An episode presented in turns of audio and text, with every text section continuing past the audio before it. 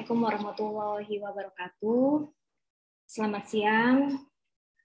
Eh, selamat datang dalam webinar hari ini memperingati 16 Hari Anti Kekerasan Terhadap Perempuan atau HAKTP dalam tema penanganan kasus kekerasan seksual di Provinsi Kalimantan Tengah. Perkenalkan, saya Ayu Kusma Pertiwi dari Walhi Kalimantan Tengah. Hari ini akan menjadi uh, host sekaligus moderator dari webinar kita. Webinar ini diselenggarakan oleh Koalisi Anti Kekerasan Seksual Provinsi Kalimantan Tengah yang terdiri dari LBH Palangkaraya, Solidaritas Perempuan Namut Menteng, Aman Kalimantan Tengah, Progres Kalimantan Tengah, SG Squid Palangkaraya, dan Walhi Kalimantan Tengah itu sendiri. Um, sebelumnya kami ucapkan selamat eh, Hari Anti Kekerasan Terhadap Perempuan yang jatuh pada 25 November sampai 10 Desember kemarin dan juga selamat eh, Hari Disabilitas, selamat Hari Anti Korupsi dan juga selamat Hari Hak Asasi Manusia. Hari ini kita kedatangan banyak sekali narasumber yang akan membagikan uh, apa informasi dan juga data-data mengenai kekerasan terhadap perempuan itu sendiri. Salah satunya sebagai langkah kita, upaya kita dalam mengkampanyekan um, anti kekerasan terhadap perempuan. Nah, uh, di tahun 2018 sebenarnya uh, latar belakang dari kita mengadakan webinar kali ini adalah karena maraknya semakin maraknya eh, kasus-kasus kekerasan eh, seksual yang berbasis atau kasus kekerasan yang berbasis gender. Salah satunya kekerasan seksual. Di 2018 WHO itu eh, bahkan menyatakan bahwa satu dari tiga perempuan berusia 15 tahun ke atas di seluruh dunia itu pasti pernah mengalami yang namanya kekerasan yang berbasis gender. Bahkan Komisioner Komnas Perempuan itu menyatakan bahwa dalam jangka waktu 10 tahun terakhir lebih dari 2 juta kasus kekerasan terhadap perempuan, di mana berarti setiap harinya itu ada 760 perempuan yang mengalami kekerasan, atau setiap jamnya ada 31 perempuan. Dan ini itu angka-angka angka ini yang begitu besar ini belum mencerminkan um, dampak pandemi COVID-19 yang selama dua tahun ini telah kita hadapi dan juga adanya uh, apa berbagai macam rangkaian kekerasan seksual yang dihadapi oleh perempuan dan anak perempuan yang juga terjadi di dunia siber. Jadi uh, kita mau menekankan bahwa saat ini kita sedang berada dalam situasi krisis, bukan hanya krisis lingkungan tapi juga krisis uh, kekerasan terhadap perempuan karena bukan hanya angkanya angkanya yang meningkat, angka kasusnya yang meningkat, tapi juga bentuknya semakin bervariasi. Salah satunya ada kekerasan yang berbasis uh, berbasis online atau kekerasan siber.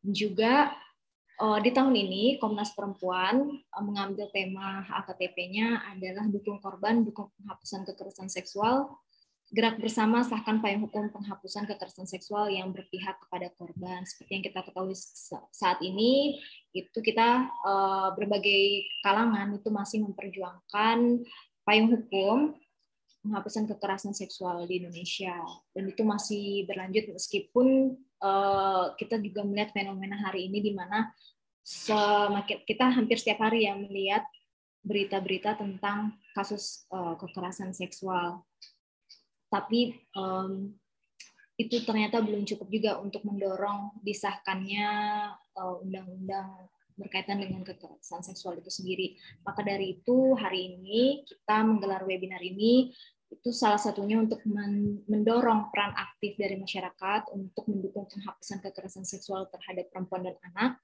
dan juga untuk mendesak pemerintah untuk segera mengesahkan payung hukum penghapusan kekerasan seksual yang berpihak pada korban. Ini yang penting. Nanti kita akan lebih lanjut berdiskusi bersama narasumber kita.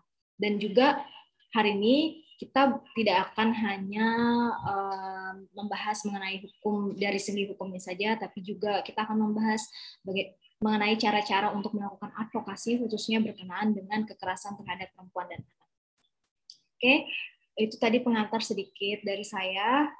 Uh, untuk yang pertama, kita uh, sebelumnya saya akan uh, memperkenalkan dulu sejumlah narasumber kita yang sudah hadir hari ini. Ada uh, Mbak Rensi dari Dinas P3A PPKB dan ada Ibu Fauzia dari Subdit 4 Renakta Polda Kalimantan Tengah, ada Herta Sihotang dari Solidaritas Perempuan Mamut Menteng Kalimantan Tengah, dia sebagai koordinator program. Dan juga ada aktivis perempuan Universitas Palangkaraya Ernai Agustiana dan ada Sandi Simarmata, staf pengembangan SDM di LBH Palangkaraya.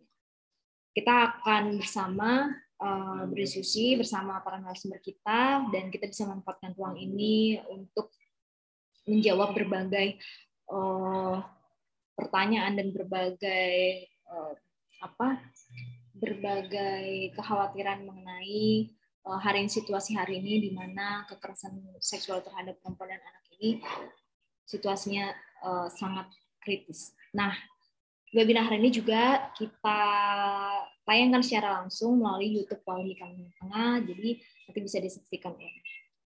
Baik, uh, yang pertama mungkin saya langsung persilahkan saja kepada Mbak Rensi dari Dinas P3A PPKB yang akan membahas mengenai perlindungan korban kekerasan seksual terhadap perempuan dan anak di Provinsi Kalimantan Tengah.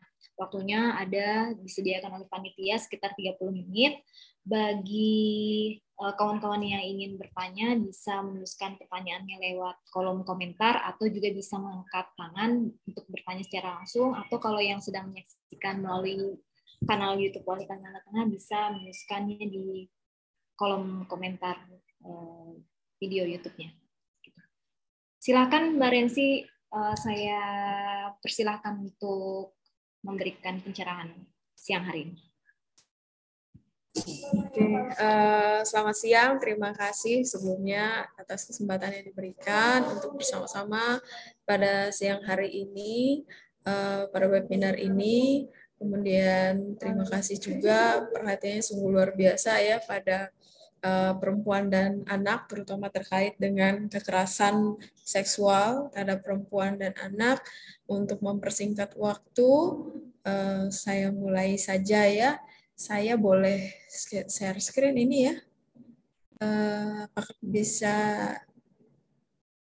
dibantu host untuk mengizinkan ya, share screen? Sudah, ya.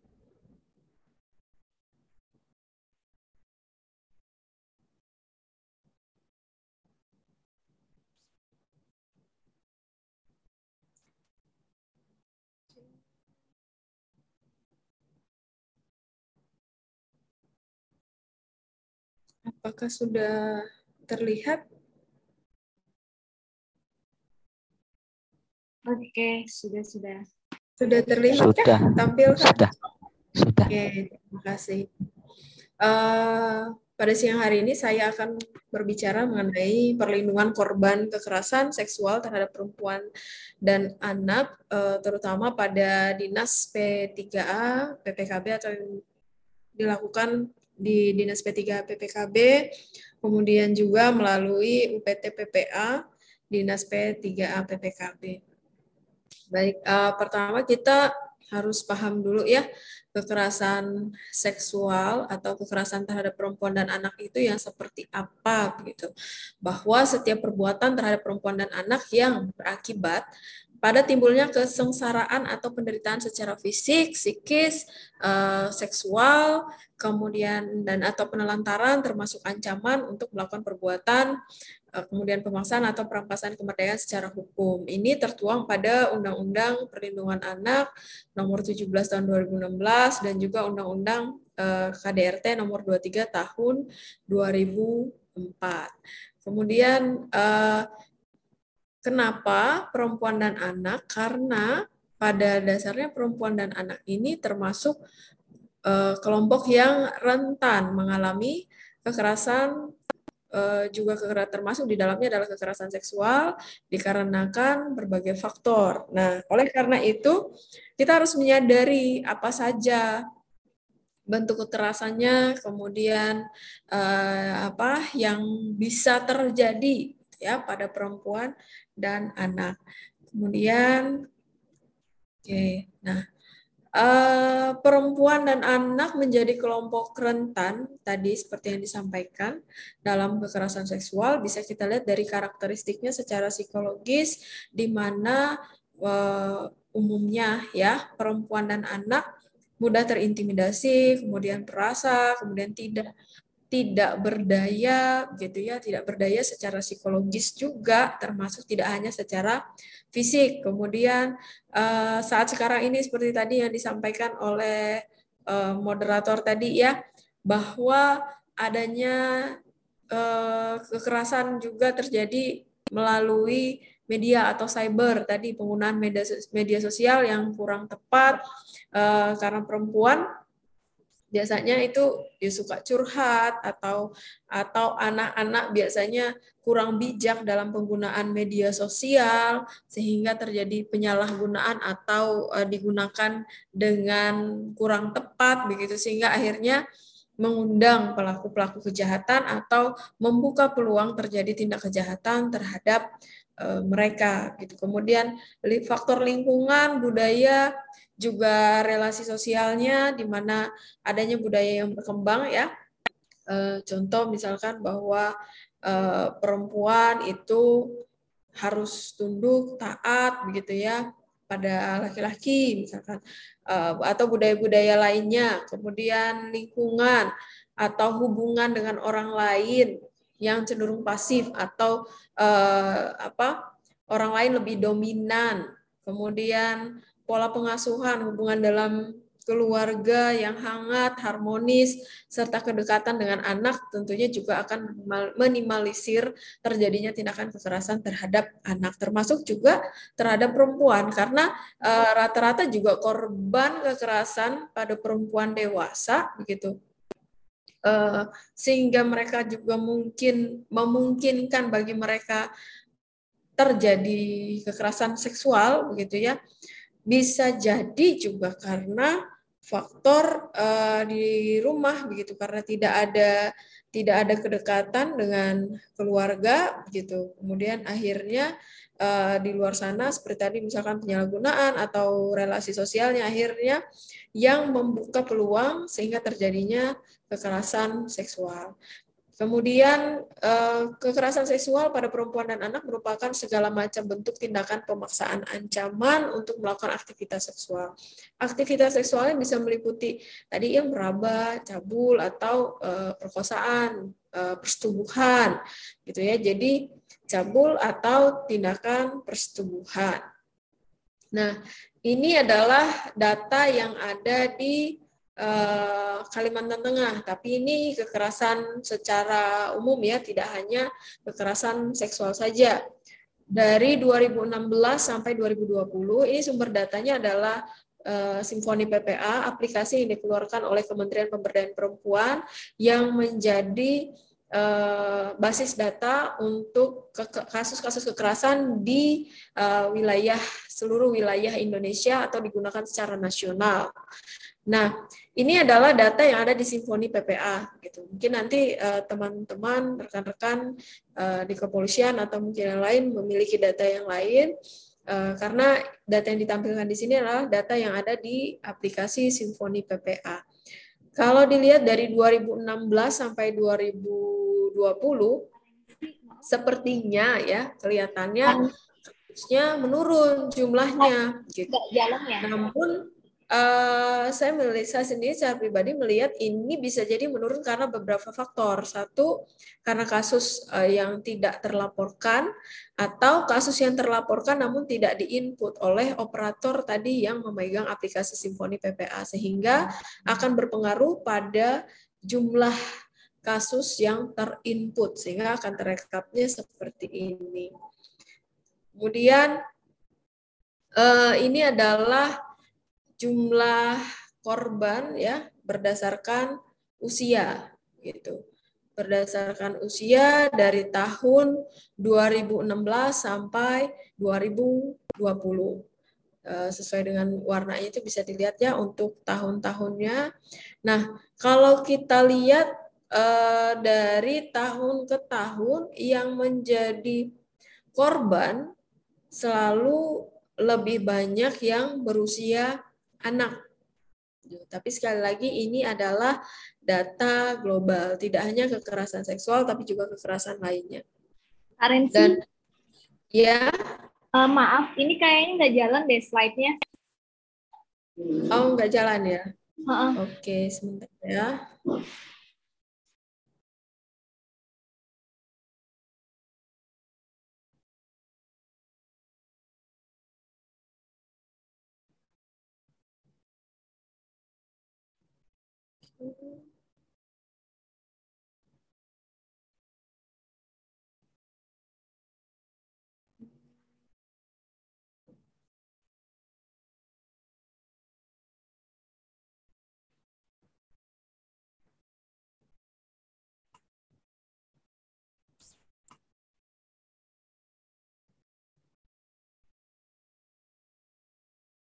Apakah sekarang terlihat?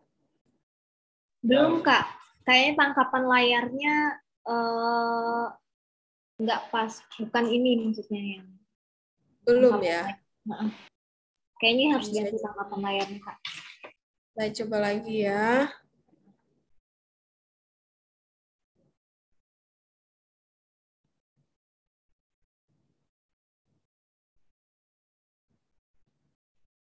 Belum terlihat?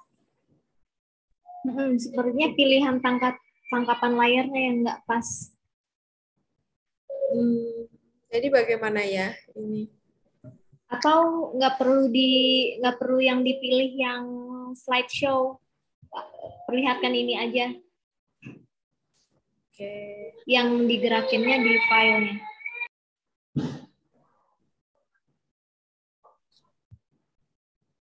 Kalau begini dia terlihat ya? Terlihat yang file halaman judul saja itu. Jadi nih ya. Ya, coba coba digerakkan Kak. Nah, ini ini lebih bagus sih kelihatan. Oke, jadi saya nggak usah slideshow ya. Iya. Oke. Uh, Ya, ini data yang ada di Kalimantan Tengah seperti tadi yang saya sampaikan. Kalau dilihat ini kelihatannya turun, eh, tapi ternyata bisa jadi karena beberapa faktor tadi. Kemudian kalau kita lihat pada data jumlah korban berdasarkan usia, gitu ya, kelihatannya jumlah korban yang berusia anak yang lebih banyak setiap tahunnya. Data untuk 2021 juga demikian gitu. Jadi jumlah korban anak lebih besar daripada jumlah korban dewasa. Kemudian berdasarkan jenis kelamin lebih banyak perempuan daripada laki-laki gitu. Nah, laki-laki di sini bisa jadi laki-laki tapi usianya adalah usia anak. Nah, ini untuk kekerasan seksual ya eh, masing-masing berdasarkan jenis kekerasannya untuk setiap tahunnya gitu. Bisa dilihat ya bahwa kekerasan seksual juga ternyata jumlahnya cukup besar di setiap tahunnya gitu. Kemudian dampak dari kekerasan seksual eh, kekerasan pada umumnya memberikan dampak pada korbannya baik itu dampak yang dapat dilihat secara langsung pasca terjadinya kekerasan maupun dampak yang baru terlihat setelah kejadian berlalu dalam kurun waktu tertentu. Jadi uh, belum tentu nih setelah terjadi kekerasan seksual kemudian uh, dampaknya secara psikologis langsung kelihatan gitu. Dampak itu bisa pada saat itu juga kelihatan, bisa juga uh, beberapa waktu kemudian baru akan terlihat. Bisa jadi sebulan kemudian, dua bulan kemudian, atau mungkin satu tahun kemudian, karena dampak secara psikologis itu nggak bisa diprediksi ya gitu karena masing-masing orang memiliki latar belakang yang berbeda-beda, masing-masing orang memiliki ketahanan secara psikologis yang juga berbeda-beda gitu sehingga eh, dampaknya bisa terlihat saat itu juga atau bisa di kemudian itu secara psikologis ya. Kemudian secara fisik tentunya ini bisa dilihat atau melalui pemeriksaan medis juga bisa terlihat. Kemudian uh, secara sosial, stigma negatif dari keluarga, masyarakat, karena uh, kalau dampak secara sosial ini memang kita nggak pungkiri ya, uh, tidak jarang kita temui stigma masyarakat atau stigma orang terdekat atau stigma teman sebaya, keluarga begitu terhadap para korban juga negatif, dikucilkan, dikeluarkan dari sekolah begitu. Kemudian uh, apa kalau dia hamil kemudian harus menjadi orang tua gitu ya entah dia orang tua tunggal atau dinikahkan oleh orang tuanya misalkan gitu uh, apa tidak jarang ini terjadi gitu ya dampaknya secara sosial. Kemudian secara hukum jika dilanjutkan pada proses hukum tentunya uh, akan membawa stresor tersendiri ketika terlibat pada proses hukum. Kemudian bisa jadi juga yang tadinya eh, dampak sosialnya akhirnya dinikahkan begitu karena hamil. Ternyata eh, berlanjut dengan KDRT atau dengan perceraian sehingga juga tetap eh, apa bisa jadi akan berujung pada dampak secara hukum. Nah, korban eh, kekerasan seksual juga tidak jarang dilakukan penyelesaian dengan menikahkan anak ya. Karena ini memang apalagi eh, apa di desa misalkan seperti itu ya. Sudah budayanya juga eh, ada juga beberapa daerah yang memang budayanya anak-anak lulus SMP lulus SMA begitu kemudian dinikahkan ada juga yang memang uh, apa namanya dengan alasan tertentu misalkan karena malu, aib, kemudian hamil atau putus sekolah tadi atau nggak dikeluarkan dari sekolah tadi begitu. Uh, atau orang tuanya emosi sesaat sehingga akhirnya mengambil keputusan secara tidak bijak sehingga uh, apa menikahkan anaknya.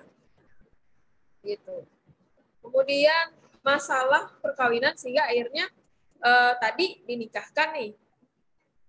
Uh, karena dinikahkan di usia anak gitu ya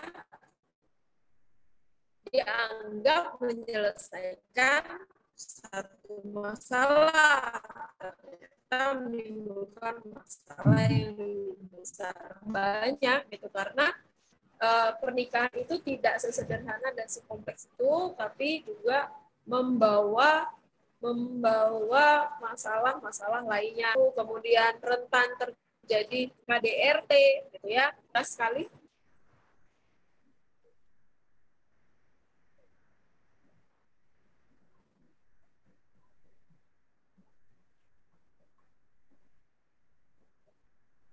Halo, apakah suara saya terdengar jelas karena di sini hujannya deras.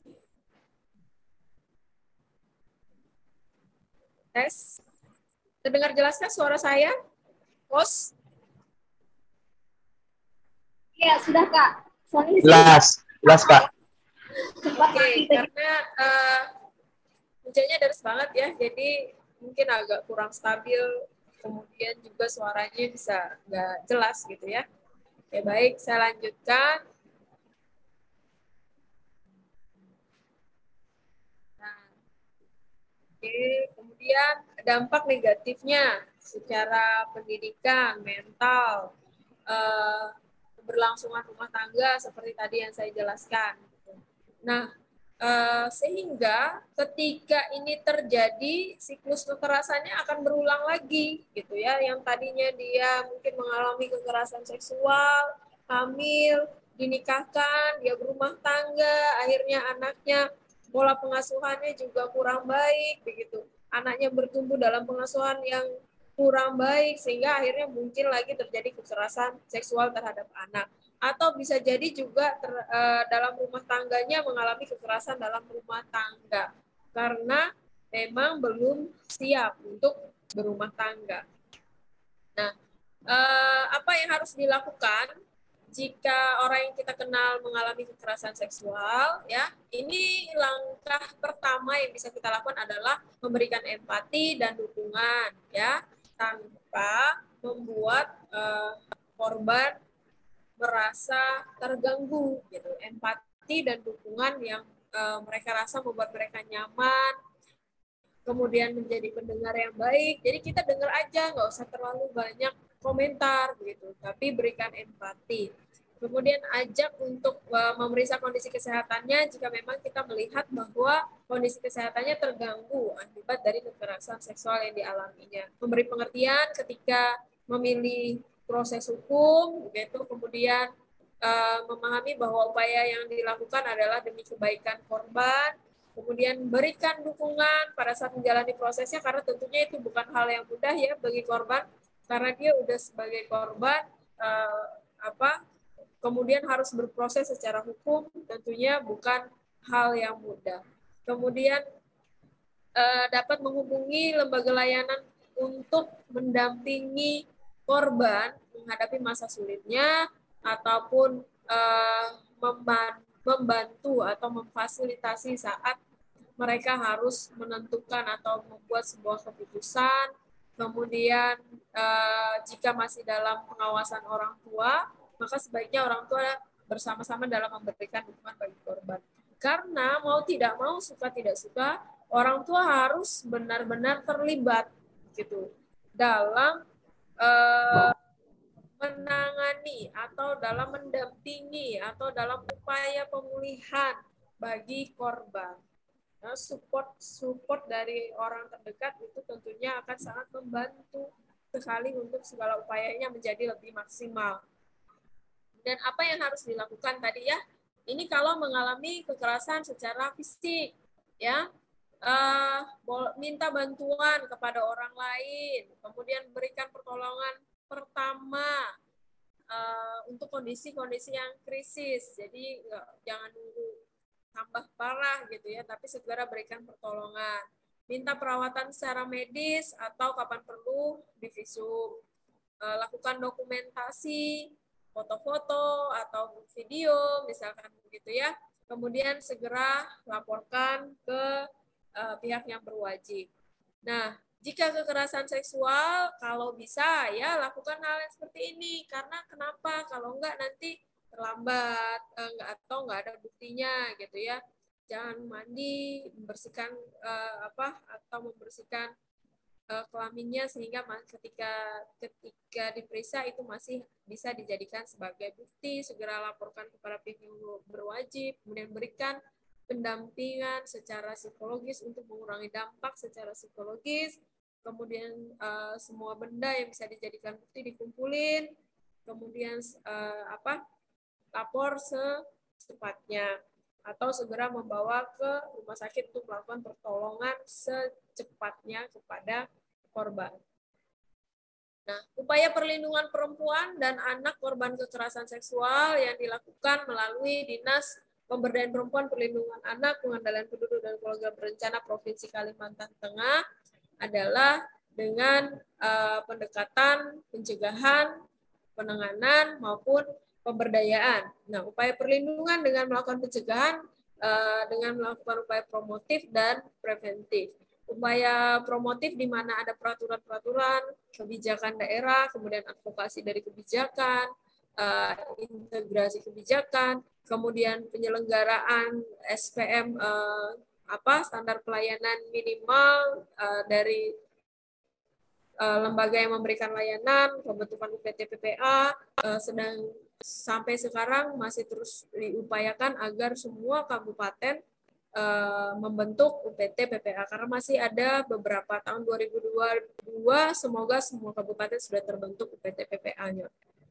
Kemudian upaya pencegahan dengan preventif, sosialisasi, advokasi, komunikasi, informasi, edukasi yang dilakukan. baik melalui media cetak ataupun melalui media elektronik. Nah, untuk penanganan itu dilakukan melalui UPT PPA. Kemudian pemberdayaannya melalui sinergi program uh, semua bidang yang ada di Dinas P3 PPKB maupun berkolaborasi, bersinergi dengan dinas, instansi terkait ataupun lembaga swadaya masyarakat secara bersama-sama. Pencegahan kekerasan terus dilakukan seperti tadi melibatkan berbagai macam pihak, tidak hanya pihak pemerintah saja, tapi juga uh, tokoh agama, tokoh adat, tokoh masyarakat, ya. Kemudian penanganan korbannya tadi seperti melalui UPT PPA dengan menyediakan berbagai layanan sesuai dengan yang dibutuhkan korban serta uh, terus berupaya untuk menyediakan SDM yang terlatih dan profesional dalam memberikan layanan bagi korban. Nah, uh, pelayanannya yang tadi dilakukan uh, melalui UPT PPA, UPT PPA itu adalah unit pelaksana teknis perlindungan perempuan dan anak yang melaksanakan kegiatan teknis operasional. Jadi dia uh, memang betul-betul menangani uh, korban, gitu, yang memberikan pelayanan. Jadi pada Dinas P3 PPKB, layanan terhadap korban itu dilakukan di UPT PPA. Uh, teknis operasional di wilayah kerjanya dalam memberikan layanan bagi perempuan dan anak yang mengalami masalah kekerasan, diskriminasi, perlindungan khusus, dan masalah lainnya. Mekanisme penyelamatan dan penanganannya sudah tersedia SOP layanan bagi perempuan dan anak korban kekerasan, kemudian layanan pendampingan pada saat di kepolisian, persidangan, eh, bantuan atau konsultasi hukum ya bisa. Kemudian eh, layanan rumah aman. Untuk saat ini juga masih bekerja sama dengan dinas sosial kemudian adanya alur layanan, koordinasi dan kerjasamanya di, dengan instansi atau lembaga uh, lintas sektor, begitu instansi terkait, bahkan uh, apa uh, lembaga layanan lainnya, bentukan masyarakat, uh, tokoh adat, tokoh agama, begitu tokoh masyarakat bersama-sama berkoordinasi. Kemudian uh, safe house yang tadi saya sampaikan bekerja sama dengan dinas sosial. Nah, ini adalah untuk uh, mekanisme penyelamatan dan penanganan korban. Juga ada uh, melibatkan ahli dalam proses hukumnya gitu. Jadi di UPT PPA juga uh, mendapatkan permintaan dari APH untuk uh, permintaan sebagai ahli dalam proses hukumnya sejak tahap penyelidikan itu sampai dengan nanti uh, di persidangan diberikan uh, layanan juga gitu untuk keterangan ahli. Kemudian ada juga MOU penanganan korban dengan instansi terkait ya sehingga akan lebih mempermudah koordinasi penanganan kasusnya. Kemudian sistem rujukan, penanganan kasusnya sistem rujukan antar instansi dan mekanisme rujukan lintas kabupaten kota. Terakhir, upaya penanganan kekerasan melalui UPT PPA, semua bentuk layanannya diberikan secara gratis. Baik, uh, demikian untuk materi saya siang ini. Saya serahkan kembali kepada moderator. Terima kasih. Ya, terima kasih Pak Rensi tadi atas pemaparannya terkait dengan ada bentuk-bentuk kekerasan tadi juga ada uh, kita diperlihatkan data ya jumlah kasus uh, kekerasan di Kalimantan Tengah.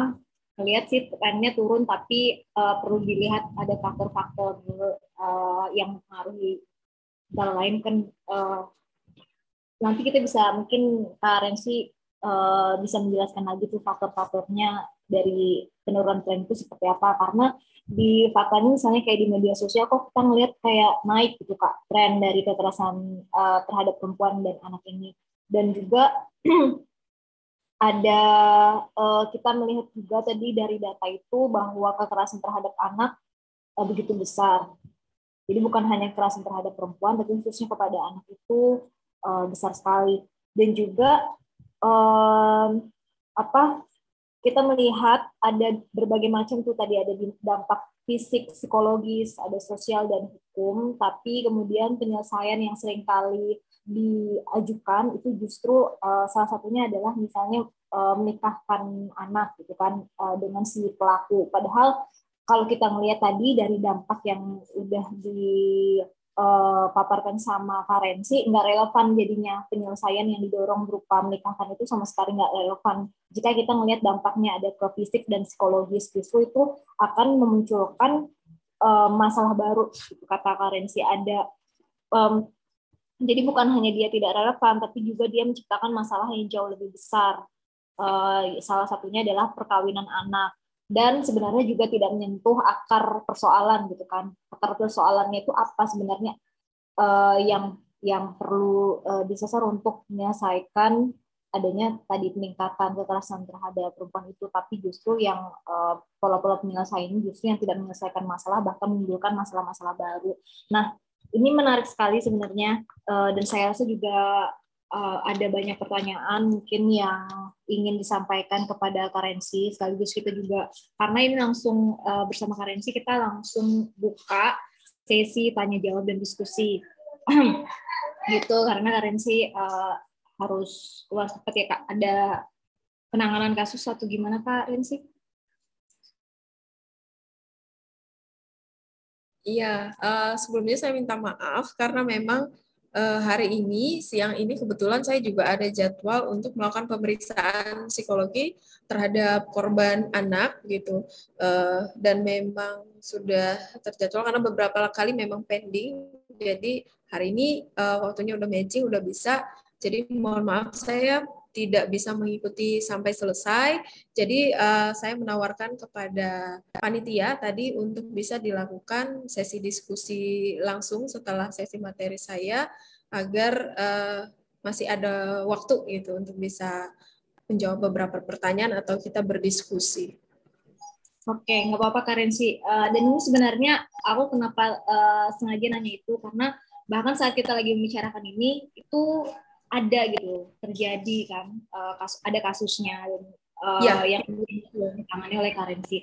Nah dari hmm. itu uh, semakin kelihatan sebenarnya urgensi dari uh, advokasi terhadap kekeras, kekerasan perempuan dan anak ini. Nah mungkin uh, ada pertanyaan dari uh, kawan-kawan yang hadir di Zoom kali ini. Saya belum melihat pertanyaan di YouTube. Oh, tapi ini juga hadir bersama kita ada Pak Junior Randy dari DPD Perkumpulan Penyandang Disabilitas Indonesia Provinsi Kalimantan Tengah. Uh, mengatakan bahwa kesempatannya uh, itu uh, apa diharapkan bisa menambah pengetahuan dan pemahaman tentang kekerasan seksual terhadap perempuan dan anak yang nantinya akan dikaitkan dengan perempuan dan anak penyandang disabilitas. Nah, mungkin kita uh, bisa kasih kesempatan kepada Pak Junya Randy um, apa untuk uh, apa merespon dulu mungkin tadi kan udah dengar uh, penyampaian dari Kak Rensi dan ini mau dihubungkan ke uh, perempuan dan anak penyandang disabilitas gimana Pak Junia Randy, silakan. Ya, terima kasih Mbak atas kesempatan yang diberikan. Saya menyambut baik uh, sekali dengan dengan acara pada siang hari ini khususnya tentang uh, apa namanya webinar yang terkait dengan uh, bagaimana penanganan tentang kasus seksual terhadap anak perempuan dan anak. Uh, saya sebenarnya masih ingin belajar tentang tentang kasus-kasus seperti ini gitu. Ya, yang nantinya mungkin akan kami kaitkan juga dengan hmm, barangkali kasus-kasus yang terjadi di kalangan penyandang disabilitas yang ada di Kalimantan Tengah. Karena penyandang disabilitas ini di samping menghadapi uh, kondisi fisiknya sebagai seorang penyandang disabilitas, ditambah lagi nanti dengan adanya kasus-kasus yang seperti ini uh, akan menjadi Eh, menjadi uh, beban yang bertambah gitu ya, beban yang bertambah bagi dirinya maupun bagi keluarga. Jadi barangkali tidak banyak dulu yang yang perlu saya pertanyakan di sini. Saya masih ingin mendengar uh, apa namanya pemaparan pemaparan tentang kasus-kasus pelanggaran seksual terhadap perempuan dan anak yang barangkali nanti saya kaitkan juga dengan dengan kasus-kasus yang terjadi di penyandang disabilitas karena penyandang disabilitas ini terus terang mbak bagi yang yang penyandang disabilitas fisik barangkali mungkin mengungkapkan itu tidak tidak kesulitan gitu ya uh, tapi bagi penyandang disabilitas apa penyandang disabilitas uh, intelektual dan mental gitu ya. Ini akan kesulitan untuk memaparkan kasus-kasus yang terjadi pada dirinya gitu. Otomatis nanti uh, banyak peran bagi dari kita yang uh, apa yang yang perlu berperan aktif untuk me, me, apa, me, mengupas atau mengetahui uh, membongkar ya kasarnya membongkar kasus yang terjadi pada diri karena menurut pantauan kami ada beberapa kasus, tapi kasus lama ini ya, kasus lama yang beberapa kali terjadi terhadap penyandang disabilitas. Maaf kata saya tidak menyebutkan lokasi dan tempatnya. Ini kasus sudah berpuluh-puluh tahun yang lama.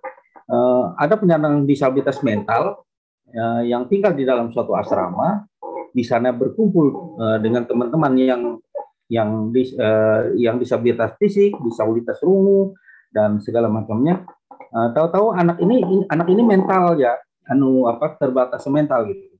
Tahu-tahu hamil gitu ya. Nah, terus kemudian dipulangkan, dipulangkan kepada orang tuanya. Uh, saya lupa nama kampungnya di mana. Yang pasti di, di kalau tidak salah di daerah Sungai Rungan ya. Sungai Rungan. Jadi ada beberapa kampung di Sungai Rungan. Jadi kasusnya sampai sekarang tidak terbongkar. Jadi siapa pelakunya? Uh, maaf sebentar siapa pelakunya itu tidak tidak ter ini sebentar ya mbak eh kena apa laptop saya drop baterai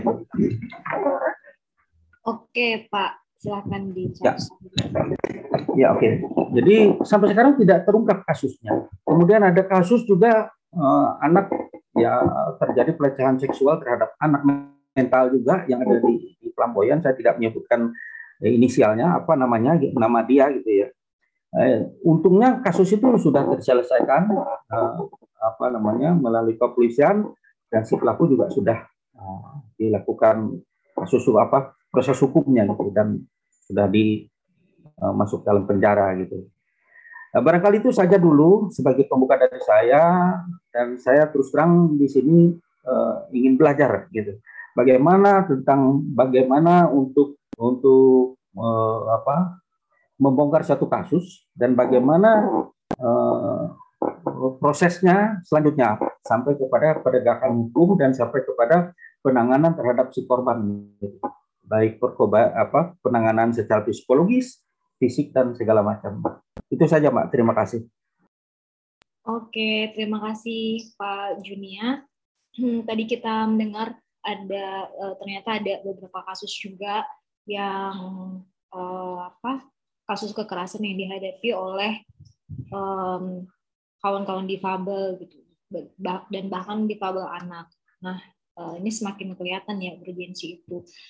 Uh, sebenarnya saya tadi mau nanya juga sih, uh, apakah ada data-data gitu terkini uh, di PPDI gitu terkait kekerasan terhadap uh, kekerasan yang berbasis gender ini terhadap kawan-kawan difabel.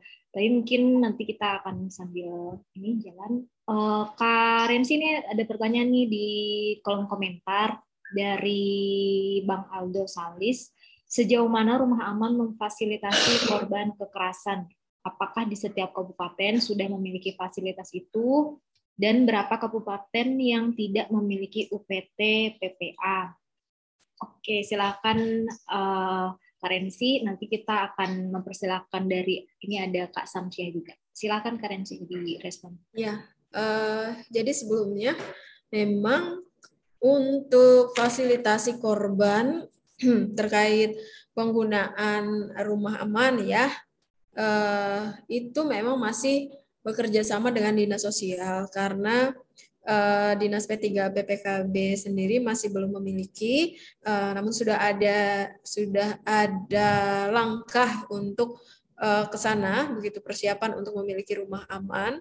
Nanti sementara ini memang masih menggunakan rumah aman milik uh, dinas sosial. Nah, untuk penggunaannya karena ini adalah milik dinas sosial tentunya kita mengikuti SOP yang ada di dinas sosial untuk kriteria korban seperti apa yang bisa ditampung seperti uh, di rumah amannya, kemudian berapa lama bisa ditampung di rumah aman itu semua mengikuti SOP yang ada di dinas sosial.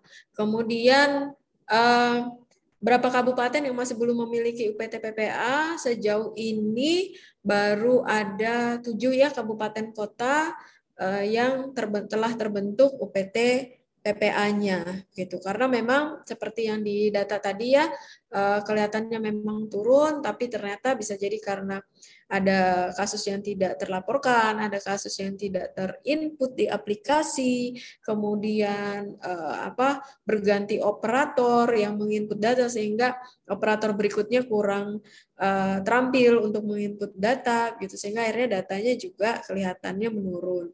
Eh, mungkin seperti itu sama seperti eh, yang tadi disampaikan oleh Pak Junior Randy kalau untuk uh, dis, uh, bagaimana dengan korban yang dis, uh, disabilitas begitu ya, secara mental ataupun intelektual, apakah bisa dilakukan begitu ya? Uh, sejauh ini ad, memang ada juga ya beberapa klien yang dirujuk ke kita yang memang mengalami disabilitas begitu secara mental atau secara intelektual sehingga akhirnya dirujuk untuk dilakukan pemeriksaan psikologis uh, apa untuk uh, kebutuhan berkas perkaranya ya mungkin untuk penyidikan atau penyelidikannya begitu. Mungkin nanti narasumber berikutnya Ibu Fauzia mungkin yang lebih, akan lebih paham tentang hal itu untuk pembuktiannya secara hukum bagaimana namun sejauh ini beberapa kali kita juga menerima rujukan di mana korban adalah uh, disabilitas secara mental maupun disabilitas secara intelektual Demikian, terima kasih. Saya kembalikan ke moderator. Uh, kalau boleh saya menambahkan sedikit, Ibu. Uh, Ibu Silahkan, Ibu Renci ya. Ya. Uh, tentang kasus-kasus penyandang apa kasus-kasus uh, yang uh, seksual yang terjadi terhadap penyandang disabilitas dan anak penyandang disabilitas. Uh, kami sangat berharap sekali dengan P3 apa namanya kantor dinas apa nama uh, supaya ada semacam uh, akomodasi apa layanan khusus gitu untuk penyandang disabilitas. Uh, dan harapan kami juga kalau ada terjadi kasus-kasus seperti itu supaya kami juga jangan ditinggal atau uh, supaya kami juga tahu uh, apa apa ter, uh, terjadinya kasus-kasus yang seperti ini terhadap penyandang disabilitas. Jadi mohon kami bisa dihubungi atau kami uh, bisa di, di apa di undang untuk bisa mendampingi uh, apa namanya karena tidak semua kasus-kasus yang terjadi terhadap penyandang disabilitas itu kami tahu nah, jadi harapan kami dari dinas P3 apa ini da, ada informasinya untuk kami uh, barangkali nanti kalau memang dibutuhkan alamat kami atau nomor telepon kami bisa ibu nanti kami share kepada ibu terima kasih ibu Baik Bapak, terima kasih. Mungkin nanti bisa di-share saja Pak kontaknya dan alamatnya begitu ya Pak ya. Iya Karensi. Tadi ada juga yang minta kontaknya Karensi sih, makanya aku masih, masih nunggu info dari ya, tadi panitia. Uh, nanti kita uh, akan share dari panitia mungkin kontaknya Karensi, itu bisa di kolom chat kali ya. Panitia bisa share di kolom komentar tadi, jadi udah ada dua orang ini yang nanya. Oke, okay. uh, terima kasih Pak Junia. Bagus sekali sih karena sudah muncul perspektif uh, apa kekeras uh, keadilan gender juga dari kawan-kawan PPDI dan harapannya sih juga bukan hanya ada kolaborasi tapi dari uh, kita bisa melihat ada itu tadi peningkatan mungkin pemberdayaan antara PPKB dan, dan PPDI itu jadi bisa saling berkolaborasi lebih baik lagi. Saya uh, menantikan sih uh, tadi pembahasan dari Pak Juni itu. Oke, karena ini ada yang sudah yang ke tangan, Ibu Syamsiah ya. Silakan Ibu Syamsiah, silakan langsung. Iya, selamat sore Mbak moderator. Saya ingin bertanya kepada Ibu Rensi. Mungkin dulu P2 TP2A ya Bu, berubah di P3 PPKB ya.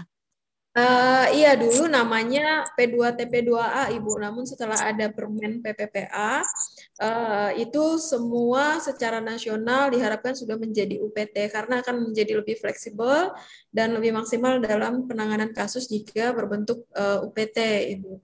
Oh iya, saya ingin menanyakan kasus teman kita disabilitas juga yang kemarin sempat kita apa namanya kita usahakan untuk dia mendapatkan haknya. Beliau diperkosa ber, berpuluh tahun sudah dan dia waktu itu waktu diperkosa dia SMP. Nah, setelah dia melahirkan dia melanjutkan untuk melanjutkan ke jenjang pendidikan yaitu SMEA. Nah, setelah dia ditinggalkan eh, setelah dia meninggalkan anaknya kepada saudaranya, waktu itu saudara dan mantan apa namanya suaminya karena sempat di ini dinikahi secara adat oleh si pemerkosa. Nah, waktu itu tapi diceraikan lagi secara adat. Nah, tapi setelah dia meninggalkan untuk dia melanjutkan pendidikannya lebih lanjut ke SMEA, nah waktu itu anaknya diserahkan kepada orang lain oleh mantan pemerkosa atau mantan suami yang telah menikahi dia dengan saudaranya. Nah, dia ingin apa namanya pengakuan dari anaknya. Nah, bagaimana kita mendapatkan hak tersebut, Ibu? Karena dia apa namanya? Tidak pernah mendapatkan haknya. Kemarin dia pun waktu mendatangi rumah rumah anaknya. Yang kebetulan juga anaknya adalah PNS keduanya dengan menantunya. Tetapi jangankan dia dibukakan pintu orang pun tidak mau keluar. Bahkan sempat ada orang yang masuk setelah melihat beliau. Nah dia agak sedih. Bukan dia menuntut apa namanya anaknya ini ikut dia, tetapi bagaimana anak tersebut bisa mengakui dia sebagai ibu untuk mungkin terakhir kali untuk hidup dia karena dia sudah apa namanya sudah lanjut usia ibu. Hanya itu yang mungkin saya sampaikan dan saya ingin tanyakan hak ibu tersebut. Terima kasih.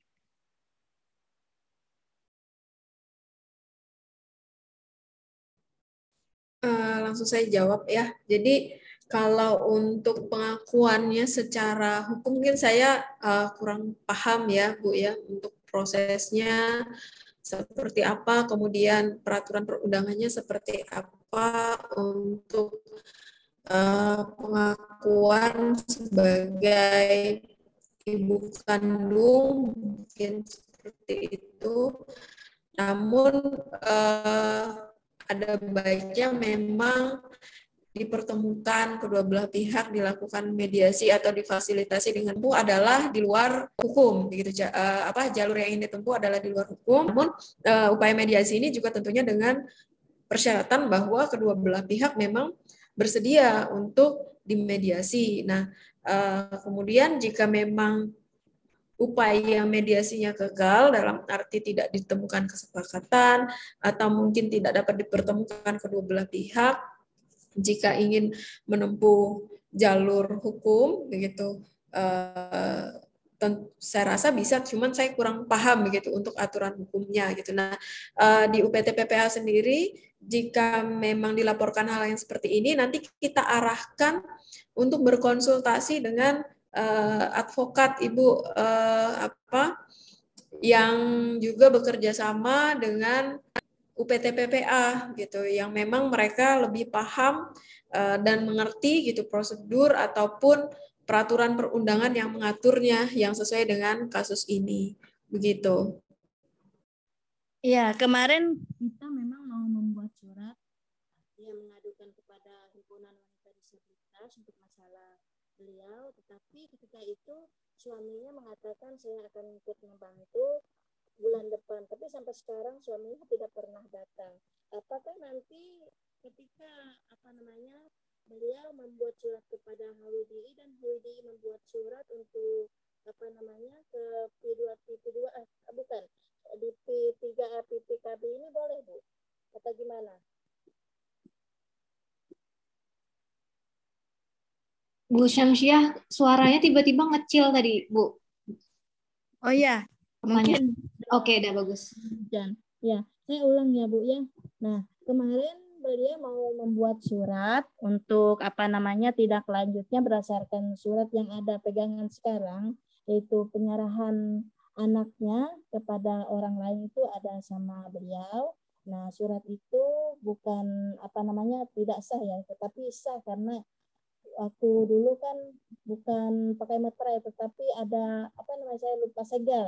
Nah, waktu itu kami mau membuat surat seperti itu, dia membuat surat kepada himpunan wanita DPD HWDI dan kami HWDI mau membuat surat lanjutan ke apa namanya DP3 PPKB tetapi waktu itu suaminya mengatakan saya bersedia bulan depan untuk membantu untuk mempertemukan anak kita kepada ibu katanya. Tapi sampai sekarang dia tidak pernah me, apa namanya menjumpai sang istri itu bu. Nah bagaimana ke ketika kami ingin lagi mengulang lagi bagaimana kami membuat surat untuk meminta bantuan DP 3 APPKB. Apakah boleh Bu nantinya agar lebih formal? Iya, boleh Ibu di, disampaikan saja. Nanti akan ada bagian pengaduan yang menerima pelaporan kasus eh, dan juga menganalisis kasus yang masuk begitu. Untuk tindak lanjutnya seperti apa dan bagaimana, Ibu nggak apa-apa, boleh aja dilaporkan. Baik Bu, terima kasih Bu. Oke, uh, terima kasih Bu Syamsiah. Uh, mungkin dari LBH Palangkaraya uh, juga mau merespon tadi kan pertanyaannya Bu Syamsiah itu ada aspek hukum juga. Sandi, silakan. Oke, baik Kak. Suara saya kedengaran lah. Oke, sebenarnya gini ya, pertanyaan dari Ibu tadi ini bukan pertanyaan yang hanya satu ya. Banyak kasus sebenarnya seperti ini, termasuk di tulisan saya itu mengangkat tentang perkawinan di luar nikah. Artinya perkawinan yang di luar nikah atau tanpa uh, apa, dicatatkan di dukcapil, ini sebenarnya menjadi korban utama itu sebenarnya anak dan wanita itu sendiri. Laki-laki kan enak banget di sini, tinggal bisa menikahkan secara adat, secara lagi secara adat, karena di dukcapil tidak tercatat gitu. Nah, bagaimana untuk pengakuan anaknya? Sebenarnya untuk pengakuan anak itu sangat ada ya, ada apanya? Prosesnya itu ada. Dan di Undang-Undang Perkawinan sendiri itu diakui. Di perubahan Undang-Undang Perkawinan kan sudah diubah jadi nomor 16 ya, 16 tahun 2019 itu. Nah, itu diakui ya, ada prosesnya untuk pengakuan anak itu sendiri. Selama itu bisa di, dibuktikan dengan cara ya tes DNA apa segala macam itu. Dan anak ini sekarang tidak hanya terikat dengan ibu kandung, bisa juga terikat dengan ayah kandung selama itu bisa dibuktikan. Nah, ke depan mungkin diskusi yang lain kali ya untuk mengikut tentang ini. Ibu nanti bisa juga hubungi LBH Palangkaraya. Itu nggak harus datang ke kantor. Dari WA juga bisa kami akan lakukan apa pelayanan melalui WA juga itu kami lakukan.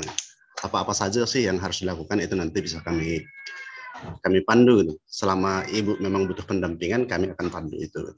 Itu bisa nanti. Mungkin nanti nomor kontaknya bisa nanti WA saya bisa saya kirim atau nomor kandoni bisa saya kirim sendiri. Itu Bu. Oke, terima kasih uh, Sandi. Uh, semoga tadi menjawab ya Bu Syamsiah. Dan ini ada uh, karensi katanya uh, udah datang kainnya. Jadi ini ya Kak mau live dulu uh, bisa ini dulu kak kasih mungkin closing closing statement dari tadi apa pernah dan mungkin ada pertanyaan-pertanyaan tadi bisa diberikan closing statement dulu kak. Uh, Oke, okay. uh, terima kasih dan mohon maaf sebelumnya karena saya harus izin lift karena klien saya udah datang gitu, jadi uh, harus segera dilakukan pemeriksaan psikologi. Kemudian uh, untuk kasus-kasus kekerasan seksual, pesan saya adalah uh, yang harus diingat ketika menemukan korban gitu ya, karena korban ini bisa jadi siapa saja, baik itu perempuan dewasa atau remaja atau juga anak-anak gitu. Ketika ketika menemukan korban ini benar-benar berikan empati, kemudian membuat mereka merasa nyaman, merasa aman itu akan sangat penting. Kenapa? Karena tindakan awal kita terhadap korban itu akan sangat uh, membawa pengaruh yang yang besar gitu ya. Karena traumatisnya juga bisa jadi uh, akan memperberat trauma psikologisnya jika respon awal kita terhadap para korban itu salah gitu. Jadi yang harus diingat adalah berikan jadi bukan jangan interogasi dulu ya kamu kenapa ini dan segala macam tapi buat mereka merasa nyaman, merasa aman, uh, dengarkan, kemudian berempati. Itu penting sekali hal kecil yang kita lakukan akan sangat membantu uh, dampak psikologisnya untuk uh, meminimalisir gitu ya menjadi lebih berat gitu. Terima kasih semuanya sekali lagi uh, mohon maaf jika ada kekurangan atau uh, salah kata. Saya harus live duluan. Terima kasih uh, untuk rekan-rekan Bapak Ibu sekalian di sini yang telah hadir. Uh, suatu kebanggaan ya. Uh, saya lihat semuanya memang uh, aktivis atau yang pemerhati para perempuan dan anak luar biasa. Kalimantan Tengah punya orang-orang yang betul-betul support perempuan dan anak. Terima kasih. Terima kasih Karensi. Mungkin sebelum live bisa share dulu kontak uh, Karensi karena tadi ada beberapa yang nanya juga. Terima kasih. Uh, jadi itu tadi penekanannya sih pada respon kita ya, tanggapan kita terhadap jika ada kasus kekerasan terhadap perempuan dan anak ini, yaitu yang pertama sebenarnya tadi ada di paparannya Karensi bahwa kita tunjukkan empati dan dukungan yang tanpa syarat Eh, baru kemudian uh, ditindaklanjuti dengan berbagai macam dukungan seperti pelaporan dan perawatan dan sebagainya. Tapi yang paling utama tadi adalah memberikan empati dan dukungan terhadap uh, para korbannya. Terima kasih sekali karena ini sangat uh, apa mencerahkan uh, kita hari ini, apalagi pas banget ini membuka webinar kita di siang hari ini. Selanjutnya juga tidak kalah uh, menarik lagi ada, akan ada pemaparan dari Ibu Fauziah dari Subdit 4 Renakta Polda Kalimantan Tengah yang pemaparannya akan berkaitan tentang penanganan kasus kekerasan seksual terhadap perempuan dan anak di Provinsi Kalimantan Tengah. Nah, silakan kepada Ibu Fauziah uh, bisa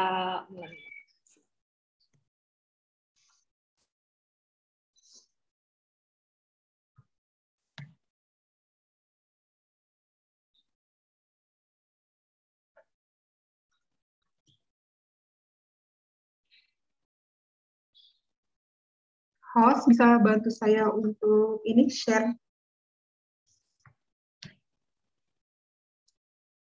Ya, sudah bisa sekarang.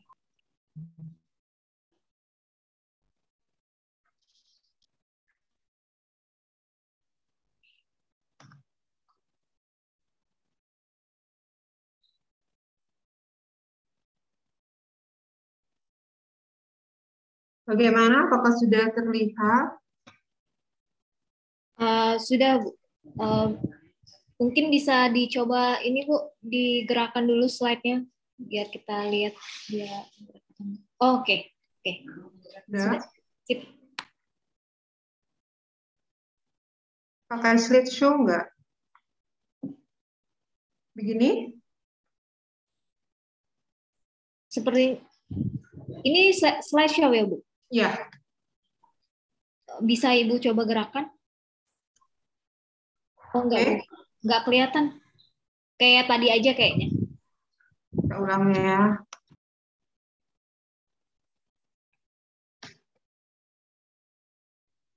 Oke. Okay. Kita mulai ya. Saya ucapkan terima kasih dan selamat siang kepada semua yang sedang mengikuti webinar tadi saya agak menyimak sedikit ya dari Mbak Rensi juga dan yang mengikuti webinar juga sangat aktif sekali. Kami senang sekali diundang dari Polda Kalteng untuk mengikuti acara ini dan saya berharap kita bisa saling sharing ya dari pengalaman mungkin atau ada mendengar informasi kita bisa saling sharing di sini. Jadi mungkin materi saya hanya sedikit saja, tapi saya butuh uh, tanya jawab dari para aktivis atau ada dari mungkin yang masih berusia anak di sini ada nggak ya? Ya. Host. Oh, kalau Halo anak, host. ya kalau anak sih sepertinya sudah Nggak enggak. ada ya? Kalau anak ya. Wah, disayangkan dong. Saya tadi berpikiran, oh mungkin ada sebagian anak-anak, jadi agak lebih mengarah kepada mereka, tapi tidak apa-apa ya. Eh, untuk yang saya sampaikan, saya yakin semua sudah tahu ya, siapa sih itu anak dalam Undang-Undang SPPA kan? Sudah tahu, anak yang di dalam Undang-Undang SPPA itu adalah yang dari dalam kandungan sampai dengan usia 18 tahun. Jadi jangan salah tuh, kalau punya anak perempuan ataupun laki-laki, sekarang bukan takut lagi deh. Kalau punya anak perempuan, aku khawatir, aku takut loh. Eh, Sekarang enggak, anak laki-laki juga mengkhawatirkan, begitu kan? Karena ada beberapa yang terjadi LGB apa ya bahasa yang sekarang ini ya sodomi lah kalau bahasa kami tindak pidana kan nah, begitu jadi ya mau itu anaknya perempuan atau laki-laki harus kita jaga ya. Jadi batasan usianya 18 tahun. Dan bagaimana kalau 18 tahun ini udah berpacaran sekarang ya kan? Wah terjadi pencabulan nggak tuh? Iya dong terjadi pencabulan ya. Mungkin mereka cium-ciuman ya ada elus-elusan yang membuat uh, birahi naik begitu kan. Nah, ini perlu perlu sekali anak-anak kita untuk dijelaskan uh, apa sih itu undang-undang SPPA ini sejauh mana sih begitu kan. Karena berpikiran, oh kalau saya ini sudah umur 17 tahun, saya ini udah dewasa, saya ini udah remaja, saya itu boleh begitu kan untuk melakukan hal-hal seperti itu. Nah, ini yang terjadi yang kebanyakan yang menjadi korban adalah perempuan. Yang terlapornya siapa? Laki-laki. Tetapi sedikit fakta nyata yang terjadi di lapangan, kadang perempuan tuh memancing, memancing birahi laki-laki gitu kan ya. Perempuan memancing. Begitu. Yang lebih aktif kadang malahan ada seorang perempuannya. Entah dia dewasa dini ya, seperti itu. Jadi ya mau anak kita perempuan dan laki-laki kita harus jaga. Nah, bagaimana dengan anak yang belum berusia 18 tahun namun sudah menikah? Ini yang pasti dilema nih ya. Umurnya belum 18 tahun, secara dia anak tuh di dalam undang-undang SPPA. Nah, karena kita berbicara undang-undang SPPA, maka di dalam undang-undang SPPA itu berusia 18 tahun yang sudah menikah, maka tetap perlakuannya adalah sebagai anak.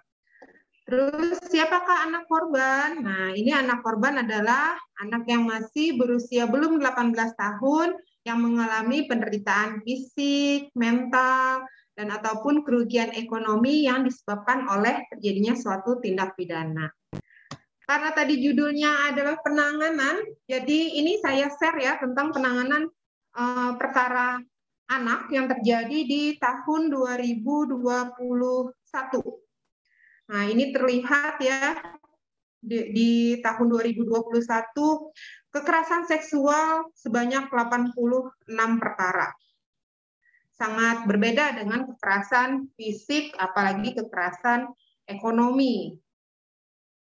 Begitu. Dan paling tinggi wilayahnya adalah wilayah Kota Waringin Barat. Di sana paling banyak terjadi kekerasan seksual. Nah, apa sih yang dilindungi oleh korban ataupun saksi ya? Kenapa saat ini masih aja uh, rasa ketakutan untuk melapor? Malu, itu aib. Saya nggak mau lapor, ah nanti tetangga atau orang terdekat saya, keluarga jadi mengetahui perbuatan itu. Nah justru kalau didiamin, dibiarkan saja, itu terus, continue. Kejadian itu akan terus. Bahkan banyak korban-korban lagi yang lainnya yang yang menjadi mangsa dari si terlapor ataupun tersangka. Jadi jangan khawatir, kami dari kepolisian kami juga diatur dalam Undang-Undang SPPA untuk menjaga kerahasiaan identitas korban. Kerahasiannya sampai di mana? Mau nama, alamat, uh, foto ataupun apa kami tidak diperbolehkan untuk menyebarkan ya ataupun ini kan ke media. Nah, di dalam prosesnya si korban itu dilindungi dan didampingi. Tadi saya juga mendengar ada Pak siapa ya tadi yang share uh, nomor telepon ya Pak Junia. Oke Pak, Pak Junia nanti kalau misalnya kami ada menangani perkara anak disabilitas, mungkin saya bisa koordinasi dengan Bapak ya Pak ya dalam penanganannya karena di sini bantuan ahli bahasa penerjemah nah termasuk dari Pak Zunia tadi. Terus ini adalah penanganan penanganan kekerasan seksual. Nah, seperti ini eh, dari menerima laporan, ke dalam menerima laporan itu biasanya sih di SPKT. Namun setelah kami mengetahui uh, adanya laporan yang mana korbannya adalah anak-anak begitu. Nah, itu bisa langsung ke Renakta, bisa langsung koordinasi ke Renakta, konseling di situ, eh, kita interview eh, seperti apa kejadiannya. Nanti yang ke SPKT nanti dari kami yang akan meneruskan ke SPKT. Ini supaya apa? Supaya mencegah tidak ada berulang-ulang kali pertanyaan kepada si korban. Nah, selanjutnya maka kita akan cek korban ini ke rumah sakit untuk dilaksanakan visum dan visum itu harus didampingi oleh kepolisian ya terus pemeriksaan korban jika korban memungkinkan untuk diperiksa bisa langsung dilaksanakan tetapi jika tidak maka maka bisa istirahat dulu atau perawatan medis jika dibutuhkan begitu dan pemeriksaan korban anak itu di tempatnya yang aman. Tempatnya berbeda ya, jauh berbeda. Saya lupa share di sini bahwa kami dari Polda Kalteng juga mempunyai ruangan yang ramah dengan anak begitu kan. Mau dari usianya tiga tahun, ada tempat mandi bolanya begitu. Jadi jangan khawatir, uh, jangan berpikiran, aduh nanti kantor polisi ngeri ah menyeramkan gitu kan ya. Tenang aja, nanti kalau sudah duduk di ruangan Renata seolah-olah merasa tidak di kantor polisi begitu dan bertemunya nanti sama uh, ibu-ibu polwan, kakak-kakak polwan yang selalu ramah ya. Terus lagi kami juga bekerja sama dengan uh, psikolog tadi dengan Mbak Rensi itu adalah rekan kerja kami dalam penanganan uh, anak khususnya untuk pemeriksaan psikologis anak. Terus uh, pasti kan banyak pertanyaan, waduh gimana nih nanti ada biaya dan sebagainya. Tenang saja, tidak ada biaya. Dari laporan sampai dengan pembayaran visum, sampai dengan psikologi, itu semua gratis ya. Jangan khawatir. Kali aja nanti, aduh kalau kita lapor nanti ada biaya visum, ada biaya psikologis, itu tidak ada. Nah, terus selanjutnya kami akan melakukan penyelidikan dan penyidikan, yaitu dalam proses penyidikan kami melakukan pemanggilan, pemeriksaan, penangkapan, penahanan, dan penyitaan. Nah, di sini saya sampaikan juga untuk TKP.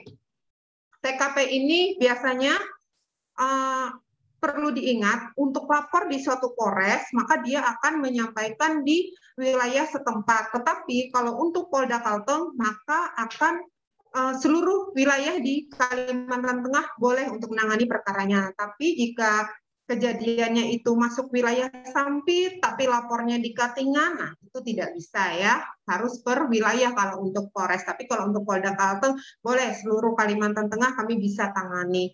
Nah, terus dalam setiap proses tahapan penyidikan kami selalu memberikan SP2HP. SP2HP ini apa? SP2HP adalah memberikan surat perkembangan penyidikan. Eh, sampai di mana prosesnya kami selalu update dengan mengirimkan surat kepada si pelapor ya Terus bagaimana dengan laporan anak? Kalau laporan anak harus didampingi oleh keluarga atau boleh dari walinya untuk melaporkan karena anak-anak belum bisa melaporkan secara langsung ya. Terus selanjutnya ini adalah bantuan untuk korban hak untuk mempertahankan kepentingan sebagai pertimbangan utama. Kami selalu memberikan yang terbaik, kepentingan yang terbaik untuk anak. Terus menerima bantuan sosial, psikologis, medis, dan materi yang diperlukan. Ini contohnya misalkan seperti kami menangani perkara uh, eh, TPPO, kami menangani perkara TPPO, kami harus mengembalikan korban kepada keluarganya dan kebanyakan korban korban TPPO itu harus dikembalikan ke wilayah asalnya ke tempat tinggal orang tuanya. Nah, Itu yang harus kami lakukan. Kami harus bekerja sama dengan dibantu oleh dinas sosial, terus kami harus cek psikologis mereka, kami harus cek kesehatannya juga bagi kekerasan seksual ataupun kekerasan fisik. Nah, selanjutnya diberikan informasi dan diberikan akses layanan kesehatan, sosial, dan bantuan yang relevan. Kalau di Kalimantan Tengah sudah ada rumah aman ya, jadi kami bisa menitipkan sementara kepada korban. Dan di sana itu gratis dikasih makan, dan tempatnya juga enak banget, nyaman sekali. Itu kita dibantu oleh Dinas Sosial. Terus dilayani personil APH petugas yang peka terhadap kebutuhan korban. Jadi kami juga melaksanakan pendidikan yang khusus untuk pelayanan anak ini dan diberikan pelatihan juga bagaimana sih cara menghadapi pemeriksaan terhadap anak, bagaimana cara untuk membujuk mereka agar agar interaksinya bisa berjalan begitu. Dan metode-metode pemeriksaan anak justru sangat berbeda sekali ya dengan pemeriksaan orang dewasa. Kalau anak sambil dibawa jalan-jalan, sambil diajak bermain, ya begitu harus dengan bahasa anak, ada yang sambil menggambar dan sebagainya dengan menggunakan media-media. Terus diberikan layanan dan perhatian terhadap anak yang memerlukan perlindungan khusus. Terus selanjutnya, nah ini adalah aturan yang mengatur tentang kerahasiaan identitas saksi dan korban. Ya beberapa memang ada yang orang yang takut untuk dijadikan saksi, khawatir mungkin dia nanti terancam atau khawatir nanti diketahui identitasnya oleh pihak terlapor. Nah ini sebenarnya sudah dilindungi dengan undang-undang. Terus selanjutnya, nah ini adalah kekerasan seksual. Apa sih itu kekerasan seksual? Kekerasan seksual itu adalah jenis kontak seksual atas dasar pemaksaan, bujuk rayu, ancaman kekerasan tanpa persetujuan dan tidak diinginkan. Begitu. Terus apa yang harus dilakukan setelah mengalami kekerasan seksual? Ya memang di sini tidak ada gitu kan ya yang mengalami kekerasan seksual. Tetapi mungkin nantinya next time suatu hari kita bertemu dengan orang mungkin ya tetangga atau orang yang di sekitar kita ada mengalami kekerasan seksual. Nah tolong disampaikan disosialisasikan juga. Pastikan keselamatan diri. Aman dulu deh uh, anaknya begitu kan. Terus segera hubungi polisi. Tolong ini kita uh, sesegeranya berkoordinasi dengan kepolisian. Terus kalau bisa jangan mandi maupun membersihkan tubuh si korban anak tersebut supaya bisa dipisum, supaya pisumnya masih uh, apa ya tidak ada perubahan begitu kan di bagian uh, dalam kelaminnya. Terus pakaian yang dikenakan jangan dicuci, mungkin di situ ada ada bekas sperma atau apa begitu kan ya yang masih bisa kita gunakan uh, untuk pembuktian si tersangka. Terus jika memungkinkan segera mendatangi IGD rumah sakit terdekat mungkin perlu perawatan medis begitu dan terakhir tolong dibantu untuk mencatatkan waktu, tempat dan kronologis kejadian. Ini beberapa hal jika orang terdekat kita mungkin tetangga mengalami kekerasan seksual. Uh, kalau bisa langkah-langkahnya seperti ini. Yang terjadi itu mungkin orang melapor di kita udah setahun kejadiannya baru dilaporkan sekarang, begitu kan ya? Nah, kebanyakannya seperti itu karena apa? Si korban anak ini dia diam, dia nggak berani bilang sama orang tuanya, takut gitu kan? Takut mungkin ya dia diancam mungkin oleh si terlapor begitu. Nah, terus bagaimana agar terhindar dari tindakan pelecehan seksual? Hindari tempat sepi, tetap waspada terhadap lingkungan sekitar, jangan diam saat orang lain melakukan pelecehan seksual. Ini yang sering terjadi nih, makanya anak-anak ditekankan, diajarin untuk belajar untuk mengatakan tidak terhadap seseorang yang uh, melakukan perbuatan pelecehan seksual, lari, pergi, diajarkan kepada anak-anak untuk tidak pergi sendirian ke mana-mana sehingga kan sulit tidak ada saksi di situ di saat kita memerlukan uh, kesaksian tidak ada orang karena dia pergi sendirian atau pergi dengan orang yang tidak dikenal, yang baru dikenal begitu kan? Kenalnya di Facebook gitu kan setelah ketemuan, waduh sudah melakukan uh, pelecehan seksual. Nah, ini sangat disayangkan sekali. Maka anak-anak itu perlunya pembelajaran dini tentang uh, seksual. Ini bukan hal yang baku lagi sekarang, bukan hal yang tabu lagi untuk di, diajarkan kepada anak-anak karena kita pencegahan sedini mungkin, tetapi dengan bahasa-bahasa anak yang mudah dimengerti gitu. Nah, terus ini adalah unsur pasal kekerasan seksual di 76E itu adalah pencabulan dan di 76D itu adalah persetubuhan. Nah, kalau pencabulan itu itu harus ada melakukan kekerasan atau ancaman kekerasan, melakukan tipu muslihat, melakukan serangkaian kebohongan. Nah, terus bagaimana nih kalau misalnya uh, tidak ada kekerasan, tidak ada memaksa, tidak ada tipu muslihat, tetapi saya yakin pasti ada kebohongan di situ, ya. Biasanya seperti apa? Yang sering terjadi itu kan, uh, misalnya nih kalau kekerasan, mungkin dilakukan dengan mendorong, menarik, diseret, gitu. Terus kalau memaksa, menyuruh dengan kata-kata yang diiringi dengan perbuatan yang tidak diinginkan oleh korban. Terus kalau tipu muslihat seperti apa? Tipu muslihat yaitu Misalkan, nanti aku belikan kamu boneka atau nanti aku kasih kamu uang. Terus ada lagi, aku sangat mencintai kamu. Uh, buktikan dong kalau kamu sangat cinta dengan aku. Nah, begitulah eh, cara-cara tipu muslihat ya. Terus kalau misalnya rangkaian kebohongannya, oh nanti kalau aku hamil gimana? Aku aku takut nanti ketahuan orang tuaku. Oh tenang aja, nanti aku akan nikahi kamu deh, aku tanggung jawab. Itu adalah rangkaian-rangkaian yang mana di dalam unsur 76E pencabulan ini terjadi. Pasti ceritanya dari serangkaian itu pasti ada deh perbuatan yang seperti itu. Nah, terus kalau perbuatan cabul bedanya dengan setubuh, kalau cabul itu yang berhubungan dengan alat kelamin atau bagian tubuh lainnya yang dapat merangsang nafsu seksual. Sedangkan setubuh yaitu menggabungkan atau menyatukan alat kelamin kepada alat kelamin pasangannya. Itu saja perbedaannya. Nah, terus yang kami harapkan dalam penegakan hukum yaitu pemulihan kembali kepada keadaan semula korban. Di sini kami tidak bisa sendirian ya untuk pemulihan. Kami dibantu oleh instansi-instansi yang memang berperan dalam pemulihan korban. Nah, tidak dengan seperti ini ya.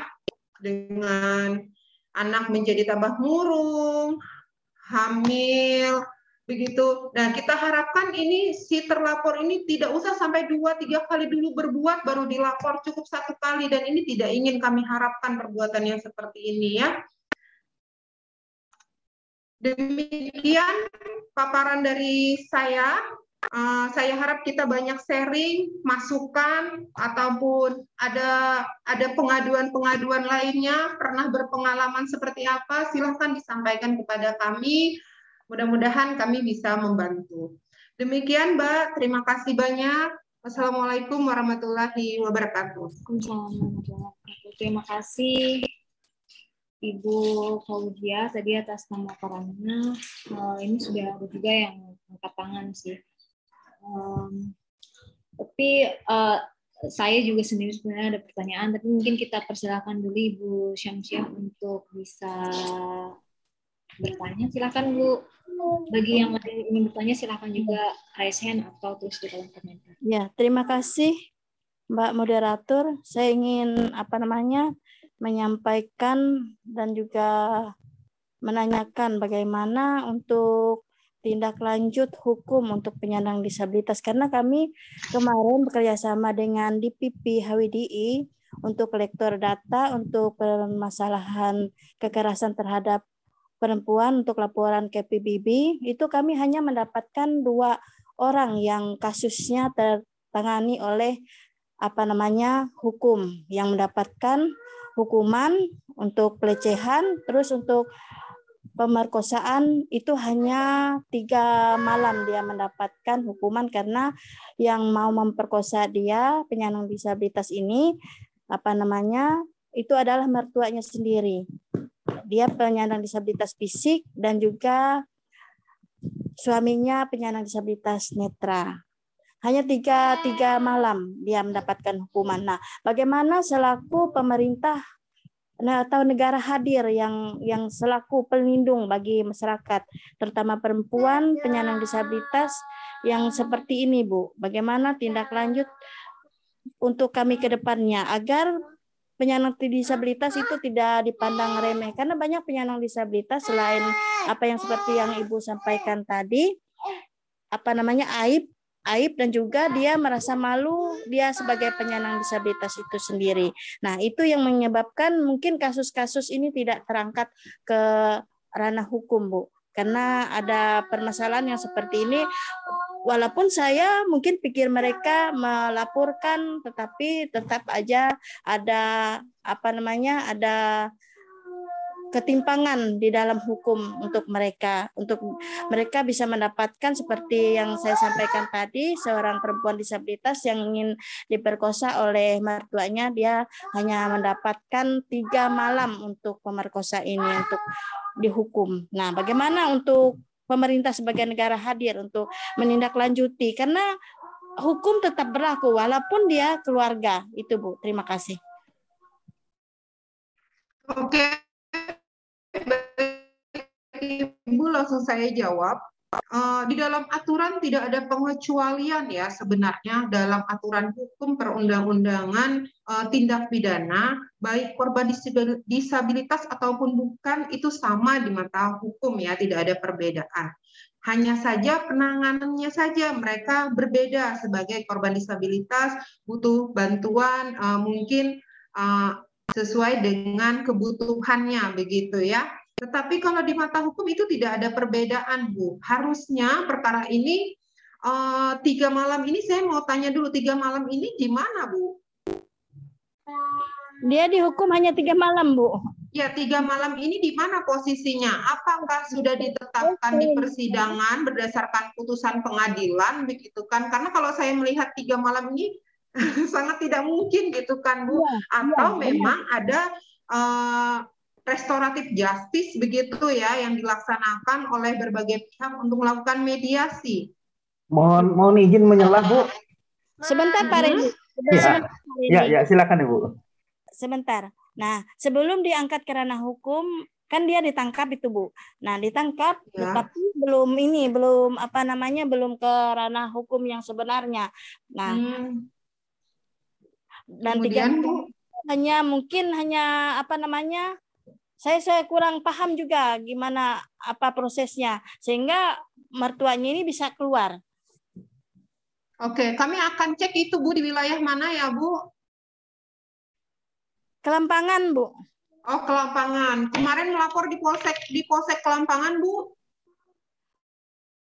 Tahu juga Bu kemarin karena kita kan tim kolektornya ada yang di lapangan kan yang apa namanya mencari data itu dan orangnya masih ini apa namanya ada dia hmm. tinggal di Kereng sekarang karena dia diancam oleh mertuanya tidak bisa lagi dia tinggal bersama mertuanya karena takutnya dibunuh karena mertuanya mengancam dia dibunuh kalau melaporkan lagi tindak kekerasan itu Bu. Oke, nanti kami akan cek ya Bu ya di Polsek Kelampangan. Terus nanti juga saya akan share nomor telepon saya jika Bapak Ibu untuk membutuhkan konseling ataupun perlu sharing tentang suatu tindak pidana khususnya perempuan dan anak. Terima kasih Ibu infonya. Kami akan cross check nantinya untuk perkembangan perkara ini. Iya Ibu, terima kasih. Lanjut Pak Randy, silahkan. Uh, iya, terima kasih uh, kesempatannya. Uh, saya mungkin hanya sekedar ingin membantu penjelasan daripada Ibu Samsia tadi. Jadi untuk korban, eh, untuk pelaku itu hanya sempat ditahan, Bu. Ditahan hanya tiga hari. Jadi bukan dihukum ya, tapi ditahan tiga hari. Lantas kemudian dilepas karena ada uh, ada kesepakatan keluarga gitu. Uh, dan itu juga atas permintaan suaminya karena suaminya juga apa e, karena pelaku itu adalah orang tua daripada suaminya gitu. Nah jadi itu e, pelaku sempat ditahan hanya tiga hari ditahan, kemudian eh, dilakukan mediasi sehingga eh, pelaku dilepas gitu. Cuma eh, permasalahannya kan tidak selesai sampai di situ saja sebenarnya Bu. Harapan iya. kita supaya ada efek jerah bagi si pelaku gitu. Itu yang diharapkan oleh kita gitu. Terima kasih Bu. Oke, terima kasih Pak. Berarti ada penyelesaian mediasi ya dari kedua belah pihak mengingat itu ada kaitan keluarga, tetapi sebenarnya di, di mata hukum dan kami baru saja menangani di tahun 2021 ini ada seorang uh, ayah tiri menyetubuhi anaknya. Ya, jadi sebenarnya tidak ada pengecualian ataupun hambatan untuk kami menegakkan uh, maupun ada kaitan keluarga atau apa itu bukan pengecualian ya dalam penanganan perkara anak ini. Begitu. Iya. Terus ada lagi? Ya, untung aja itu hanya apa namanya? hanya mau diperkosa. Kalau sudah diperkosa itu bagaimana? Nah, makanya itu ada tindak lanjutnya untuk kita sebagai perempuan penyandang disabilitas. Terima kasih banyak, Bu. Oke, baik Ibu, terima kasih. Ada lagi yang ingin bertanya? Uh, boleh saya mengajukan pertanyaan, Bu? Boleh silahkan. Uh, terkait dengan uh, misalnya terjadi kasus-kasus seperti itu gitu.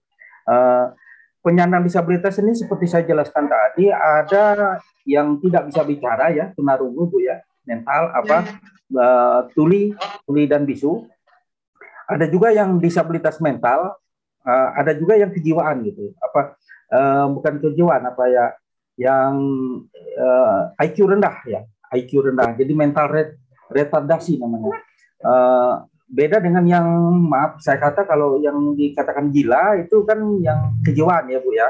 Iya betul. Uh, nah ini kasus-kasus ini yang sering terjadi ini pada ketiga ketiga kategori apa uh, ragam disabilitas ini bu. Jadi tunarungu mental dan kejiwaan. Ini yang sering terjadi. Walaupun tidak menepis juga uh, untuk uh, disabilitas fisik juga sering terjadi juga uh, apa namanya kasus kasus eh, apa pelecehan seksual seperti itu. Nah, yang jadi masalah bagi penyandang disabilitas rungu bicara mental dan eh, kejiwaan ini kan banyak daripada mereka ini kan tidak bisa eh, tidak mempunyai inisiatif untuk bisa melapor. Lantas ada juga yang sebagian eh, kasus eh, itu lantas didiamkan oleh keluarganya, eh, lantas disembunyikan, eh, tidak dilanjutkan. Uh, ini kan sudah sudah sebenarnya mengarah kepada tindak pidana kan Bu ya, uh, ya. mengarah kepada tindak pidana. Uh, misalnya kalau uh, ini kan kasusnya sebenarnya kan delik aduan gitu ya, delik aduan. Uh, kalau misalnya dari pihak korban atau pihak keluarga korban tidak melapor, sementara kita mengetahui kasus seperti itu dari dari organisasi kita gitu, apakah uh, bagaimana prosedurnya? Apakah kita boleh melaporkan itu tanpa uh, tanpa permintaan daripada pihak korban atau pihak keluarga korban. Terima kasih, Ibu. Oke, baik Pak, akan saya jawab. Uh, untuk terkait uh, yang wajib untuk melaporkan orang uh, perkaranya delik aduan itu adalah kasus PKDRT, Pak. Sedangkan untuk perkara seperti uh, kekerasan seksual Nah, itu kita nanti bisa Bapak lapor ke kita, kita bisa minta bantuan dari pihak UPT begitu ya, uh, yang lebih berkompeten dalam melaporkan perkara ini begitu dan kita bisa langsung uh, konsultasi ya Pak ya, kita koordinasikan kepada keluarga terdekatnya. Begitu. Ya, baik Bu. Artinya Artinya ada kemungkinan besar uh, ada ada apa uh, kita boleh gitu ya untuk melaporkan itu. Gitu. Boleh untuk melaporkan, menyampaikan ya. boleh Pak. Tapi di saat nanti pembuatan laporan polisi maka kita harapkan si uh, orang tua ataupun wali dari si korban begitu. Ya. Kalau untuk melaporkan pengaduan kepada kami silakan siapa saja boleh Pak. Nanti kami yang melakukan penyelidikan begitu kan. Iya. Karena ada kemungkinan besar dari pihak korban mungkin takut atau mungkin malu atau tidak tahu gitu ya bagaimana prosedur untuk melaporkan itu. Iya, betul. Baik, Bu. Terima kasih, Bu, informasinya. Iya, Pak. Sama-sama.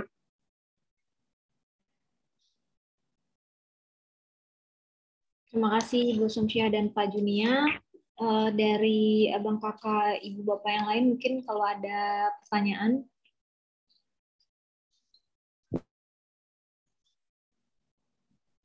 sambil kita menunggu kali ya uh, pertanyaan dari yang hadir di sini. Jadi kan Bu tadi kalau misalnya mendengar uh, cerita kasus dari Bu Syamsia misalnya, um, ya bahkan uh, pelaku sendiri itu bisa jadi dia datang dari orang-orang terdekat korban gitu. Meskipun di pengaparan ibu menekankan uh, jangan sampai sendirian gitu kan, jangan sampai uh, memungkinkan orang asing gitu bisa apa bisa uh, melakukan perbuatan-perbuatan yang tidak diinginkan terhadap anak-anak kita gitu. Tapi kan ada juga ternyata kasus-kasus di mana pelakunya sendiri adalah orang-orang terdekat dan juga um, tadi ada terkait kalau misalnya kita menghadapi situasi kekerasan itu uh, ada diam gitu kan Bu tapi diam itu kan eh, pada banyak kasus juga bukan apa ya bukan karena diam mereka si si korban ini dia ingin diam tapi eh, dalam situasi-situasi ter, tertentu memang eh, khususnya perempuan dan juga anak karena kan di dalam kasus-kasus seperti itu pasti ada relasi kuasa di mana orang yang si pelaku ini pasti dia memiliki apa dia dia selalu memiliki uh, tingkatan kuasa yang dia punya kuasa yang lebih besar lah daripada si korban itu. Kemudian it, hal itu uh, salah satunya juga yang uh, yang menyebabkan kenapa sering kali korban seolah tidak bisa berbuat apa-apa atau tidak berdaya gitu dan diam dan kemudian juga di banyak kasus kenapa ada ketakutan-ketakutan seperti itu untuk melaporkan misalnya ada ada ada uh, tindak kekerasan yang dialami oleh korban uh, bukan hanya karena perasaan takut atau malu tapi juga karena apa kita masih ada stigma negatif gitu. Kalau misalnya bahkan misalnya pun uh, pelakunya adalah orang terdekat kita misalnya pasangan kita uh, atau pacar misalnya kayak gitu kan um, ada stigma stigma itu bahwa ya salah korban sendiri kayak gitu kan. Ada semacam itu. Nah stigma stigma itu sering kali yang uh, semakin mengecilkan posisi korban gitu. Padahal di dalam di dalam kekerasannya sendiri itu sudah ada relasi kuasa dan ketika dia ingin melaporkan juga dia rentan terhadap stigma negatif dan juga diskriminasi itu. Nah, bagaimana uh, dari ini dari Polda Kalimantan Tengah gitu, me, memastikan uh, di dalam pelaporan-pelaporan kasus yang ada selama ini itu uh, hal itu bisa dicegah atau diminimalisir. Karena kita ngelihat kemarin ada juga kasus di mana ketika uh, korban dan keluarga korban melaporkan tapi justru uh, ada tindakan diskriminatif lah. Padahal si korban sendiri sudah berada dalam situasi yang um, yang sudah sangat tidak diuntungkan itu di, di awal dia sudah berada di dalam kondisi yang begitu lemah.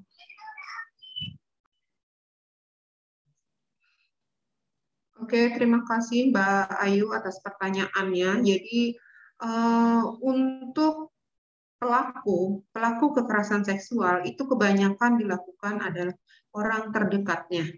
Jarang sekali pelaku itu adalah orang yang tidak dikenal kebanyakan orang terdekatnya satu rumah bahkan eh, tahun lalu kami juga ada menangani perkara persetubuhan yang dilakukan oleh kakak terhadap adiknya yang berusia tiga tahun. Nah itu dilema banget kan ya, gitu. Di satu sisi seorang ibu melaporkan anaknya sendiri begitu kan. Nah terus kayak kemarin juga seorang uh, ibu melaporkan suaminya karena sudah menyetubuhi dua orang anaknya. Ini kami memberikan pengertian kepada pihak keluarga karena perbuatan yang seperti ini tidak bisa dibiarkan. Karena perbuatan itu pasti akan terus-menerus dilakukan oleh si pelaku jika tidak sampai ke kepolisian penegakan hukum. Karena perbuatan seperti itu sebenarnya mereka sudah mengetahui di dalam internal keluarga, gitu kan. mereka melakukan mediasi antar keluarga, tetapi berujung kepada pengulangan perbuatan tersebut. Jika tidak sampai ke penegakan hukum, maka terus saja anak ini akan menjadi korban terus-menerus di lingkungan keluarga tersebut. Begitu.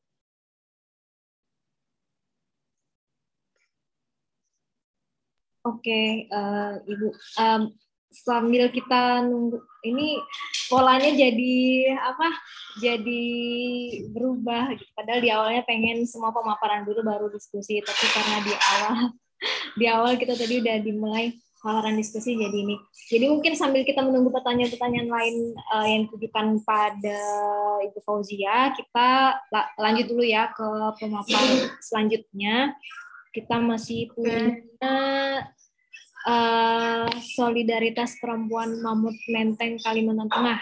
Ini akan dipaparkan oleh kakak kita Herta Sihotang dari koordinator program SP Mamut Menteng yang akan menyampaikan mengenai pendampingan kekerasan seksual terhadap perempuan dan anak. Uh, kita masih menerima uh, pertanyaan atau kemudian tanggapan terhadap pemaparan dari Ibu Fauzia sambil uh, lanjut ke pemaparan juga ya. Silahkan Herta. Terima kasih Ibu Fauzi. Oke, baik. Terima kasih.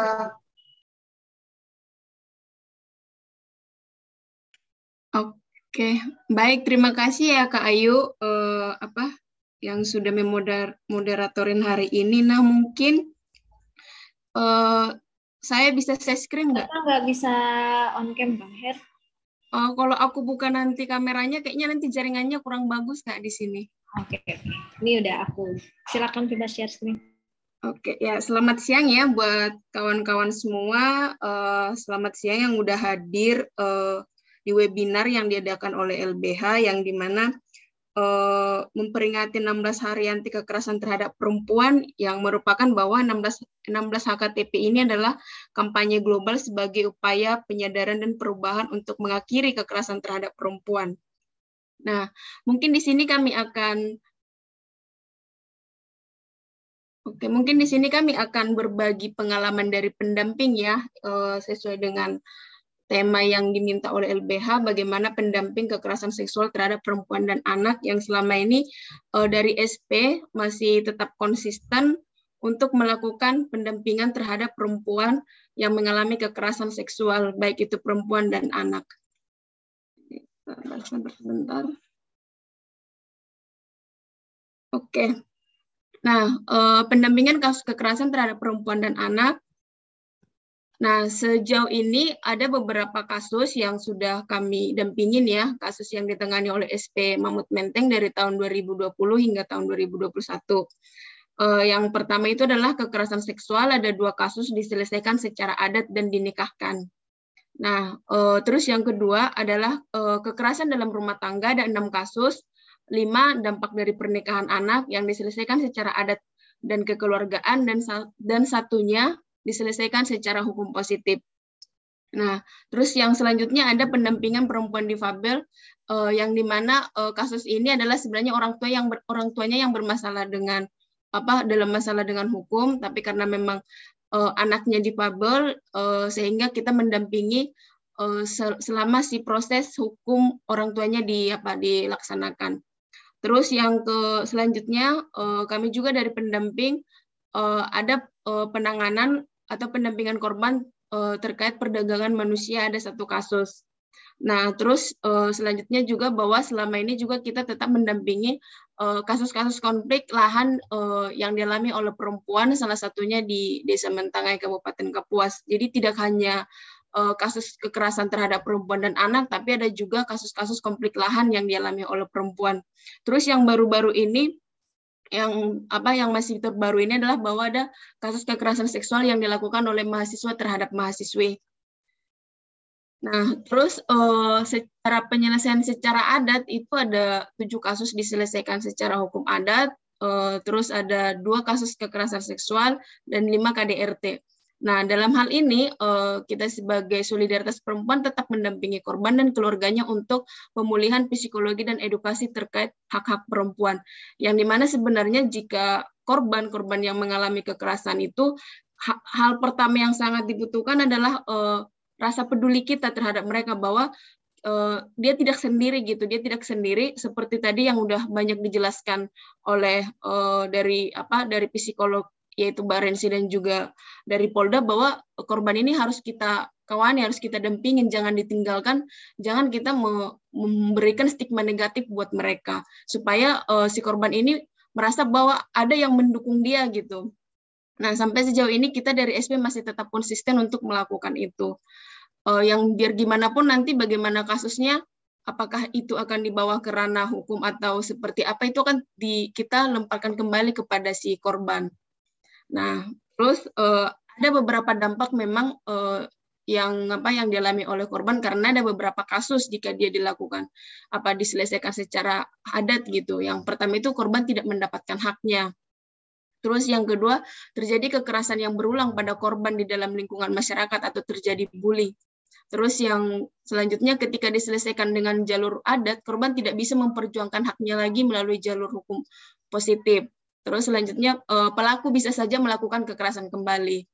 Nah, Nah, pendampingan kasus kekerasan terhadap perempuan melalui hukum positif ada satu kasus yang didampingi di Kota Palangkaraya Terus uh, korban mendapatkan haknya, pelaku diadili karena perbuatan penganiayaan sampai korban mengalami tuli dan dipenjara selama dua tahun.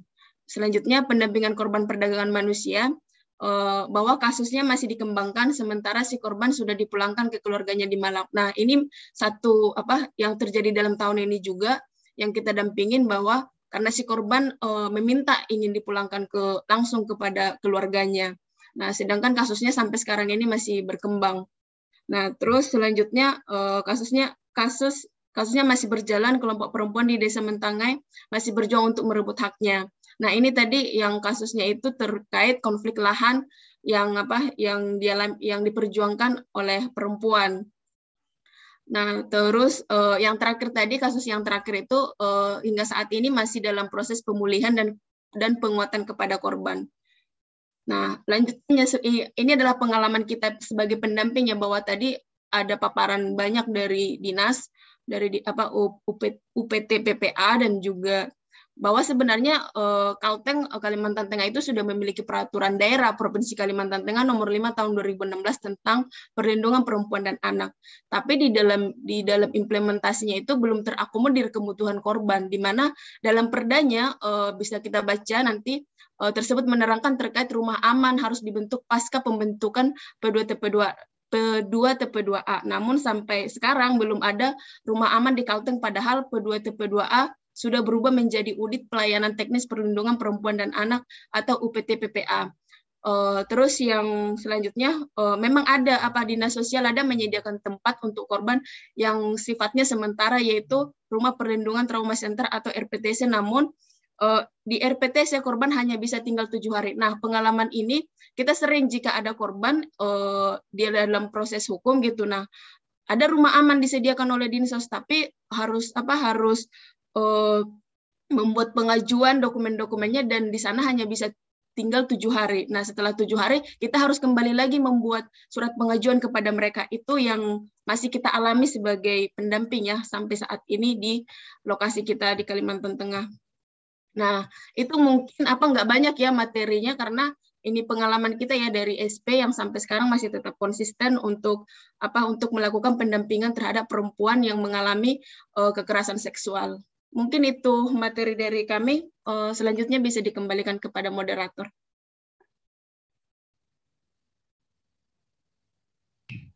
Oke, Kakak Herta, terima kasih uh, pemaparannya tadi.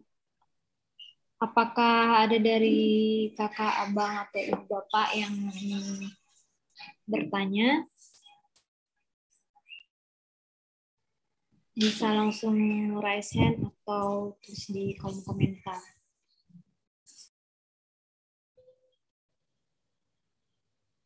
Oke, silakan Kandoni.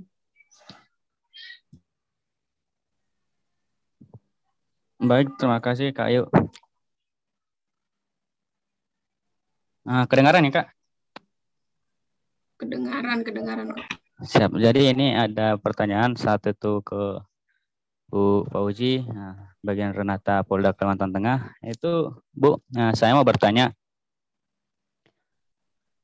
Ya memang dalam penanganan kekerasan seksual apalagi terhadap anak maupun perempuan itu seharusnya itu dilakukan ya memang berperspektif perempuan, perspektif korban yang artinya harus tetap lebih mengutamakan dan mengakomodir hak-hak korban agar jangan sampai korban-korban ini, para korban ini, apalagi korbannya adalah anak, itu mengalami tekanan secara psikolog, psikologi maupun juga tekanan secara sosial.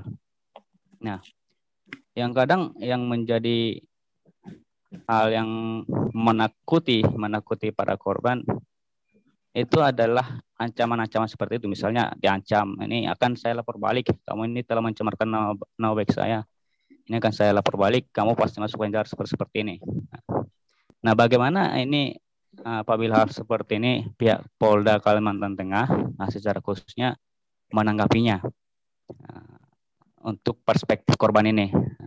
Bagaimana pihak Polda Kalimantan Tengah? Itu yang pertama. Kemudian untuk SP, eh, solidaritas perempuan, nah ini sangat menarik juga eh, untuk SP dan saya mengucapkan terima kasih juga kepada SP dan juga Polda Kalimantan Tengah apabila benar-benar melakukan atau memperjuangkan daripada hak-hak para korban perempuan maupun anak ya apalagi anak-anak itu adalah generasi mas ya, sebagai pelanjut tongkat estafet bangsa ini, tongkat para ibu-ibu pejabat, ibu-ibu Polda, Bapak Kapolda, kalau Tengah. Hmm. Nah, yang menjadi pertanyaan saya kepada uh, uh, solidaritas perempuan itu, nah ini kan ada penyelesaiannya itu di secara adat, yang secara adat ini uh, dikawinkan seperti itu kan. Nah, ini apakah uh, misalnya dalam pada saat melakukan pendamping ada SP yang ditemui oleh solidaritas perempuan, kawan-kawan solidaritas perempuan, bahwasanya ini hanya upaya diselesaikan, ya diselesaikan secara adat, tapi hanya upaya untuk meredam seperti itu.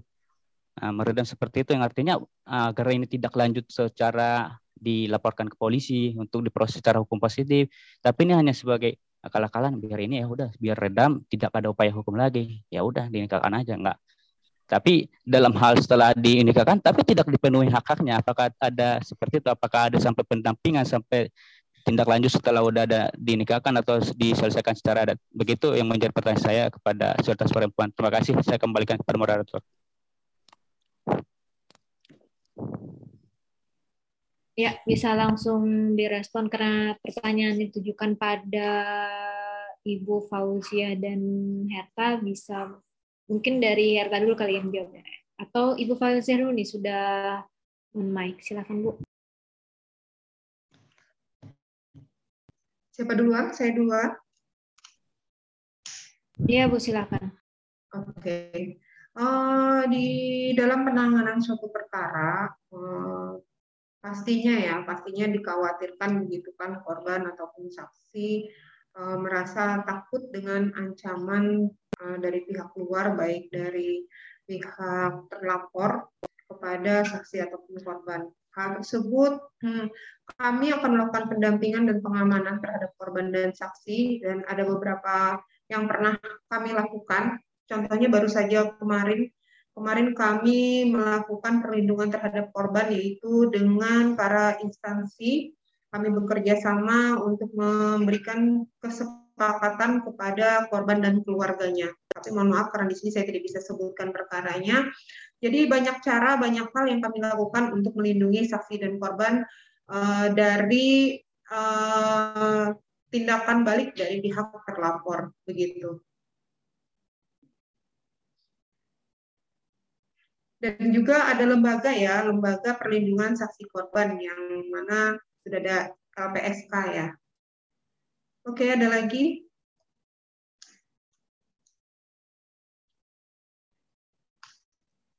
Baik, terima kasih Bu Fauzia. Uh, Doni sudah terjawab belum kira-kira yang tadi? Kalau sudah kita lanjut ke Kak Herta, silahkan direspon pertanyaan dari Doni. Oke, uh, terima kasih ya atas pertanyaannya. Uh, pertanyaan ini sebenarnya uh, yang kita alami di lapangan itu sangat benar-benar nyata gitu. Uh, di mana tadi dia bilang apakah uh, penyelesaian secara adat ini uh, setelah dikawinkan itu uh, si pelaku itu me, apa me, uh, bertanggung jawab gitu. Dia memberikan hak-haknya atau justru malah kayak meredamkan si masalah. Nah nah uh, yang menjadi apa? Yang menjadi tantangan kita di lapangan ya karena kan uh, yang kita lihat di sana di saat ada kasus kayak gini, di, di saat ada kasus kekerasan seksual seperti ini baik yang dilakukan oleh pacarnya sendiri atau orang lain, maka kenapa tadi yang sangat apa ya yang sangat penting itu adalah uh, keluarga apa uh, ada dorongan dari keluarga gitu ada atau ada uh, ada ke keluarga yang mendukung gitu atau yang membela gitu. Nah, namun kadang yang terjadi itu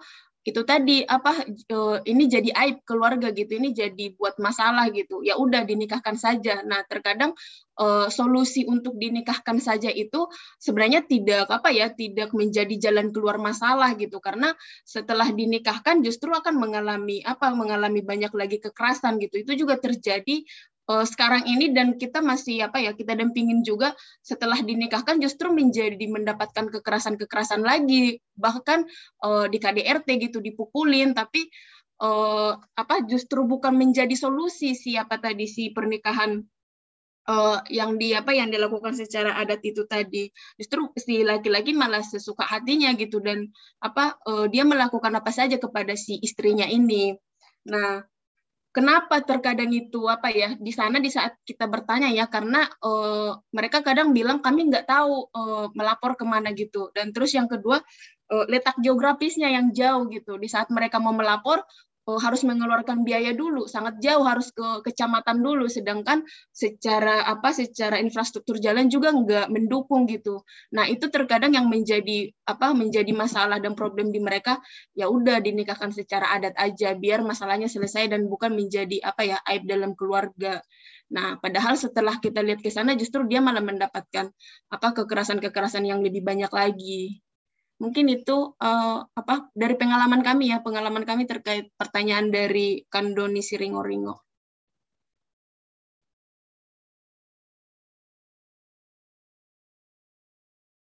Oke, terima kasih Heta. Doni, apakah sudah menjawab?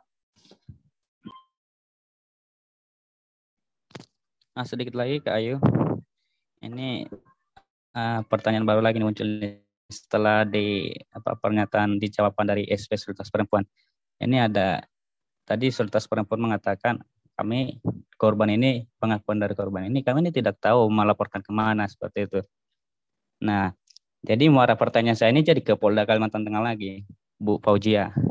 Nah, ini kan ada sampai ah, ini sudah daripada Solidaritas Perempuan mengatakan tidak tahu melaporkan ke mana apakah ini mis apa ada adakah sebelum adakah upaya uh, daripada atau upaya yang sudah dilakukan oleh Polda Kalimantan Tengah untuk mensosialisasikan bagaimana peran aktif daripada Polda Kalimantan Tengah, uh, bagaimana peran aktif daripada pihak kepolisian untuk dalam penanganan seperti ini, penanganan kekerasan-kekerasan seksual yang ujungnya berujung kepada pernikahan secara adat. Dan kemudian dalam dalam perjalanan pernikahan ada KDRT yang kemudian menjadi korban lagi kepada perempuan ini? Apakah ada misalnya apa sosialisasi yang dilakukan Polda Kalimantan Tengah contoh kecilnya uh, kepada masyarakat bahwasanya ini peran Polda Kalimantan Tengah bisa uh, memberikan perlindungan terhadap korban, jangan takut. Jadi seperti seperti ini. Itu yang menjadi pertanyaan saya kembali kepada Polda Kalimantan Tengah. Nah, terima kasih. Oke, terima kasih ya atas pertanyaannya. Baik, saya akan jawab. Di dalam program DIPA kami, eh, Polda Kalimantan Tengah itu ada eh, dua kali kegiatan sosialisasi. Nah, itu untuk kami di Treskrimum. Tetapi lebih banyak dilakukan sosialisasi itu adalah dari bidang Bimas dan Humas ya. Di situ yang lebih banyak melaksanakan kegiatan sosialisasi tentang perundang-undangan ataupun aturan-aturan. Namun kalau dari kami, kami dalam satu tahun juga ada dua kali itu yang dilakukan oleh kami sendiri dan banyak banyak yang kami lakukan itu bekerja sama dengan instansi samping begitu dari uh, PT sering untuk di apa ini melaksanakan sosialisasi. Nah, terkait dengan hukum adat ya, penyelesaian hukum adat. Saya sedikit untuk menambahkan karena uh, memang di tempat kita di Kalimantan Tengah adalah uh, dapat diselesaikan dengan hukum adat ya dan kita juga memiliki aturan di hukum adat tersebut. Namun kadang ada keputusan yang eh, bagaimana ya, yang menyam, menyampingkan begitu. Karena ada penyelesaian yang kami sayangkan seorang orang tua datang kepada kami karena penyelesaian di adat tersebut justru dinikahkan Padahal kan di dalam aturan tidak boleh dinikahkan begitu. Nah, itu sangat disayangkan. Yang terjadi bukannya pernikahan bisa berjalan, tetapi malah yang terjadi uh, penelantaran begitu dengan keluarga, malah ditinggalkan ya pernikahan hanya sebagai bentuk uh, bentuk pertanggungjawaban sesaat yang dilakukan oleh pihak pelaku. Begitu. Ada yang ingin menambahkan atau menyampaikan lagi silahkan. Kami menyampaikan hanya berdasarkan dari eh, pengaduan-pengaduan masyarakat. Oke, baik Bu. Doni, uh, ini kalau ada pertanyaan lagi nanti mungkin bisa ditanyakan di uh, sesi tanya jawab di akhir juga ada. Cukup Kak Ayu. Oke, kita lanjut dulu ke narasumber berikutnya. Ada dari aktivis perempuan Universitas Palangkaraya, Ernai Agustiana. Dia adalah mahasiswa angkatan 2019 pendidikan bahasa Inggris di Universitas Palangkaraya. Uh, hari ini Ernai akan berbagi mengenai kekerasan seksual di perguruan tinggi dan peran serta mahasiswa dalam upaya kampus merdeka dari kekerasan seksual. Jadi seperti yang kita bisa pantau, Eh, akhir-akhir uh, ini itu banyak kasus-kasus khususnya di lingkungan pendidikan, uh, terutamanya di uh, lingkungan perguruan tinggi. Dan mungkin kita akan dengar lebih banyak lagi dari perspektifnya uh, Ernai sebagai mahasiswa. Silakan Ernai. Ya, uh, terima kasih Kak atas waktu dan kesempatannya yang diberikan kepada saya. Uh, Mungkin uh, pertama-tama saya mohon maaf karena saya tidak bisa uh, share screen. Ada sesuatu dan lain hal yang membuat saya uh, tidak bisa untuk uh, share screen seperti itu. Nah, Bapak Ibu yang saya hormati, mungkin uh, apa yang saya sampaikan ini uh, kurang lebihnya nanti mungkin bisa kita diskusikan bersama karena memang uh, pada akhir-akhir ini kasus kekerasan seksual uh, di perguruan tinggi itu sangat marak sekali terjadi. Uh, seperti kita dengar beberapa waktu yang lalu ada yang sampai uh, salah satu mahasiswi di perguruan tinggi uh, di luar Pulau Kalimantan itu ada yang sampai uh, mohon maaf kata uh, bunuh diri seperti itu karena uh, terguncang mental dan sebagainya akibat dengan kekerasan seksual yang diterima seperti itu. Nah, uh, berbicara tentang kekerasan seksual ini, uh, kekerasan seksual itu seperti kita ketahui uh, tidak hanya dapat terjadi di ranah domestik maupun uh, publik, tetapi uh, hal ini juga tidak terkecuali di institusi pendidikan itu sendiri. Nah, di mana di lingkungan kampus itu yang uh, idealnya menjadi tempat untuk belajar kehidupan dan juga kemanusiaan itu terkadang justru menjadi uh, tempat di mana nilai-nilai kemanusiaan itu uh, direnggut dan diranggar uh, oleh beberapa oknum yang memang uh, tidak bertanggung jawab akan hal tersebut uh, lingkungan kampus itu uh, yang seharusnya didominasi oleh kaum kaum intelektual dengan uh, panjangnya gelar-gelar di belakang nama-nama mereka dan juga orang-orang yang uh, dengan pemikiran-pemikiran yang luar biasa itu uh, sangat kadang kadang kala sangat tidak berbanding lurus dengan perilaku uh, mereka dalam menghargai nilai dan juga martabat khususnya uh, kaum perempuan sebagai sesama manusia itu sendiri. Uh, di lingkungan kampus itu uh, bukan menjadi rahasia lagi bahwasanya uh, posisi dosen umumnya itu sangat sangat superior dan menempatkan posisi mahasiswa dalam relasi yang subordinat. Uh, bagi mahasiswa yang tidak memiliki posisi bargaining yang setara, itu mereka umumnya tidak berdaya dan menjadi lemah ketika uh, berhadapan dengan dosen-dosen yang memang perilakunya menyimpang dan itu uh, atau bisa kita sebut dosen-dosen yang uh, kadang cabul dengan mahasiswanya. Nah, uh, banyak ketika atau waktu-waktu di mana uh, orang-orang atau oknum-oknum tertentu ini mem memanfaatkan mahasiswa-mahasiswa yang demikian untuk uh, kepentingan dari dirinya sendiri, uh, terlebih kepentingan dari hasratnya seperti itu. Uh, salah satunya itu momen ketika mahasiswa itu uh, tengah berkonsultasi terkait dengan skripsi dan sebagainya uh, di dalam ranah akademiknya itu sendiri, ataupun saat sedang menempuh ujian itu sering dimanfaatkan oleh para dosen yang uh, maaf kata itu nakal untuk melancarkan aksi jahat dan hasrat syahwatnya itu sendiri. Lalu uh, mahasiswa yang lemah itu biasanya tidak mampu untuk mengelak dan juga uh, berpotensi menjadi korban dari ulah dosennya yang melewati batas dari kepantasan dan moralitas sebagai manusia itu sendiri. Lalu yang kedua itu uh, berkaitan dengan kemungkinan terjadinya power boost yang dilakukan dosen atau pejabat kampus karena otoritas yang mereka miliki uh, itu cukup untuk mereka menekan mahasiswi-mahasiswi tersebut atau korban-korban dari pelecehan seksual seksual tersebut. Lalu uh, di mana seorang dosen di situ posisinya dia mampu atau dia berhak uh, memiliki otoritas juga terhadap kelulusan mahasiswa dan juga untuk nilai-nilai dari mahasiswa tersebut.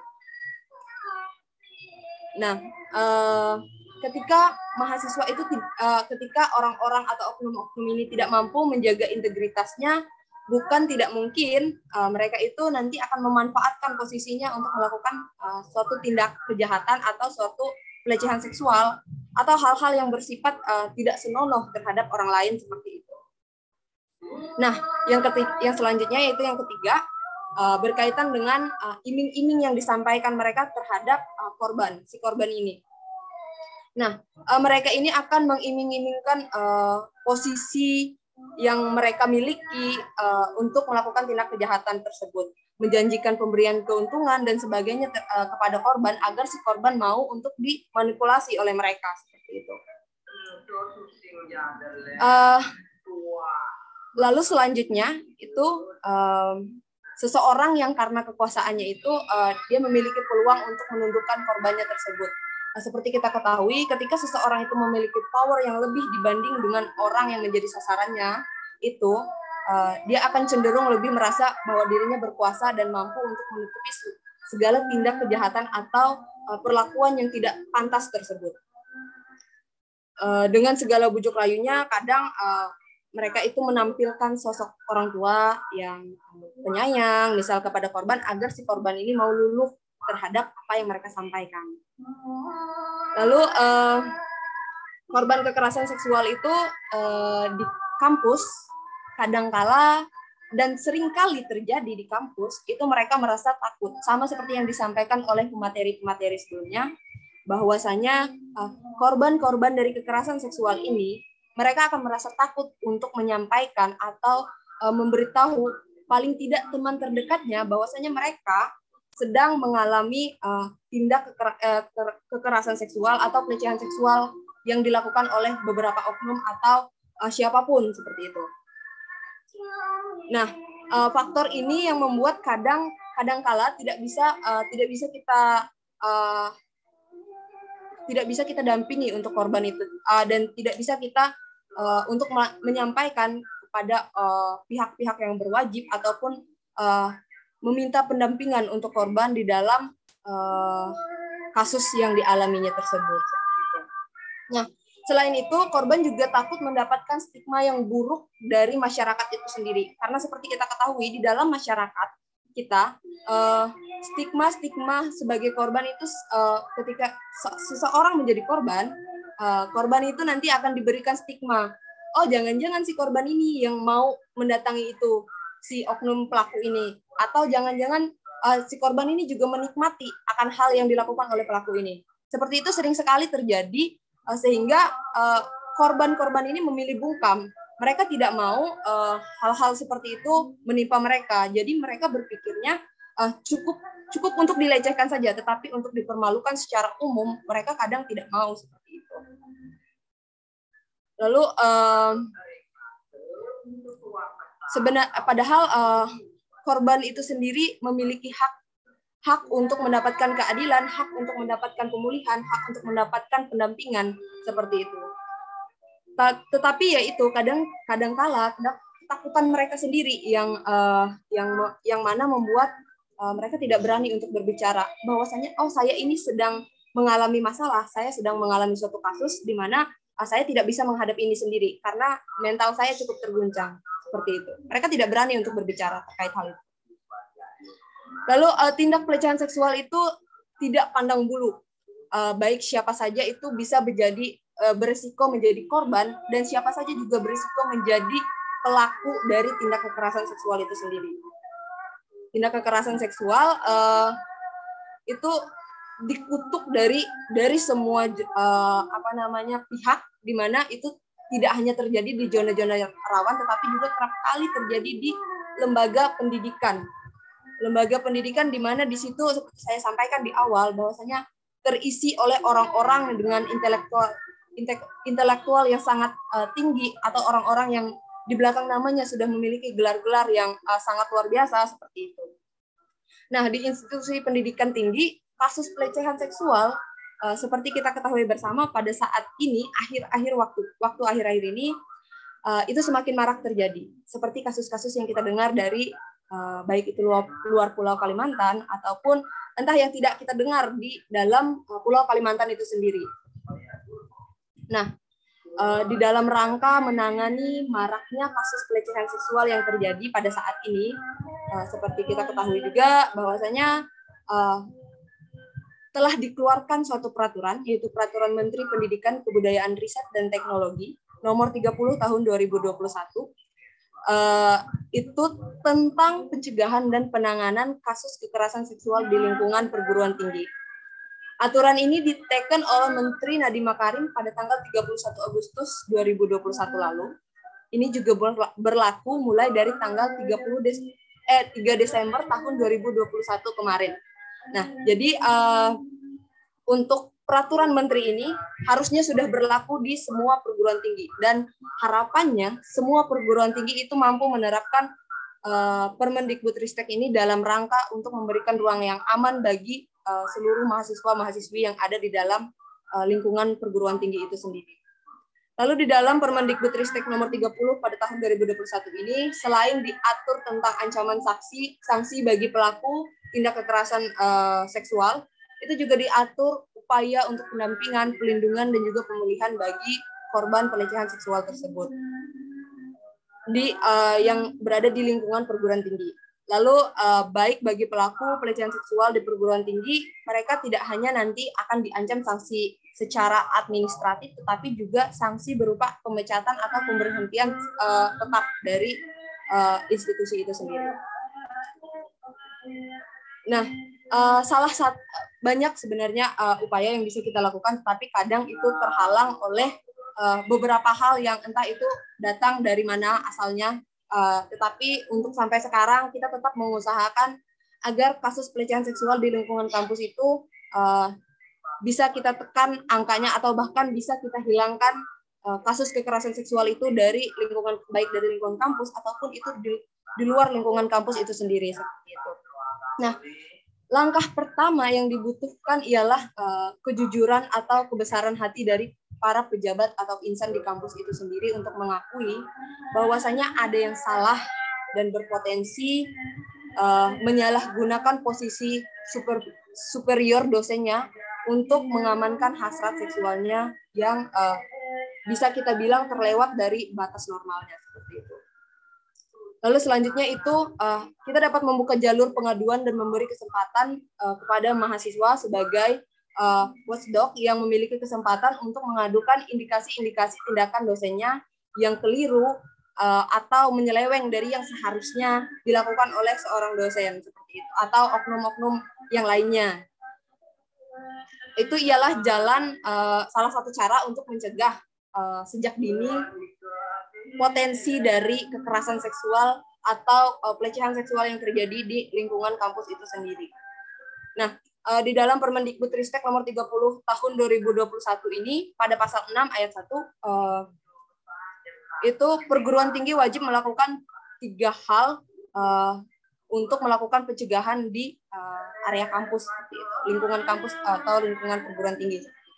Nah, apa tiga hal itu? Uh, yang pertama itu ada pembelajaran, lalu yang kedua itu ada penguatan tata kelola, dan yang ketiga penguatan budaya komunitas mahasiswa, pendidik, dan juga tenaga uh, kependidikan. Beranjak dari situ, kita lanjut pada pasal 6 ayat 3, yaitu pencegahan melalui penguatan tata kelola sebagaimana hal itu dimaksud pada pasal 6 ayat 1 huruf B. Yang mana isinya adalah uh, salah satu dari isi dari 10 poinnya adalah pembentukan satuan tugas di lingkungan kampus itu sendiri. Uh, untuk di Universitas Palangkaraya uh, sendiri pada saat ini uh, tentunya dari pihak universitas itu sangat mendukung sekali tentang uh, adanya Permendikbudristek nomor 30 tahun 2021 ini. Karena uh, mengingat dari kejadian-kejadian sebelumnya ada beberapa uh, ada satu kejadian beberapa waktu yang lalu itu uh, seorang oknum dosen di mana uh, kasusnya itu sudah uh, bergulir cukup lama seorang seorang oknum dosen yang melecehkan mahasiswanya seperti itu. Nah, uh, belajar dari situ mungkin uh, kita uh, berupaya seperti itu untuk menekan ataupun menghilangkan hal-hal yang berbau dengan kekerasan seksual ataupun pelecehan seksual di uh, dalam kampus terlebih di dalam Universitas Palangkaraya sendiri atau kalau bisa itu di dalam uh, lingkup perguruan tinggi di seluruh Kalimantan Tengah. Nah, uh, sampai sekarang uh, kami sebagai mahasiswa-mahasiswi di Universitas Palangkaraya, baik itu dari organisasi internal maupun dari organisasi eksternal, di mana di organisasi eksternal itu juga kita ketahui banyak sekali mahasiswa-mahasiswi yang ikut di dalamnya, ikut serta di dalamnya, itu masih berupaya untuk dalam dalam uh, hal mewujudkan kita memang sepakat dengan Permendikbudristek ini, tapi sampai sekarang implementasi dari kampus itu sendiri uh, belum ada terrealisasi salah satu dari pencegahan kekerasan seksual itu. Salah satunya adalah pembentukan satuan tugas itu tadi, di mana uh, ketika satuan tugas ini dibentuk, uh, ini nanti akan bisa membantu teman-teman mahasiswa yang menjadi korban uh, kekerasan seksual ataupun kekerasan uh, ataupun uh, pelecehan seksual itu teman-teman uh, yang uh, nantinya harapannya ketika satuan tugas ini dibentuk mereka yang akan uh, mengawal si korban ini dari dari mungkin menyampaikan apa yang memang tidak di tidak bisa dia sampaikan kepada orang lain atau kepada siapa pun itu bisa disampaikan melalui satuan tugas. Itu harapan kami semua. Tetapi memang uh, itu sekarang di Universitas Palangkaraya masih kami upayakan masih kami segenap mahasiswa mahasiswi yang uh, tergabung di dalam berbagai organisasi baik itu internal dan eksternal uh, masih mengupayakan untuk hal itu. Uh, harapannya tentu dengan segala hal yang kami sudah upayakan nanti jika memang itu terrealisasi,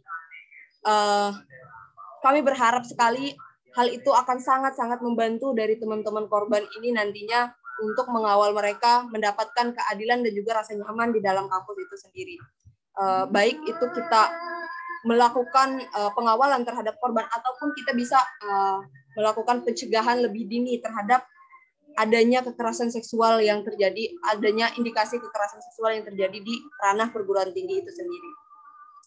Uh, mungkin itu yang dapat saya sampaikan pada hari ini, Bapak Ibu sekalian yang saya hormati. Uh, mohon maaf jika ada salah kata yang saya sampaikan. Mungkin selanjutnya kita bisa berdiskusi bersama uh, terkait dengan apa yang saya sampaikan. Terima kasih. Kembali ke moderator. Terima kasih Ernai yang sudah memberikan perspektif dari kampus. Jadi memang sudah ada Permendikbud itu dan berbagai perguruan tinggi sudah mulai menyusun SOP-nya masing-masing sih. Tapi kalau dari apa penyampaian Ernai belum sampai ke situ ya kalau di Universitas Palangkaraya. Dan mungkin kawan-kawan dari mahasiswa bisa mendorong dan uh, apa ya bisa mendorong uh, adanya SOP itu dan juga uh, yang pasti harus uh, mengandung unsur mahasiswa. Dan memang uh, kalau dari penyampaian Ernai tadi jelas ya uh, kita sama-sama mengetahui bahwa dalam kasus-kasus kekerasan uh, khususnya terhadap perempuan dan anak itu pasti ada ketimpangan relasi kuasa.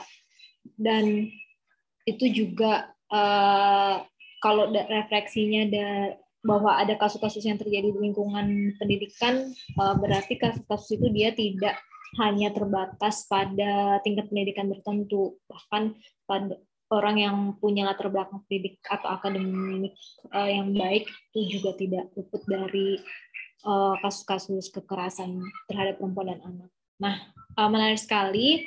Ini sudah ada yang angkat tangan juga Ibu Samsyah, uh, mungkin ada pertanyaan kepada Ernae sebelum kita lanjut ke narasumber terakhir kita. Silahkan Bu Erna, eh Bu Samsyah. Iya Mbak, terima kasih. Ini mungkin saya apa namanya kalau bisa itu ada solisasi juga untuk masyarakat adat dan juga ketua adatnya. Karena apa namanya selain di kampus tadi Mbak ya, karena bagaimanapun penyandang disabilitas dan juga masyarakat adat yang terjadi saat ini banyak yang menutupi kasus-kasus mereka ketika keluarga mereka diperkosa dan yang tadi bisa dikawinkan tapi tidak dipertanggungjawabkan. Nah, pertama itu dan kedua lagi dikawinkan dengan orang lain untuk menutup aib mereka. Nah, dan juga untuk mahasiswa juga. Mahasiswa rata-rata juga apa namanya bisa mengalami hal yang seperti tadi sesama mahasiswa, Mbak. Dan juga kasusnya mungkin perbedaan suku. Ketika perbedaan suku ini antara kuat dan tidaknya suku masing-masing suku ya. Misalnya satu suku itu memperkosa suku yang lain. Nah, tetapi dikalahkan oleh peraturan adat mereka sehingga peraturan adat kita terutama masyarakat adat kita Dayak Ngaju ya. Nah, ada satu kasus yang mengakibatkan perempuan sampai sekarang ini dia hidup dengan anaknya dan untung saja dia bisa mendapatkan hak hak asuh untuk anaknya. Nah, ketika dia apa namanya memang dia tidak diperkosa, suka sama suka, tapi kasusnya tidak mendapatkan untuk dikawinkan oleh pacarnya. Nah, ketika kasus tersebut mereka menuntut untuk pertanggungjawaban, nah malah mereka diberatkan oleh aturan adat orang lain. Nah, adat kita sendiri sebagai masyarakat adat ngaju otomatis tidak berkutik. Untung saja mereka memahami peraturan dan tidak menandatangani surat tersebut. Nah, bagaimana nantinya ada solusi bagi kita masyarakat adat ngaju yang banyak sekali kasus-kasus kita sebagai masyarakat adat Kalimantan Kalimantan Tengah harus terlindungi dan juga hak hukumnya bisa juga kita dapatkan. Terima kasih. Terima kasih Bu Syamsia. Mungkin Arnai bisa menanggapi tanggapan dari Ibu Syamsia. Uh, ya, terima kasih Bu. Uh, seperti yang Ibu sampaikan tadi terkait dengan hal-hal uh, di mana uh, masyarakat adat kita kadang uh, malu untuk mengakui akan hal-hal tersebut. Atau kadang masyarakat adat kita ketika atau kadang masyarakat kita dari suku kita sendiri itu ketika uh, mohon maaf kata diperkosa atau uh, dilecehkan oleh suku adat yang lain mungkin adat kita uh, kurang kuat untuk melawan akan hal tersebut. Uh, tentu harapan kita bersama adalah uh, kita mampu untuk uh, dalam artian memberikan ruang yang aman dan juga penanganan yang uh, lebih ekstra kepada korban tersebut. Uh, di mana uh, ini kalau uh, jika kita berpandangan sebagai uh, korban, uh, tentunya kita ingin mendapatkan keadilan dari apa yang sudah terjadi seperti itu. Uh, karena dalam hal apa pun korban tetap dirugikan seperti itu. Uh, tidak ada pembenaran untuk seorang pelaku melakukan tindak kejahatan kepada si korban ini. Baik itu ah, atas dasar dia menang atas uh, sukunya, atas adatnya dan sebagainya itu tidak ada pembenaran itu. Uh, itu menurut saya. Uh, jadi uh, sebisa mungkin kita sebagai atau teman-teman atau bapak ibu sekalian uh, yang berwenang atau uh, yang uh, memiliki kuasa untuk dalam dalam hal uh, pengawalan dan juga uh, memberikan keadilan bagi si korban ini gitu, seperti itu. Nah, uh, itu menjadi harapan kita bersama, Bu. Uh, saya pun sebagai orang suku Dayak Ngaju asli tentunya berharap seperti itu. Uh, seperti yang Ibu sampaikan, adanya suatu uh, keadilan bagi korban itu tidak peduli, tidak memandang uh, dia korban dari suku yang lebih kuat atau dia korban dari adat orang yang lebih kuat seperti itu, uh, itu tidak tidak tidak membenarkan hal yang dilakukan oleh pelaku itu. Itu dari uh, pandangan saya, Bu. Jadi mungkin uh, untuk korban uh, di dalam kasus yang seperti Ibu sampaikan itu uh, kita bisa melakukan uh, penanganan yang lebih ekstra agar uh, si korban ini tidak uh, mengalami hal-hal yang tidak kita inginkan. Karena biar bagaimanapun uh, si korban ini juga adalah uh, manusia yang mana dia juga uh, memiliki harapan untuk hidup, harapan untuk bisa uh, bangkit dari apa yang sudah dialaminya tersebut. Itu, itu mungkin dari saya Ibu. Terima kasih. Oke, baik Ernae. Nah, kita masih ada satu narasumber lagi sih. Ini terakhir, baru mungkin kita, uh, lalu kita buka diskusi lebih luas lagi gitu kali ya. Oke, kalau gitu saya persilahkan Sandi dari LBH Palangkaraya untuk bisa menyampaikan tentang catatan kasus kekerasan seksual tahun 2021. Setelah itu kita akan buka tanya jawab uh, dan buka diskusi lebih terfokus lagi. Uh, silakan menyampaikan pertanyaan atau tanggapan tidak terbatas nanti pada narasumber kita uh, terakhir. Silakan San. Baik, terima kasih Kak. Baik kawan-kawan, saya akan uh, berangkat dari ini ya, dari sejarah dari HAKTP itu sendiri. Karena uh, kegiatan kita ini kita laksanakan bersama teman-teman koalisi anti kekerasan seksual. Sebenarnya salah satu upaya atau dukungan bagi Komnas Perempuan dalam kampanye tentang anti kekerasan seksual. Sehingga kita melakukan kegiatan ini. Oke, saya akan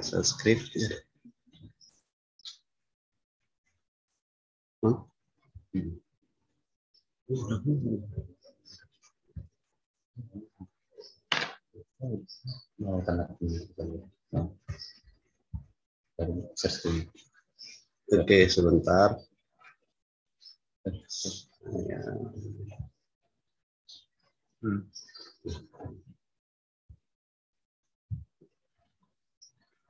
Oke. Jadi, terus uh,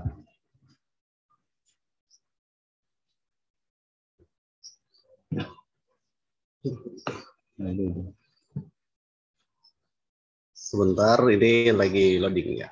Sudah kelihatan nggak? Sudah, sudah.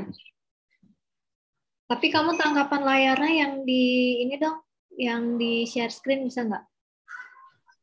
Bentar, Kak. Maksudnya tangkapan layar slideshow. Ini kan tangkapan layarnya PPT. Sebentar, supaya diatur admin dari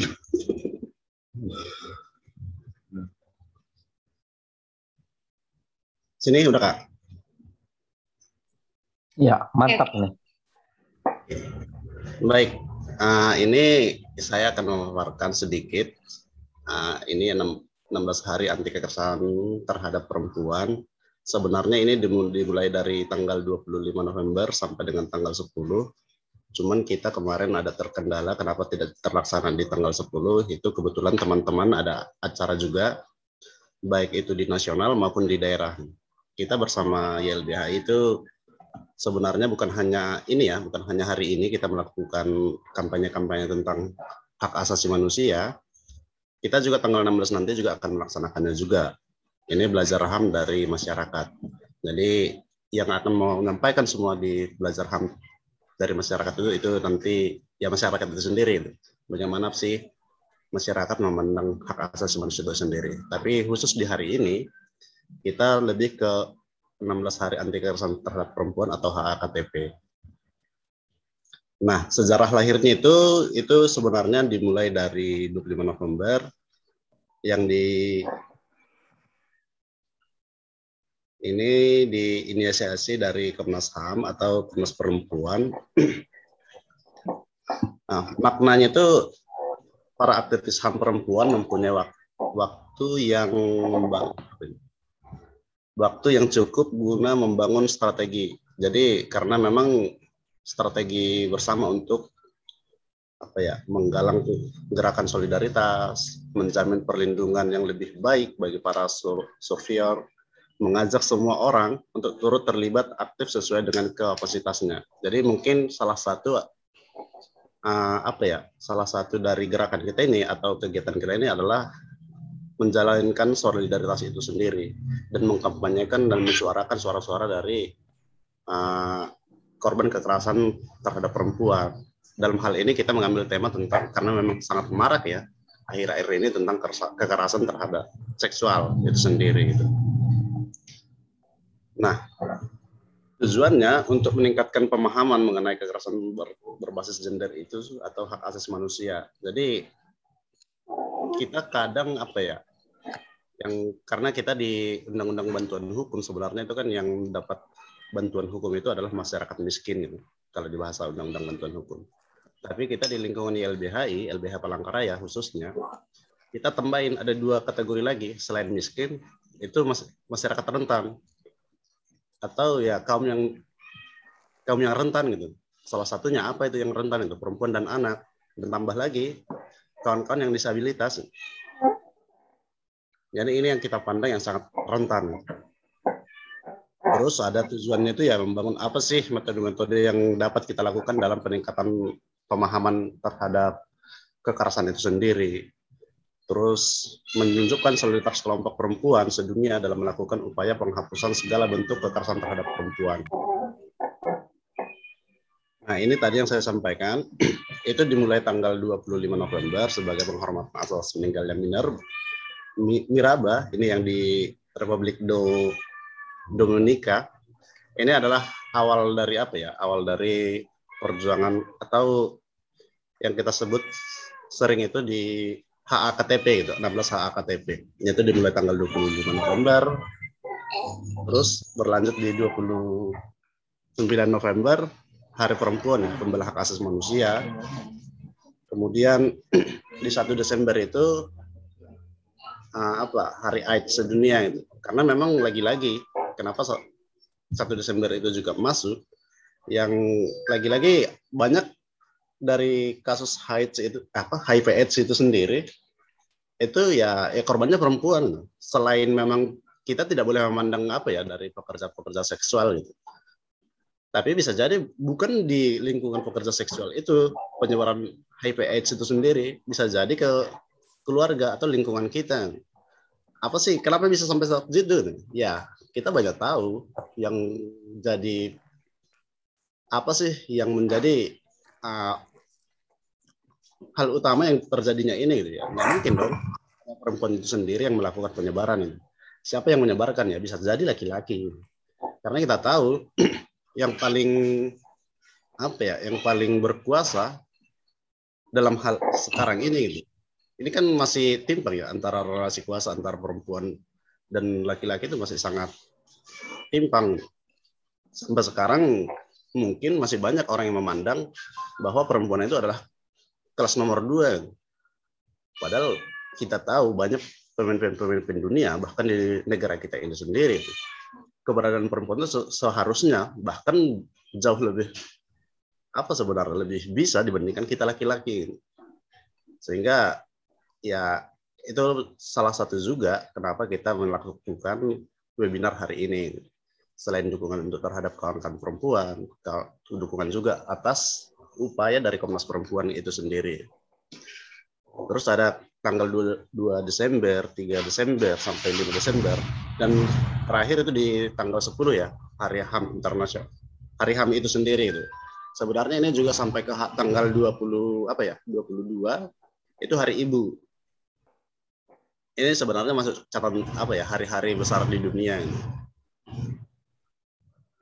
kemudian LBH Palangkaraya gimana sih memandang kasus-kasus gini gitu? Ya kita ada data sepanjang tahun 2021 kita memiliki data itu ini hanya khusus tentang ya pelecehan seksual itu ya kalau kita biasa menyebutnya redup paksa atau pemerkosaan gitu ya. Di Palangkaraya itu ada empat berdasarkan catatan kita. Kemudian di Kota Waringin Timur ada empat, Barito Timur ada tiga, Gunung Mas ada dua, Katingan ada dua, Pulang Pisau empat, Burung Raya dua, Barito Selatan dua, Seruyan satu dan Kapuas. Dan kita juga ah, apa ya? Ada dua catatan kita di LBH Palangkaraya di 5 de, 5 September itu ada ada satu korban itu yang teman kita yang disabilitas itu di daerah Gunung Mas. Itu kejadiannya atau sumber yang kita dapat itu tanggal 5 September 2021 dan juga ada juga di Katingan. Dari data 32 kasus ini ternyata ada dua yang menjadi korban itu kaum disabilitas.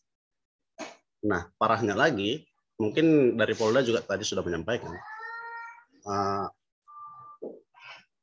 orang tuanya sendiri yang menjual anaknya gitu untuk dilakukan menjadi pekerjakan sebagai pekerja seksualitas apa gitu? PSK gitu pekerja seks komersial. Nah ini sangat kita sayangkan ya. Ini terjadi seorang ayah menjual anaknya. Informasi yang kita dapat itu dilakukan berdasarkan apa ya? Ya apa? Aplikasi-aplikasi online itu. Dengan nominal 600 ribuan ayahnya mendapat 400 ribu temannya ini yang penghubungnya dapat sekitar 150 ribu, sisanya baru anaknya yang. Padahal anaknya ini masih SMP. Dan ini sangat miris sekali. Dan itu adalah kasus-kasus yang kita tangani. Terus dari data ini, ini kan hanya 32. Sebenarnya ada lagi, kayak Polda tadi punya 84 ya. Nah, kita yakin juga yang dari 32 data yang dimiliki apa uh, eh, LBH Palangkaraya, kami yakin 32 itu sudah masuk dari bagian dari Polda itu karena kita mengambil sumber-sumber data ini berdasarkan pemberitaan media sepanjang tahun ini. Dan itu rata-rata semua sudah ditetapkan jadi tersangka oleh uh, jajaran Polda Kalimantan Tengah, baik itu di daerah maupun di Palangkaraya sendiri. Nah, tantangannya, bagaimana sih tantangan untuk penanganan kasus kekerasan seksual? Yang jadi persoalan bagi kita itu kebanyakan apa ya? Dalam penanganan kasus ini banyak itu tidak memiliki perspektif korban.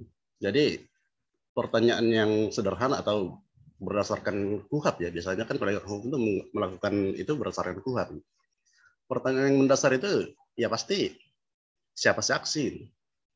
Kasus-kasus produk paksa, apakah bisa dipastikan ada saksinya? Gitu? Masa iya orang yang diperkosa ada saksinya? Dan ini adalah salah satu kenapa sih korban itu selalu bungkam. Kenapa sih korban itu nggak berani untuk ngomong? Ada bahkan banyak juga pertanyaan. Ketika kamu dilecehkan, kenapa nggak teriak? Gimana mau teriak dia udah langsung mentalnya udah kena serang. Ya jadi seorang seseorang itu ya bisa jadi ketika dilecehkan langsung shock. Nggak bisa berbuat apa-apa. Bukan berarti pasrah tapi karena nggak bisa berbuat apa-apa. Tahun 2020 LBH Palangkaraya pernah menangani di Pangkalan Bun. Itu yang dilakukan oleh di salah satu SMA favorit di Pangkalan Bun. Ini orangnya sesama anak sesama mahasiswa apa ya sesama siswa satu dan mereka ini sama-sama anak karate dan keduanya sabuk hitam. Ketika si wanita dilecehkan, ya ilmu bela diri itu juga nggak berlaku ternyata. Ya karena memang dia shock, nggak bisa berbuat apa-apa. Jadi inilah yang kita pandang. Kita itu harus memiliki apa ya perspektif korban. Kita nggak bisa pertanyaan kita itu nggak boleh apa ya nggak boleh diskriminatif Kenapa kamu nggak melawan? Kenapa kamu nggak teriak? Kenapa kamu berpakaian gini sehingga kamu diperkosa itu? Ya, itu saya rasa itu bukan pertanyaan-pertanyaan yang apa ya? Itu malah membungkam si korban itu sendiri. Bagaimana dia mau cerita ketika dia malah ditekan? Gitu. kemudian di lingkungan yang jadi tantangannya adalah di lingkungan itu ya masyarakat kita hari ini itu masih memandang korban ini sebagai orang yang salah gitu. Bahkan cenderung men, melindungi si pelaku gitu. Nah, sama halnya yang disampaikan ke ini tadi Erna tadi di apa ya di lingkungan Universitas Palangkaraya dulu ketika dosen melakukan pelecehan seksual terhadap apa ya mahasiswi ya ini kan sebenarnya ada relasi kuasa ya kita juga dalam pendampingan ini sebenarnya ya ada ada tekan tekanan bahkan dalam koalisi kita itu sampai dikasih surat teguran gitu. Bahkan yang di dalam koalisi kita koalisi anti kekerasan seksual itu kemarin yang memang ada di situ akademisi itu sampai dipanggil kok dipanggil rektorat dikasih disuruh untuk mengklarifikasi bahwa hasil rilis kita atau konferensi pas kita di itu dulu di media itu disuruh hapus. Artinya ini sebelum ini ya sebelum adanya Permendikbud ini.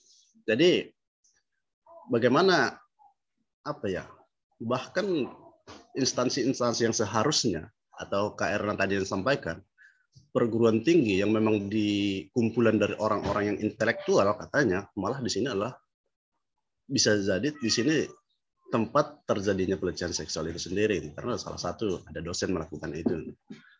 Bahkan universitas sendiri jika tidak ada teguran dari kementerian pada hal, dulunya itu dirjen yang melakukan dirjen itu mungkin aja nggak akan di keluar apa itu surat apa sih surat bukan apa ya bukan pencegahan seksual itu kemarin pencegahan anti seksual tapi hanya surat sebatas uh, bagaimana teknis bimbingan skripsi bukan untuk pencegahan itu.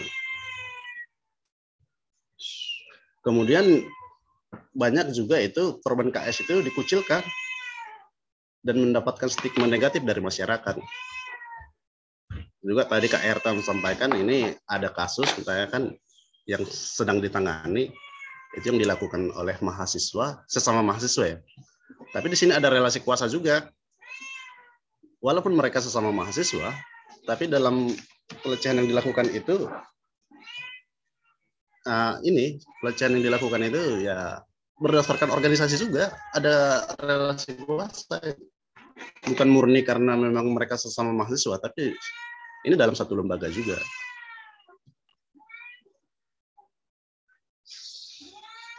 Kemudian ada juga yang jadi apa ya? Ada juga paradigma yang menganggap beberapa tindakan KS itu merupakan tindakan yang lumrah yang tadi yang saya sampaikan. Ya kamu sih pakaianmu seksi gitu. Emang apa salahnya orang seksi? Ada juga yang pertanyaan dia sih cantik nih. Emang orang yang cantik layak untuk dilecehkan? Ya enggak juga. Jadi ini jadi apa ya? Jadi uh, ya tadi itu stigma itu jadi bukan berdasarkan perspektif korban, ya. lagi-lagi melindungi si pelaku itu sendiri.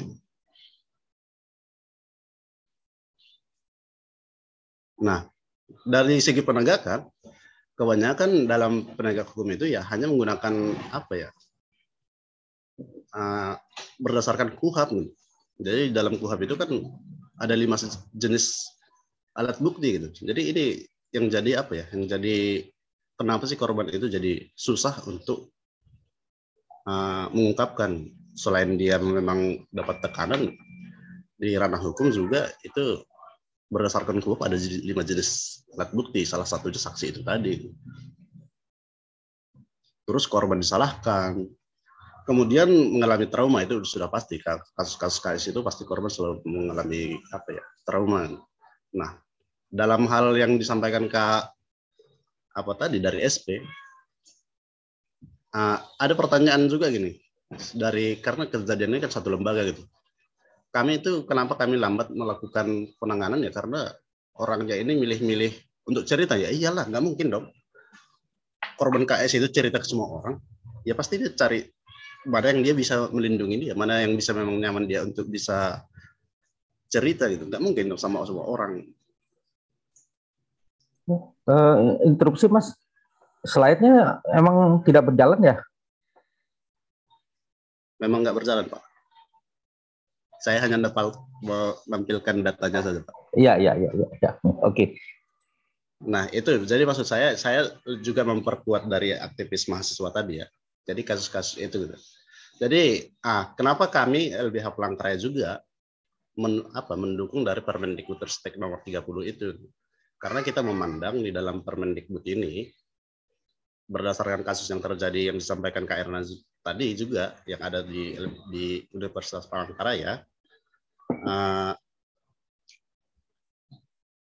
karena kita memandang juga di dalam Permendikbud ini ada kepastian hukum ya di dalam ini karena ketika universitas tidak melakukan tindakan atau melakukan upaya Kementerian apa Kementerian Pendidikan Ristek ini dapat memberikan apa sanksi kepada universitas itu sendiri. Jadi ketika mereka tidak me melakukan apa-apa atau bahkan cenderung melindungi si pelaku, mereka yang akan bertanggungjawabkan itu atau akan kena sanksi juga. Mungkin itu ya yang saya bisa sampaikan. Selanjutnya kita bisa diskusi. Oke, terima kasih Sandi uh, menutup rangkaian pemaparan hari ini dan saya rasa sih uh, setelah pemaparan terakhir ini akan kita bisa lebih berdiskusi lebih dalam lagi ya mengenai uh, mengenai kekerasan berbasis gender ini. Aku setuju juga sih, kadang um, apa, memang sulit bagi kita untuk memahami perspektif korban, apalagi kalau kita tidak pernah berada di dalam posisi-posisi seperti itu, atau kita pernah berada dalam posisi tersebut tapi kita tidak menyadari bahwa itu adalah suatu bentuk kekerasan yang berbasis gender. Karena memang uh, ketika berada dalam posisi seperti itu, uh, si karena ada tadi ya ada relasi kuasa itu, jadi se, seperti ya seperti ngeblank itu kan nggak bisa berpikir secara rasional. Uh, responnya itu tidak seperti yang kita bayangkan bahwa kalau misalnya ada yang melakukan tindakan seperti itu kita pasti akan uh, logikanya gitu kan. Kita akan menolak atau merespon secara keras tapi ada faktor-faktor tertentu yang menyebabkan uh, apa tadi itu uh, rasionalitas kita itu tidak bekerja. Karena kita berada di dalam satu tekanan mental kita berada dalam tekanan. Apalagi saat kita harus menceritakan hal tersebut kepada orang eh, pengalaman tersebut kepada orang lain atau melaporkan hal tersebut kepada orang lain dan tanggapannya justru uh, menyerang atau uh, ada ada stigma negatif di situ atau bersifat diskriminatif yang membuat si korban itu akan um, berpikir ulang apakah karena ini salah saya. Padahal bagi korban itu untuk menceritakan pengalaman yang seperti itu yang pasti punya dampak psikologis itu bukan sesuatu yang mudah. Jadi uh, saya ingin mengingatkan kembali tadi ada pemaparan dari uh, pemaparan yang pertama uh, dari karensi bahwa yang paling utama ketika kita mendengar satu kasus kekerasan yang berbasis gender ini uh, kekerasan terhadap perempuan maupun anak maka tanggapan yang harus kita berikan adalah bentuknya empati dan dukungan yang tidak bersyarat. Gitu. Kita memperlihatkan bahwa kita peduli, kita berempati, dan kita mendukung. Mungkin itu. Uh, terima kasih Sandi. Jika ada pertanyaan, silahkan saya berikan kesempatan. Ini uh, pertanyaannya bisa uh, ditujukan ke Sandi atau uh, kemudian mau memantik diskusi sore hari ini sih. Ini Pak Junia sudah raise hand. Saya persilahkan kepada Pak Junia. Uh, iya, terima kasih Mbak. Mohon maaf saya lupa namanya Mbak ya. uh, uh, mungkin saya akan ke Ibu Paujia ya. Saya tergelitik ini dengan apa yang disampaikan oleh SP apa uh, Ibu siapa namanya tadi dari SP uh, eh, tadi ya dalam pemaparan ya dalam pemaparan Ibu itu tadi mengatakan bahwa uh, ada kasus yang di, sudah ditangani uh, dengan adat gitu ya. Lantas tidak bisa dilanjutkan lagi ke uh, apabila terjadi hal-hal yang tidak diinginkan setelah kasus uh, penyelesaian secara adat tidak ada lagi kasus yang bisa diangkat ke uh, ranah hukum positif gitu. Nah ini saya tanya mau bertanya kepada Ibu Ibu Fauziah ya dari Polda Kalimantan Tengah. Apakah memang seperti itu Bu? Uh, artinya kalau hal-hal seperti itu sudah diselesaikan di ranah adat, apakah memang tidak tidak bisa dilanjutkan lagi ke ranah ranah hukum polisi apa, positif gitu? Uh, uh, apakah ada ketentuan hukumnya yang mengatur seperti itu? Uh, misalnya di dalam KUHAP gitu ya. Terus kedua, pertanyaan saya kepada Mbak Mbak Erna ya yang dari dari Universitas Palangkaraya. Ya, Erna, Erna Uh, barangkali saya hanya bisa ikut menambahkan saja, mengingatkan saja, karena saya juga dulunya juga mantan mahasiswa dan saya tahu persis lah bagaimana ngeri-ngeri sedapnya gitu ya saat kita mau menyelesaikan skripsi dan segala macamnya. Uh, saya tidak menyebutkan salah satu perguruan tinggi, tapi rata-rata seperti itulah kalau menurut saya. Uh, terutama dalam kasus-kasus uh, uh, apa uh, ujian akhir gitu ya, skripsi dan segala macam. Terbanyak banyak ada ada semacam suatu bargaining yang uh, terselubung gitu ya di antara antara dosen dan mahasiswa gitu. Uh, barangkali saya bisa menambahkan barangkali nanti pada saat pelaksanaan SOP penyusunan SOP uh, sebagai tindak lanjut dari Permen Permen Dikbud ya, Permen apa nih? Uh, Menristek gitu ya. Uh, supaya bisa ditambahkan di situ uh, uh, larangan untuk uh, apa namanya konsultasi ataupun apa namanya di luar pada kampus gitu.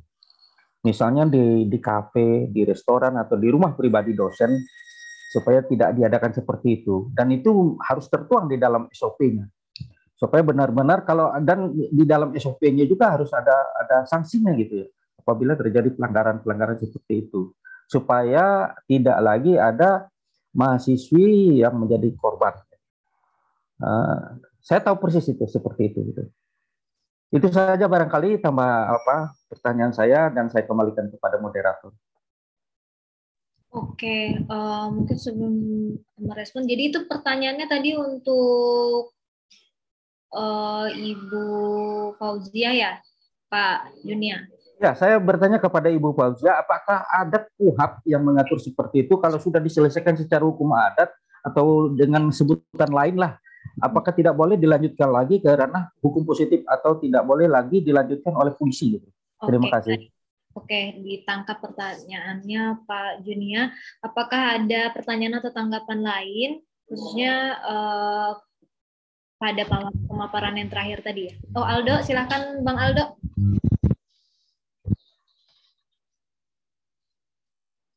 Bang Aldo dari GPIC Kalimantan, silakan.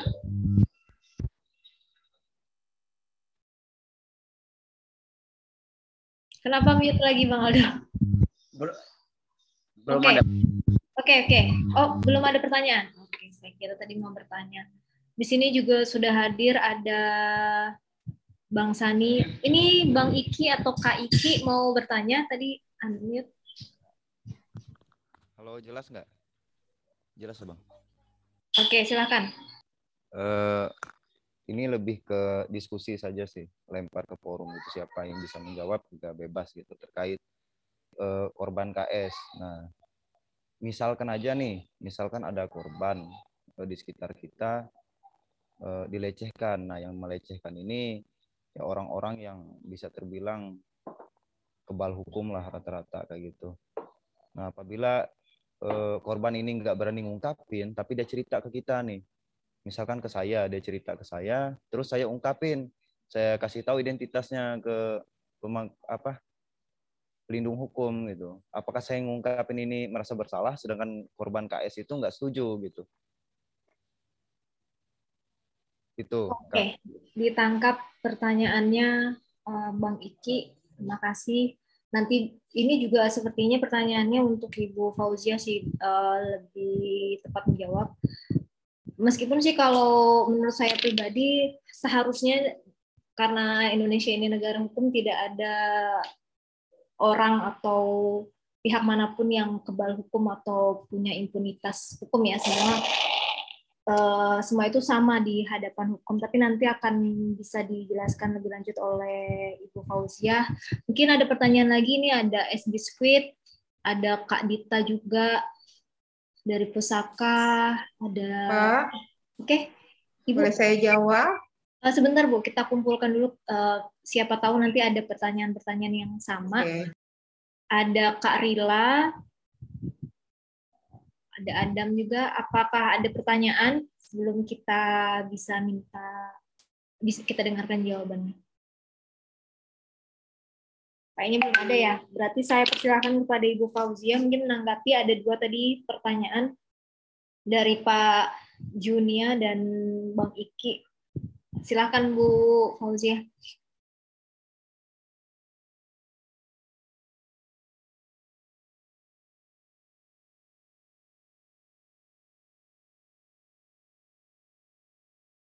Belum unmute, Bu.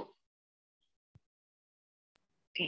Oke, saya ulang. Terima kasih atas pertanyaannya kepada Pak Junia. Saya akan jawab tadi pertanyaannya, jika sudah ada keputusan dari hukum adat, apakah boleh dipidanakan? Begitu ya? Oke, uh, boleh Pak. Selama ada laporan dan selama di situ ada unsur suatu tindak pidana, kami boleh menindaklanjuti laporan tersebut.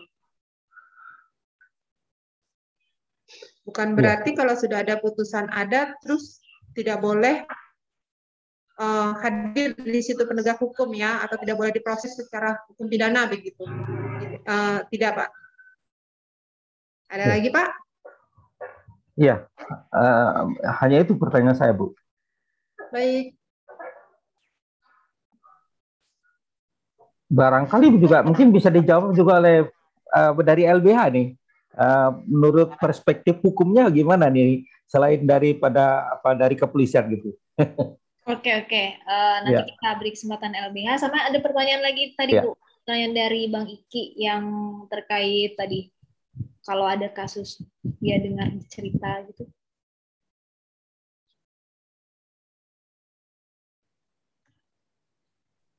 Pertanyaan dari Bang Iki tadi Bu, kalau ada kerabat yang uh, menceritakan kasus yang dia hadapi terkait kekerasan itu, tapi kemudian si korban tidak ingin melaporkan. Bagaimana Mbak bisa diulang suaranya kurang jelas?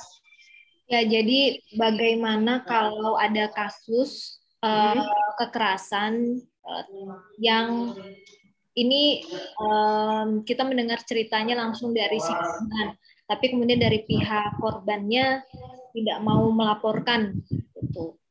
Nah, mm-hmm. ya gitu ya Bang Iki. Nah, gini, jadi korban itu nggak nggak mau melaporkan gitu kan, nggak berani, takut lah gitu. Nah, tapi kita yang mendengarkan ini emosi gitu panas. Jadi kita yang berani melaporkan dan membuka identitasnya. Apakah kita yang melaporkan ini bersalah? Oke, okay, baik. Saya jawab ya. Eh, untuk melaporkan pengaduan boleh siapa saja, tetapi nanti pada saat pembuatan laporan polisi kita tuangkan dalam laporan polisi mungkin adalah orang yang berkonten, misalkan adalah orang tua atau wali atau dari pendampingan yang melaporkan tersebut begitu. Kalau ada suatu tindak pidana di sekitar kita, silakan. Pengaduan kepada kepolisian boleh siapa saja yang mengadukan ya tapi kalau mungkin nanti dituangkan ke dalam laporan polisi, nantinya mungkin bisa orang yang berkompeten terhadap perkara tersebut, misalkan orang tua atau walinya begitu. Itu semacam LI ya, laporan informasi kepada kami begitu, yang bisa dituangkan berbentuk surat pengaduan ke kami. Baik. Ada lagi, Mbak? Sudah jelas, Bang Iki udah menjawab Iya udah udah kak. Tadi ngajaknya lebih ke diskusi aja sih gitu. Oke oke. Oke. Uh, terima kasih. Sebelum kita ke pertanyaan selanjutnya, mungkin dari LBH Palangkaraya mau merespon pertanyaan dari Pak Junia. Oke, baik Kak. Nah, dalam apa ya? dari banyak cerita tadi kan sebenarnya yang disampaikan di sesi sebelumnya kan dari ibu siapa itu yang cerita bahwa uh, apa ya ada satu kejadian atau pelecehan seksual ya. Habis itu dinikahkan secara adat kemudian diceraikan secara adat. Artinya kan uh, pernikahannya ini secara negara tidak tercatat. Nah apakah ini menyelesaikan kasus? Sebenarnya kan malah memperparah Terus pertanyaannya, ketika ini sudah diselesaikan secara adat, apakah bisa dilakukan ke pidana? Nah, kalau kami memandang, ya hampir banyak kasus-kasus itu sebenarnya kan jadi ya ketika dilakukan pelecehan nikahkan ini, ini bukan menjadi solusi itu malah memperparah keadaan. Ke depan kami malah mendorong supaya lembaga-lembaga adat yang seharusnya mendorong ini ke ranah pidana. Jangan malah me, apa ya menganggap ya selesaikan di sini aja gitu. Bahkan kita dorongan kita itu ke depan itu bila perlu ah, lembaga-lembaga adat ini punya satgas anti kekerasan seksual itu juga. Dan sehingga mereka bisa memilih nih mana yang harus diselesaikan secara adat, mana yang harus diselesaikan secara hukum positif. Oke, untuk pemulihan atau hak-hak korban secara pemulihan mental apa segala macam diselesaikan secara adat itu malah mungkin tawarannya mungkin baik ya karena dari segi apa segi pemulihan korban mungkin bisa tapi untuk efek jerah bagi si pelaku seharusnya ini kita dorong ke ranah pidana karena kalau dari lembaga-lembaga adat ini kan ini ya bisa jadi ada SOP tersendiri kan antara pihak aparat penegak hukum dengan lembaga adat sehingga ada kesepakatan bahwa ketika diselesaikan secara adat nggak usah lagi diselesaikan secara positif Nah, ini kan perlu kita telusuri juga. Apakah ada seperti itu? Nah, seharusnya kan kalau udah ada seperti yang dibilang Ibu tadi dari Polda, ketika itu memiliki unsur pidana, ya seharusnya selesaikan secara pidana. Mungkin gitu, Pak. Oke. Terima kasih, uh, Sandi. Kita, oh, uh, ini SB Sud ada angkat tangan. Uh, ini ada juga, bentar ya, uh, Squid. Ini ada pertanyaan dari Bang Aldo. Nanti kita apa? Kita tampung pertanyaannya. Pertanyaan dari Bang Aldo ya di kolom komentar. Dari tadi banyak pembicaraan soal kekerasan seksual maupun fisik terhadap disabilitas. Adakah data yang menunjukkan jumlah kasus kekerasan seksual terhadap disabilitas? Lalu yang kedua, dari banyak upaya yang dilakukan, apakah pemerintah serius dalam melindungi korban mengingat rumah aman belum ada di setiap kabupaten, bahkan UPT PPA-nya sekalipun untuk LBH maupun SP ini pertanyaannya. Kalau yang pertama itu bisa dijawab oleh semua. Yang ketiga, adakah kasus kekerasan seksual yang sedang ditangani saat ini? Mungkin bisa diberikan gambaran kasusnya. Itu tiga pertanyaan. Nanti yang uh, pertanyaan kedua bisa direspon dari LBH dan SP. Uh, jika ada yang mau merespon satu tiga, silahkan kita persilahkan eh, Bang Aldo mau on on mic. Enggak, yang pertanyaan terakhir untuk Polda tadi, sorry, aku lupa ngetik. Ya, Oke, thank you. Pertanyaan ketiganya untuk Ibu Fauziah dari Polda Kalteng. Lalu kita coba persilahkan SB Squid dulu. Dari SB Squid ini ada pertanyaan, silahkan untuk on mic langsung. Ya, uh, terima kasih Kak Ayu. Uh, ini saya hanya sekedar diskusi, kemudian Eh, saya menanyakan bagaimana dengan proses uh, apabila ada di kelompok eh, teman-teman dengan orientasi seksual uh, berbeda pada masyarakat umumnya, kemudian uh, karena stigma yang uh, terlabelkan oleh orang-orang uh, yang memiliki orientasi seksual yang berbeda ini uh, menjadi acuan bentuk-bentuk uh, kayak penindaklanjutan pelecehan seksual.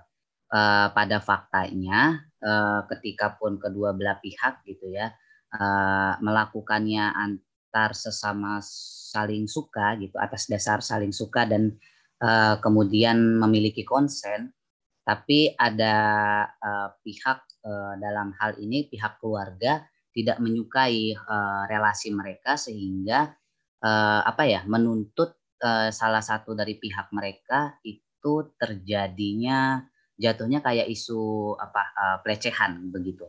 Tapi kemudian uh, apakah bagaimana cara cara proses uh, uh, uh, penanganan kasus seperti ini? Uh, apakah cukup jelas uh, pertanyaannya seperti itu? Terima kasih. Oke, terima kasih. Itu tadi pertanyaan Adam dari Squid bisa direspon oleh narasumber. Ke pertanyaan dari Bang Aldo dulu, uh, juga bisa langsung direspon juga. Uh, silahkan narasumber yang ingin merespon dulu. Ibu, oh ini Ibu Syamsia mau ada pertanyaan, Bu? Iya, saya mau menanyakan kalau kasus penipuan itu ada ada atau bagaimana hukumnya, Bu? Ini ada kasus perempuan penyandang disabilitas yang ada dikawinkan seseorang itu menipu dia, tetapi dia seorang perempuan juga, Bu. Nah, ketahuan kasusnya itu si perempuan ini memang perempuan. Nah, waktu dia sakit itu dia apa namanya kelihatanlah bagaimana bentuk tubuh dia. Nah, karena waktu habis dikawinkan oleh sang sang perjaka ini, perjaka yang menipu tadi. Nah, waktu dia mau bertubuh dengan suaminya, nah tiba-tiba si suami mengeluarkan gunting. Setiap dia mau namanya istri atau yang sudah menikah kan, nah dia berhak untuk dilayani oleh apa namanya sang suami. Nah, setiap dia ingin berhubungan, pasti si suami mengeluarkan gunting untuk mengancam. Dia tidak mau untuk berhubungan. Nah, setelah itu ketahuanlah waktu dia sakit. Nah, waktu itu istrinya merawat dia. Nah, waktu itulah ketahuan bahwa dia seorang perempuan, bukan laki-laki. Tetapi si perempuan ini akhirnya meninggal, Bu. Nah, kasusnya itu gimana, Bu? Hukum-hukumnya secara negara? Itu saja yang saya tanyakan. Oke, Bu Samsya. Pak Juna ini mau ada pertanyaan lagi, Pak?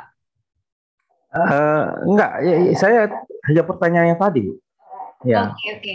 Karena masih ba barangkali saya hanya menanggapi pertanyaan Mas Aldo ya. Aldo tadi ya yang bertanya ke saya.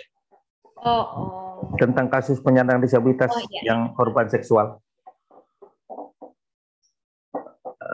Iya, apakah ada datanya katanya gitu, Pak? Oke, okay, iya. Uh, memang data data di kita banyak sih kasus-kasus yang seperti itu, tapi ada sebagian juga data yang lama gitu. Data yang lama yang saya ungkapkan juga ada sebagian yang lama, yang sudah berpuluh-puluh tahun, hampir 20 tahun ya. Uh, ada juga beberapa kasus yang sudah terselesaikan sampai ke ranah hukum dan si pelakunya juga sudah dipenjara dan seperti juga tadi yang disampaikan oleh Ibu Samsia tentang uh, seorang penyandang disabilitas yang sudah bersuami, suaminya juga disabilitas, lantas oleh mertuanya mau diperkosa itu juga tapi itu sudah kemarin uh, kalau dari sisi kami memang uh, tidak puas lah seperti itu gitu artinya uh, si pelaku hanya ditahan tiga hari kemudian dilepas karena ada unsur-unsur intervensi dari keluarga Eh, kesepakatan keluarga bahwa itu tidak dilanjutkan ke ranah hukum. Kemudian ada kasus juga yang tadi saya katakan pelecehan seksual terhadap anak mental disabilitas uh, yang dilakukan oleh tetangganya uh, nyelonong masuk ke rumah lantas mengerjainya dia di kamar mandi gitu sementara ibu si korban pada saat itu sedang belanja keluar uh, ketahuannya begitu berselisih di jalan dengan pelaku gitu ibunya berselisih di jalan dengan pelaku ibunya curiga ternyata anaknya sudah di apa di dilaku diadakan apa dilakukan pelecehan gitu ya. Saya tidak tahu kasusnya sampai ke mana karena uh, waktu itu sudah dilanjutkan ke ranah hukum dan sudah dipenjara pelakunya. Jadi ada memang kasus-kasus kita yang seperti itu Mas Aldo ya. Jadi ada sebagian yang terselesaikan, ada juga yang sudah saya anggap sudah kadaluarsa juga, ada juga yang penyelesaiannya tidak pas gitu. Seperti tadi ya hanya ditahan tiga hari lantas dilepas gitu kan. Ya, itu aja jawabannya dari saya Mas Ado. Mungkin satu yang masih masih kita perjuangkan itu Pak Randy, itu yang kasus tadi seorang penyandang disabilitas yang ingin mendapatkan hak haknya oh, sebagai oh, iya, iya. Itu ada kasus seorang ibu, waktu itu masih dia SMP gitu ya. SMP atau uh, kelas 1 SMA lah. Nah, dia di, di, di apa seorang laki-laki masuk ke ram, kamar dia, lantas memperkosa dia sampai ibu ini hamil. Begitu ibu ini hamil, terus di, di apa namanya di diselesaikan kasusnya dengan cara adat. Setelah kasusnya diselesaikan cara adat, lantas dia dirayu supaya dia mau sekolah lagi si ibu ini. Lantas dia sekolah di eh, di kabupaten lain atau di kota lain, anaknya dititipkan ke kakaknya. Eh, entah gimana caranya, gimana ceritanya kok eh, anak ini kemudian oleh ayahnya dan dan paman dari si anak ini menyerahkannya ke orang lain gitu tanpa sepengetahuan si ibu gitu. Nah, si ibu ini sampai sekarang sangat sakit hati gitu dan sangat sangat sedih gitu karena dia pertama tidak mendapatkan sampai sekarang belum mendapatkan pengakuan dari si anaknya uh, tentang statusnya sebagai ibu daripada anak ini. Yang kedua dia sangat rindu gitu. Uh, paling tidak dia ingin ingin uh, bertemu sekali atau dua kali lah dengan anaknya. Dan anaknya ini sudah barangkali mungkin sekarang sudah umurnya sekitar 30 35 dan dan sudah berkeluarga anaknya. Nah, yang jadi permasalahan dia ingin bertemu sampai sekarang dia bisa apa tidak bisa bertemu dengan itu. Dan kema terakhir kemarin dia sudah berkomunikasi dengan mantan suaminya yang memperkosa dia itu mantan suaminya berjanji akan akan membantu untuk mempertemukan dia dengan anaknya tapi sampai sekarang janji itu hanya janji janji kosong gitu. Nah, itulah yang tadi diungkapkan oleh Ibu Samsia dan kami juga berharap sebenarnya mendapat aktif ya eh, bagaimana untuk membantu si ibu ini bisa bertemu dengan anaknya, anaknya paling tidak ketemu satu dua kali. Dan yang kedua yang sangat diharapkan adalah pengakuan dari si anak bahwa anak ini apa ibu ini memang adalah ibu kandung dia. Itu saja. Terima kasih. Boleh saya tambahkan sedikit waktu yang penyerahan anaknya itu Pak Randy, ibu ini sudah diceraikan oleh mantan suaminya. Ya, si si ibu memang sudah diceraikan oleh apa oleh suaminya. Uh, setelah diceraikan baru apa namanya dia melanjutkan sekolah lagi ke tempat lain ke kota lain. Nah, itu. Jadi diam-diam setelah dia pergi ke tempat lain, kakak yang tempat menitip anak ini dan uh, si ayah dari si ayah dari anak ini yang pemerkosa ini merayu supaya anak ini bisa diberikan ke orang lain. Mungkin salah satu kiat juga atau e, cara untuk e, menghapus jejak itu. Terima kasih. Oke, uh, karena ini banyak pertanyaan ke Ibu Fauzia, bisa respon dulu Bu dari Polda Kalteng. Tadi ada lima pertanyaan, silakan.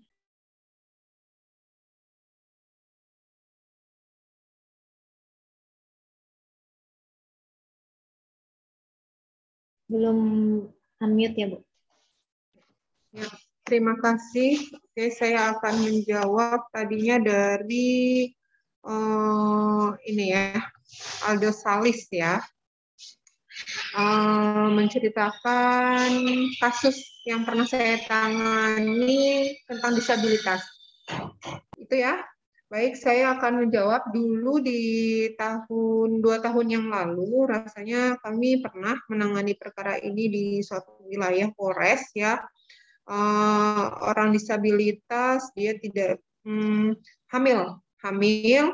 Kemudian kami tunggu sampai melahirkan dan kami tes DNA. Hanya di sana disayangkan ya hasil DNA tidak sinkron dengan yang diduga pelaku begitu. Itu yang pernah kami tangani sendiri. Nah, mungkin uh, kami juga memikirkan apakah ada laki-laki lain atau siapa begitu ya, karena dari hasil penyelidikan dan dari saksi yang disampaikan ya pelakunya adalah orang tersebut begitu. Tetapi setelah kami naikkan proses ini dan sampai pengambilan sampel DNA dikirim ke, lab, ke laboratorium forensik dan ternyata hasilnya tidak sinkron ya sehingga perkara tersebut ya tidak cukup bukti ya dihentikan dan kami mencari pelaku pelaku lainnya tetapi ya menurut keterangan si korban tidak ada begitu.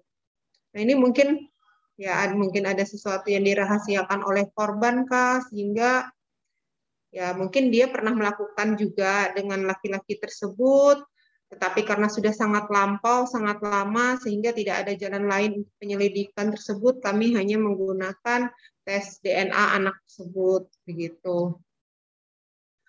Terus ada apa lagi pertanyaannya, Mbak? Uh, data untuk data kasus kekerasan seksual terhadap disabilitas mungkin dari Polda kalau dari PPDI tapi uh, sepertinya belum ada data update sih. Dari Polda Kalteng sendiri gimana? Kalau kami sih ada data, cuman uh, data umum ya, data umum. Jadi belum ada data khusus untuk uh, disabilitas mungkin kami sendirikan begitu kan. Nah, itu belum ada sih untuk sampai saat ini. Oke, okay. uh, kalau yang terkait kasus kekerasan seksual yang sedang ditangani tadi, uh, ibu yang ibu respon tadi yang sedang ditangani ini ya bu? Ya, pernah ditangani begitu kan. Kalau yang pernah. sedang ditangani saat ini bagaimana? Untuk disabilitas tidak ada. Tapi sepertinya yang pertanyaan nomor tiga punya Bang Aldo ini bukan bukan spesifik ke disabilitas sih Bu. Mungkin yang umum ya ini Bang Aldo. Mungkin konfirmasi dulu Bang. Kasus ya. yang kami tangani saat ini, kami ada menangani kasus penelantaran ya, kasus penelantaran terhadap anak, Terus ada juga persetubuhan, persetubuhan, ada penelantaran juga yang dilakukan suami terhadap anak dan istrinya, kemudian persetubuhan yang dilakukan oleh kakeknya, begitu. Bang Aldo gimana Bang untuk pertanyaan satu dan tiga? Oke oke, yuk makasih. Uh, Oke, okay. tadi pertanyaan dari Pak Junia dan Bu Syamsyah mungkin bisa direspon juga, Bu.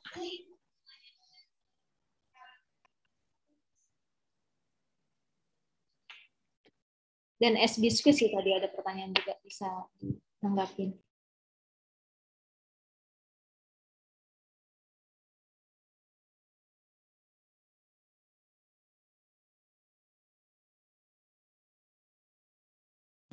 Atau kita ke Sandi dan Herta dulu kali ya. Uh, pertanyaan kedua dari Bang Aldo. Dari banyak upaya yang dilakukan, apakah pemerintah serius dalam melindungi korban? Karena belum ada rumah aman di setiap kabupaten, bahkan UPT PPA-nya juga, uh, bahkan UPT PPA juga, gitu. Bisa nggak direspon Sandi? Silakan Sandi. Oh Herta nih, udah mic. Silakan Herta.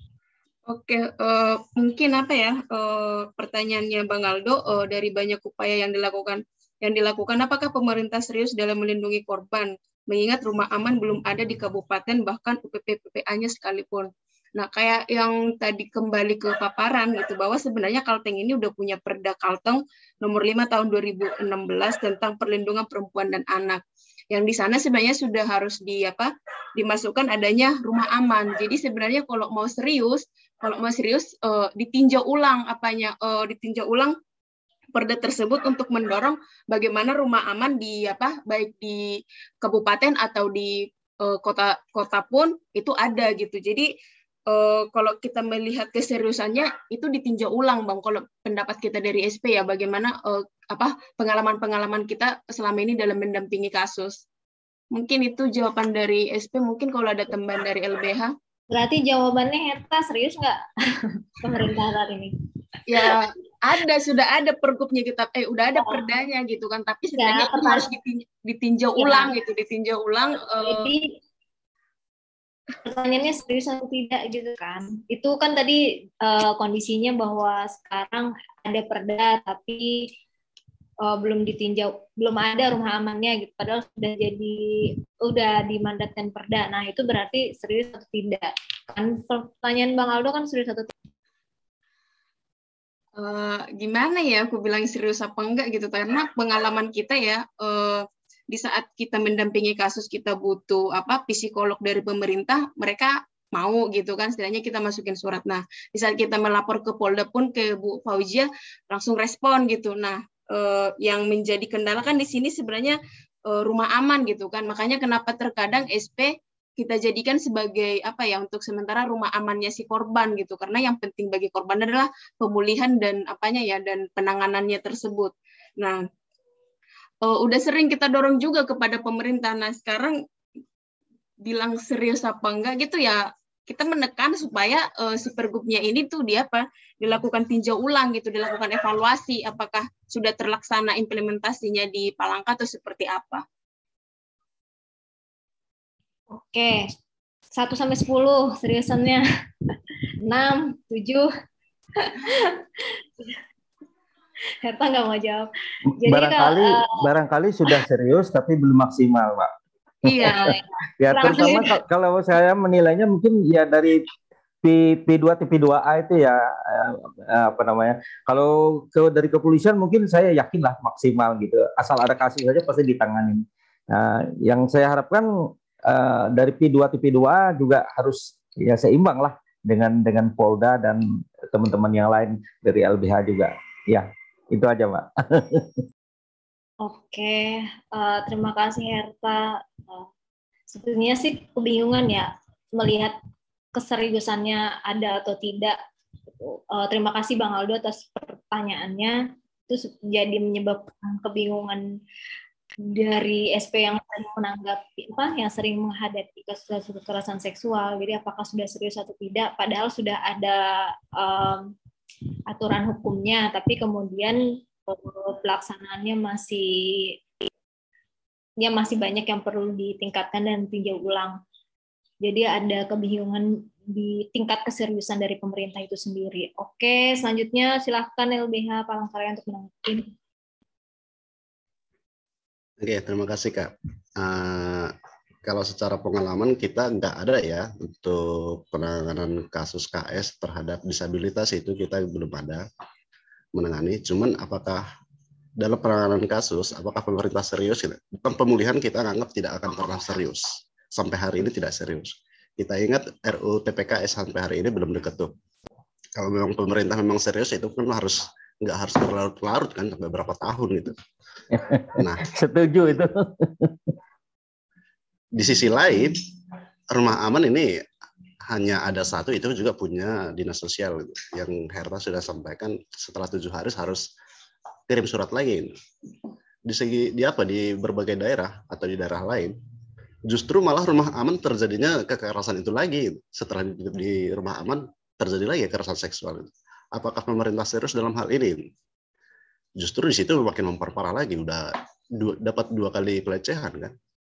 Nah kita ada di apa? Di LBH Aceh karena memandang ini tidak serius LBH Aceh mendirikan rumah aman sendiri untuk merespon ketidakseriusan dari pemerintah itu sendiri Oke, nah, konkret nah, ya Pak Saraya. oh, lanjut, lanjut. Oke, mungkin itu Kak, yang kalau ditanya serius apa tidaknya itu pasti kami untuk pemulihannya tidak tidak ada keseriusan di sini karena memang rumah aman sendiri tidak ada ya selain punya dinas sosial itu. Terus data ada apakah ada data data yang kita sampaikan tadi itu ada dua memang korbannya itu adalah teman-teman yang disabilitas itu ada di apa Kabupaten Gunung Mas dan di Katingan ya yang tadi. Kalau secara khusus kita menanganinya kita sampai sekarang untuk kasus teman-teman yang disabilitas kita tidak tidak belum ada menangan itu kak. Oke oke terima kasih uh, Sandi dari LBH Palangkaraya. Jadi sebenarnya uh, ngelihat uh, mendengar jawaban Sandi tadi Herta juga uh, menyampaikan kalau karena belum adanya rumah maksudnya rumah aman di semua kabupaten juga akhirnya SP membuat rumah aman sendiri itu sebenarnya bukti bahwa masih kurang serius ya. Oke, terima kasih Rabia Palangkaraya. Pertanyaan dari S Biskuit tadi dan Pak Junia dan Bu Samsyah mungkin LBH dan SP mau merespon juga.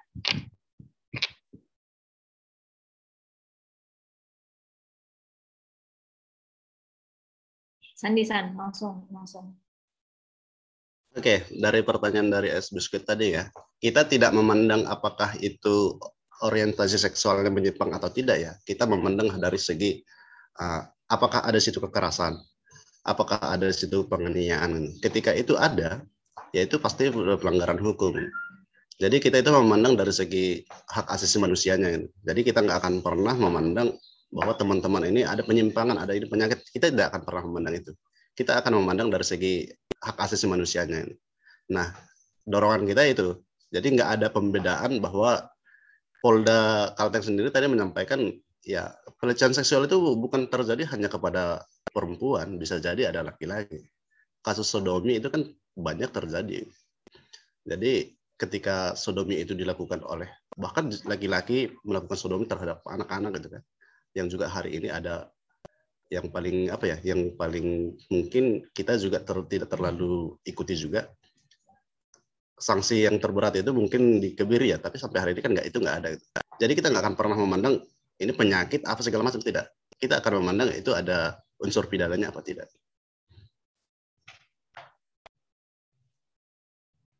Oke, apakah menjawab tadi ada pertanyaannya?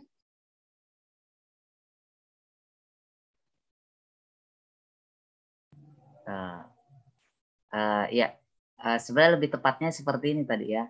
Uh, ketika ada uh, kasus terjadi di teman-teman komunitas, tapi kemudian se -se secara fakta, secara fakta mereka melakukan uh, atas dasar konsen dan suka sama suka dan terlebih lagi di atas 21 tahun. Tapi kemudian karena ada pihak keluarga tidak menyukai relasi mereka, itu diancam uh, dengan uh, kasus uh, saya akan bawa ranah ini ke kepolisian gitu. Lalu kemudian uh, yang namanya uh, kami tidak menutup mata, tidak menutup telinga, ada saja aparat-aparat yang kemudian homofobik lalu kemudian menjatuhkan kasus kasus itu menjadi sebuah pelecehan seksual gitu. Karena uh, apa padahal berangkat dari atas dasar ketidaksukaan keluarga terhadap relasi pasangan ini gitu. Itu apakah prosesnya seperti apa begitu? Itu sih lebih tepatnya tadi. Oke. Jadi pertanyaannya um, itu bagaimana kalau ada relasi itu? Tapi uh, justru salah satu pihak eh keluarga dari salah satu pihak itu melaporkan nih pihak yang lain itu sebagai satu tindak pidana kekerasan uh, seksual dari LBH mungkin bisa merespon.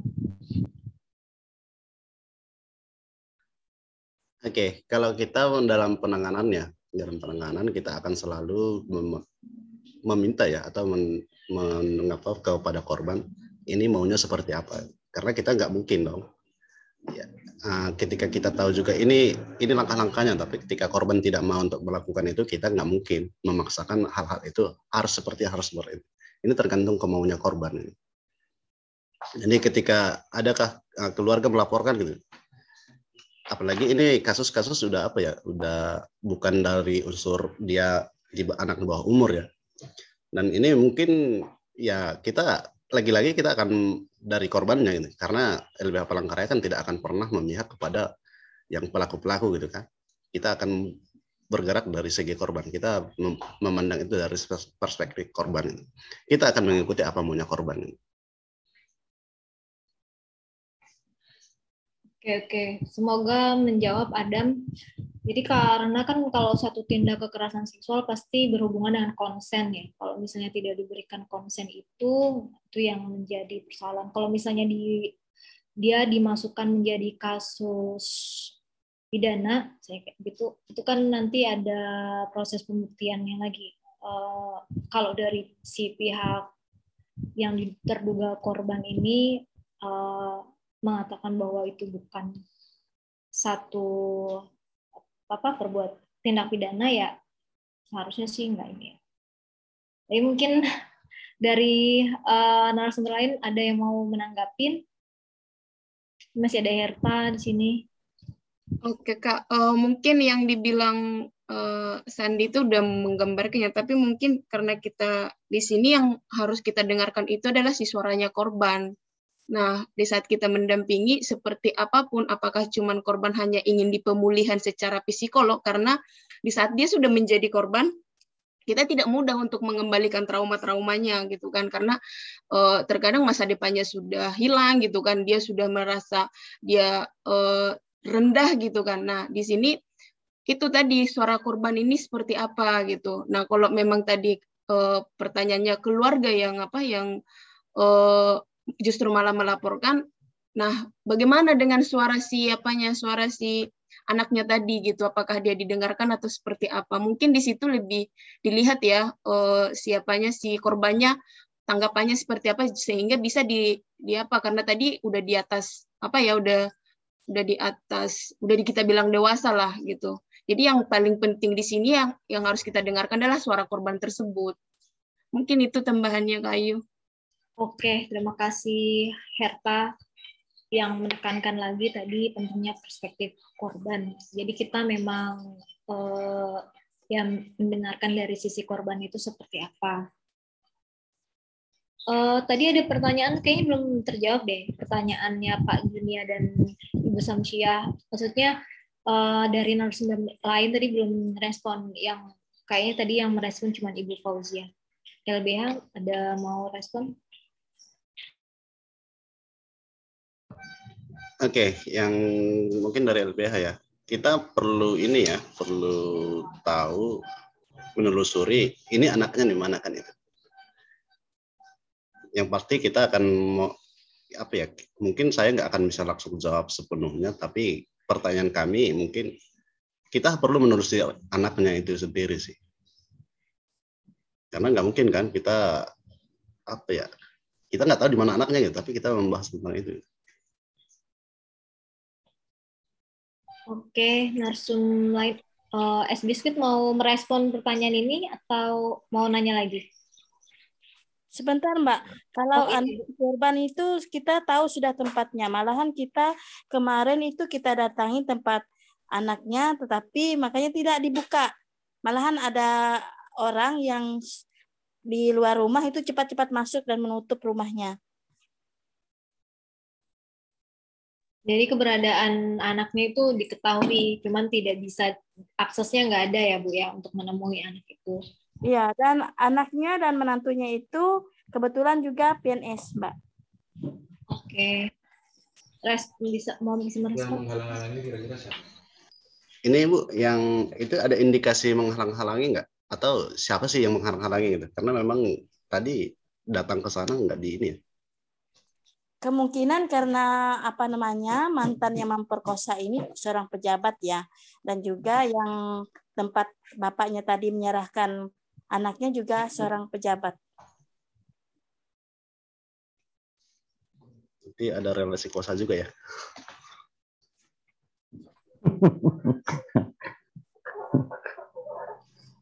Ber, bermohon akan LBH. Uh, ini Bu, itu kan ada pejabat-pejabat ya indikasinya ada pejabat atau PNS gitu ya. Sudah pernah melakukan permohonan kepada atasannya kepada atasan dari pejabat ini?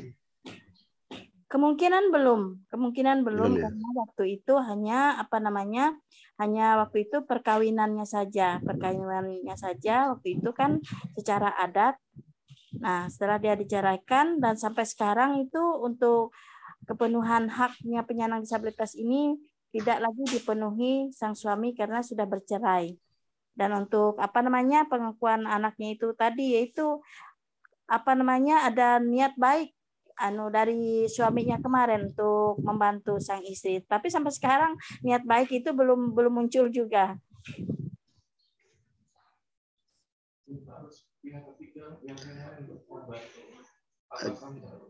Nah, mungkin ini Bu, mungkin ke ini ya, dicoba dilakukan permohonan kepada atasannya supaya ada upaya dari atasan sendiri. Karena kita juga butuh ini ya, pihak ketiga untuk membantu itu.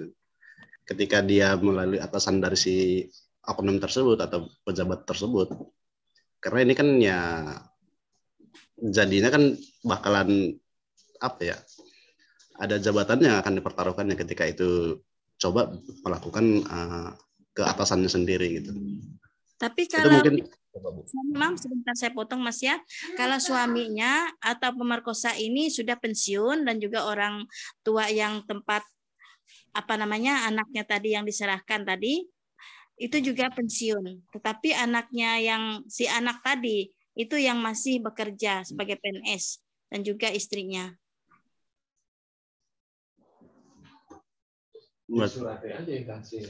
Berarti yang ini ya, yang sekarang anak anak yang di apa ini di anaknya lagi ya? yang merawat gitu? Bukan, bukan. Kan anaknya tadi dia serahkan kepada si pejabat tadi kan, pejabat Ah. tadi itu sudah pensiun, tetapi anak-anak ibu tadi hasil dari perkosaan tadi yang masih bekerja sebagai PNS. Ya, tetap aja Bu. Coba di, ke atasan si anak tadi itu dicoba di ini di dikasih tahu kepada atasannya si anak itu tadi. Kami belum menemukan di mana kantornya. Kami apa namanya? Karena seolah-olah ditutup ditutup apa namanya informasi untuk kami. Waktu itu kami apa namanya? mengetahui bahwa anak itu namanya ini, tetapi ternyata kami cross check lagi dengan tetangga yang terdekat di situ namanya bukan itu. Dan mereka tidak mau menginformasikan di mana si anak ini bekerja. Tetangganya. Oh, anaknya itu udah dewasa berarti ya, Bu ya? Udah punya keluarga. Ya, sudah dewasa dan berkeluarga. Jadi ibunya ini ingin bertemu anaknya kan, Bu? Persoalannya? Iya. Oh. Tapi dari oh berarti dari anaknya dari anaknya sendiri yang nggak membuka akses. Saya kira yang nggak membuka akses adalah si mantan suami itu, Bu. Kemungkinan mereka sudah bekerja sama agar apa namanya aib itu tidak terbuka karena kan kasusnya itu kan seorang pejabat memperkosa seorang penyandang disabilitas yang otomatis kan itu mempengaruhi kehidupan mereka akan datang terutama untuk si anak. Makanya setelah apa namanya mantan istrinya melanjutkan sekolah tadi kan langsung mereka ambil untuk diserahkan kepada orang lain. Oke, terima kasih Ibu. Uh, LBH mau respon enggak?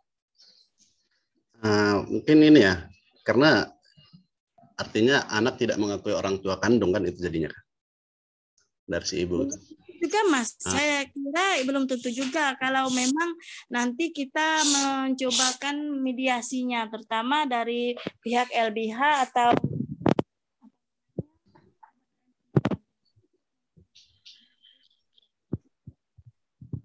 bisa didiskusikan lebih lanjut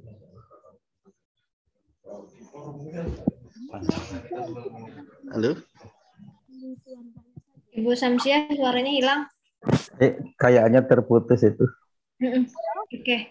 Iya. Tapi gambaran ininya kasus eh maksudnya uh, gambaran pasalnya udah jelas sih saya kira Benya mungkin bisa respon terakhir. Oke, mungkin ini ya, mungkin saya kalau memang ibunya bisa apa nanti kita perlu diskusi lebih lanjut kayaknya nih karena ini nggak bisa kita selesaikan di sini juga. Benar, benar. Ini. ini sebenarnya udah lewat jadwal. Makanya banyak narasumber yang sudah ini uh, seru sekali sih uh, diskusi kita hari ini dan sebenarnya juga belum uh, belum menjawab masih ada banyak itu masih ada banyak uh, pertanyaan dan persoalan terkait dengan kekerasan seksual uh, tapi ya memang tidak bisa di, di semua dibahas dalam satu kali sesi seperti ini. Ini ada es biskuit uh, tangan terakhir ya silakan uh, Adam. Uh, ya terima kasih kembali. Uh, saya cuman mau tadi itu mengingat ada satu pertanyaan lalu kemudian uh, ada beberapa poin yang saya tangkap uh, saat terjadi yang tadi ya penipuan kalau nggak salah itu dengan kakak siapa saya lupa tadi siapa yang mengajukan pertanyaan itu.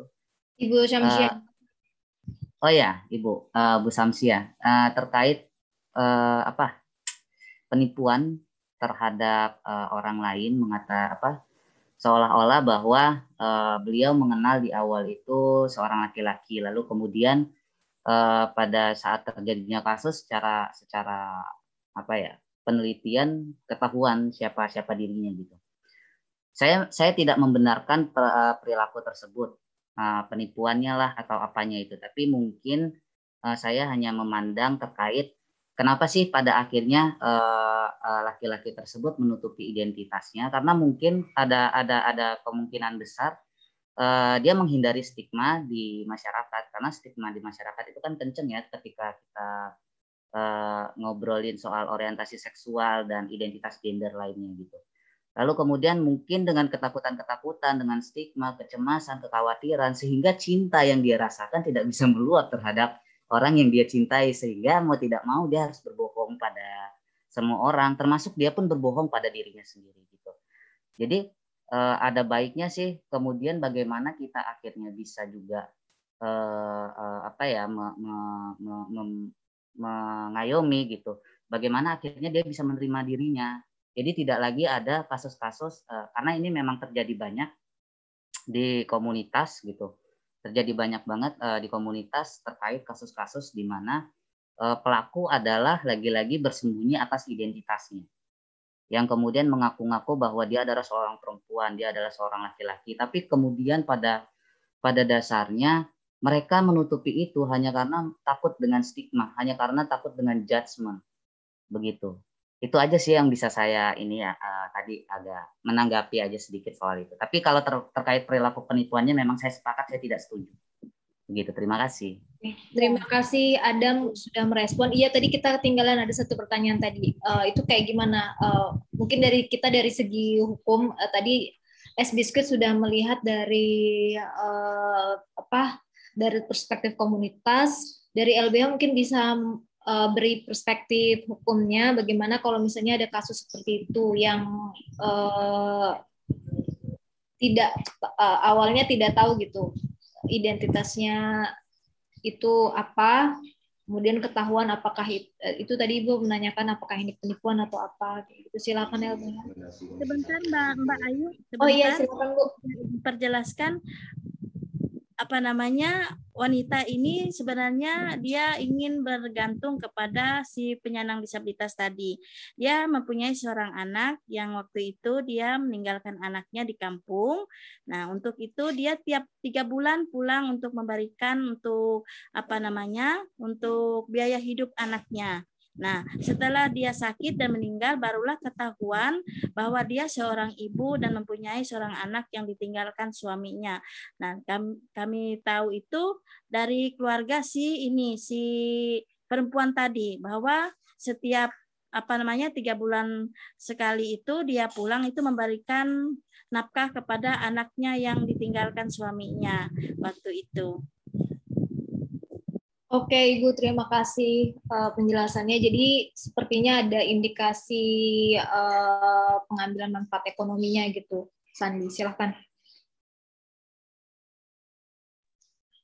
Oke, mungkin kurang lebih sama kayak Bang Adam ya. Yang disampaikan kan ini ada unsur niat niatan ya. Ada niatan bahwa dia sengaja melakukan itu supaya ketergantungan hidupnya kepada si korban itu. Nah, kita juga perlu ingat di berbagai kasus dulu, ini kan pernah ada kejadian ya, ketika setelah menikah, ternyata ketahuan bahwa itu bukan lain jenis itu. Ternyata itu apa? Artinya yang dilakukan tidak atas berdasarkan kesepakatan kan. Kecuali beda lagi itu ketika itu dilakukan berdasarkan ya mau tak sama mau atau setuju sama setuju itu kan sehingga kan tidak ada persoalan sebenarnya. Ini kan jadi persoalannya kan ketika dia salah satu pihak ini menutupi identitasnya sendiri. Tergant ter, apa ya terlepas itu niatnya apakah atau gimana gitu ya unsurnya memang ada situ ada unsur penipuannya. Ya ketika itu memang dilakukan ada yang salah satu keberatan ya itu bisa dilakukan proses hukum bisa dilakukan. Dilihat unsur niatnya ya apa ya, kita perlu lihat unsur-unsurnya. Oke, uh, terima kasih. Oh, ini sudah jam 5. Sebaiknya kita segera tutup aja webinar ini dan mungkin kalau misalnya masih ada masih banyak pertanyaan bisa nanti menghubungi uh, narasumber. Narasumber bisa share kontaknya di sini. Tadi Pak Junia sudah share kontak, Ibu Fauziah juga, Kak Rensi juga udah share. Jadi mungkin dari LBH nanti bisa share juga kontaknya untuk bisa menindaklanjuti eh, ke dalam diskusi-diskusi uh, yang lebih dalam lah. Karena ini memang ruangnya sangat sempit. Sebenarnya udah dari jam dari jam satu. Oke, terima kasih sekali narasumber yang sudah hadir. Uh, mungkin aku kasih kesempatan untuk closing statement dulu ya, masing-masing satu menit. Bisa ya sisa LBH sama Her sama SP juga kok ini sih. Ini ada Bang Sani juga sih. Uh, aku mungkin nanti minta dari GPIC ada Aldo, ada Bang Sani bisa ngasih closing statementnya mungkin karena dari tadi nggak dengar suaranya. Silakan Sandi dulu deh uh, closing statementnya San. Oke, mungkin kita ini ya, kita membahas ini karena memang kita menganggap kasus apa pelecehan seksual itu sangat tinggi jadi kita perlu khususnya di Palangkara di Kalimantan Tengah kita sangat mendorong ya supaya semua universitas di di Kalimantan Tengah untuk melakukan atau uh, menjalankan Permendikbud Ristek nomor 30 tahun 2021 itu supaya kasus-kasus pelecehan seksual di universitas itu tidak terulang lagi dan tidak akan terjadi lagi. Kemudian kita juga perlu mendorong supaya pemerintah ataupun bahwa bahkan ini anggota legislatif yang di atas sana yang sedang membahas RUU TPKS untuk segera mengesahkan RUU itu karena kita tahu ini sangat dibutuhkan. Hari ini juga bisa jadi ada terjadi berbagai kasus terjadi di berbagai daerah ya. Kita ingat kasus Novita ya, Novita yang terjadi itu berujung bunuh diri. Terus kemudian terakhir ini ada juga di Riau ketika korban melakukan pelaporan ke ke apa ke instansi kepolisian malah di dihina gitu. Bahkan di Universitas Sriwijaya terjadi lagi gitu. artinya kita ini sangat darurat darurat ya, kekerasan seksual itu. Nah sehingga kita ya perlu mendorong ini segera disahkan.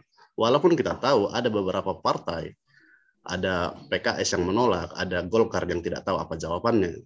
Kita perlu ini kita tidak perlu apa ya uh, kalau kami menyampaikan keadilan itu nggak akan pernah kita terima ketika kita hanya diam. Kita harus merebut keadilan itu supaya itu keadilan itu datang pada kita. Kita nggak bisa nunggu negara ini sendiri untuk melakukan itu. Mungkin itu. Oke, terima kasih Sandi dari LBH Palangkaraya. Silakan Herta dari SP. Oke, uh, banyak ya yang apa? Mungkin closing statementnya cuma gini ya, bahwa uh, kekerasan seksual terhadap perempuan dan anak itu sekarang itu udah sangat urgent gitu kan bahwa uh, banyak juga perempuan uh, korban kekerasan itu takut untuk melapor gitu. Uh, kenapa gitu kan? Karena sampai hari ini pun gitu kan tidak ada kebijakan yang melindungi korban gitu. Tidak ada kebijakan yang mendukung korban. Maka dari itu apa ya kita mendukung mendukung hadirnya uh, kebijakan yang melindungi korban dan apa ya segeralah disahkan RUU PKS itu karena hal yang sangat penting sekarang ini adalah bagaimana korban mendapatkan uh, penanganan uh, pemulihan dan juga perlindungan. Mungkin itu uh, dari apa dari saya. Terima kasih Kakak Herta. Saya beri kesempatan kepada Bang Sani dari GPIC Kalimantan mungkin mau memberikan tanggapan dari webinar kita hari ini. Bang Sani. Ini, kayaknya cuma masuk tapi dia uh, ini enggak. Oke, dari Aldo mungkin Aldo mewakili GPIC Kalimantan, silakan.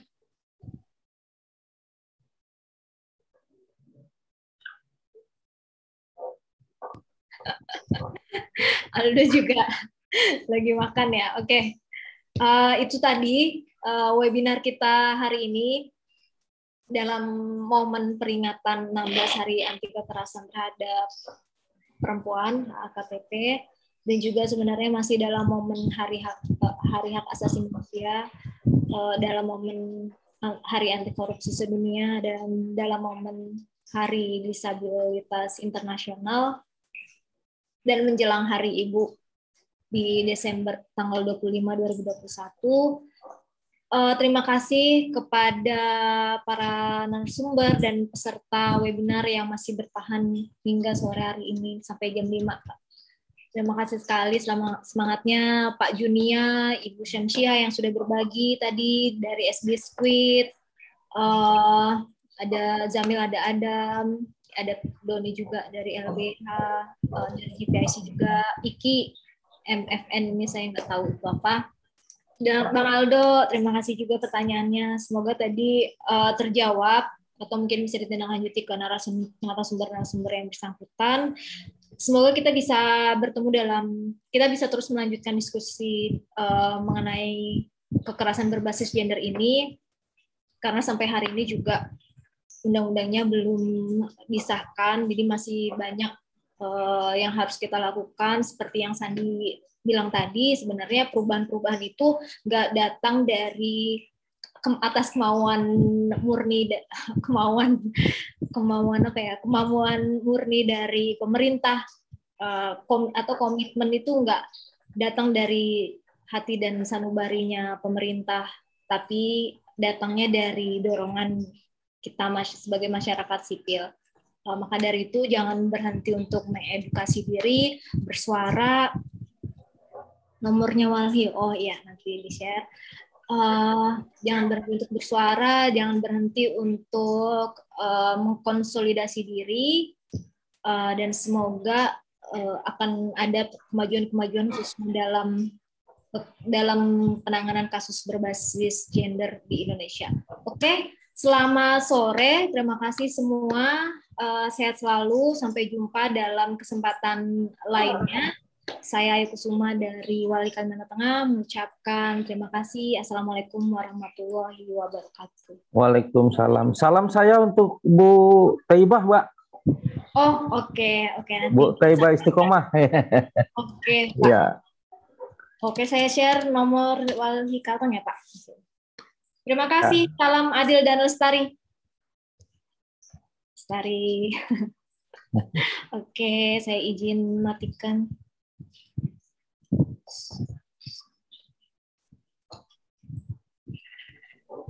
Oke, ini udah mati.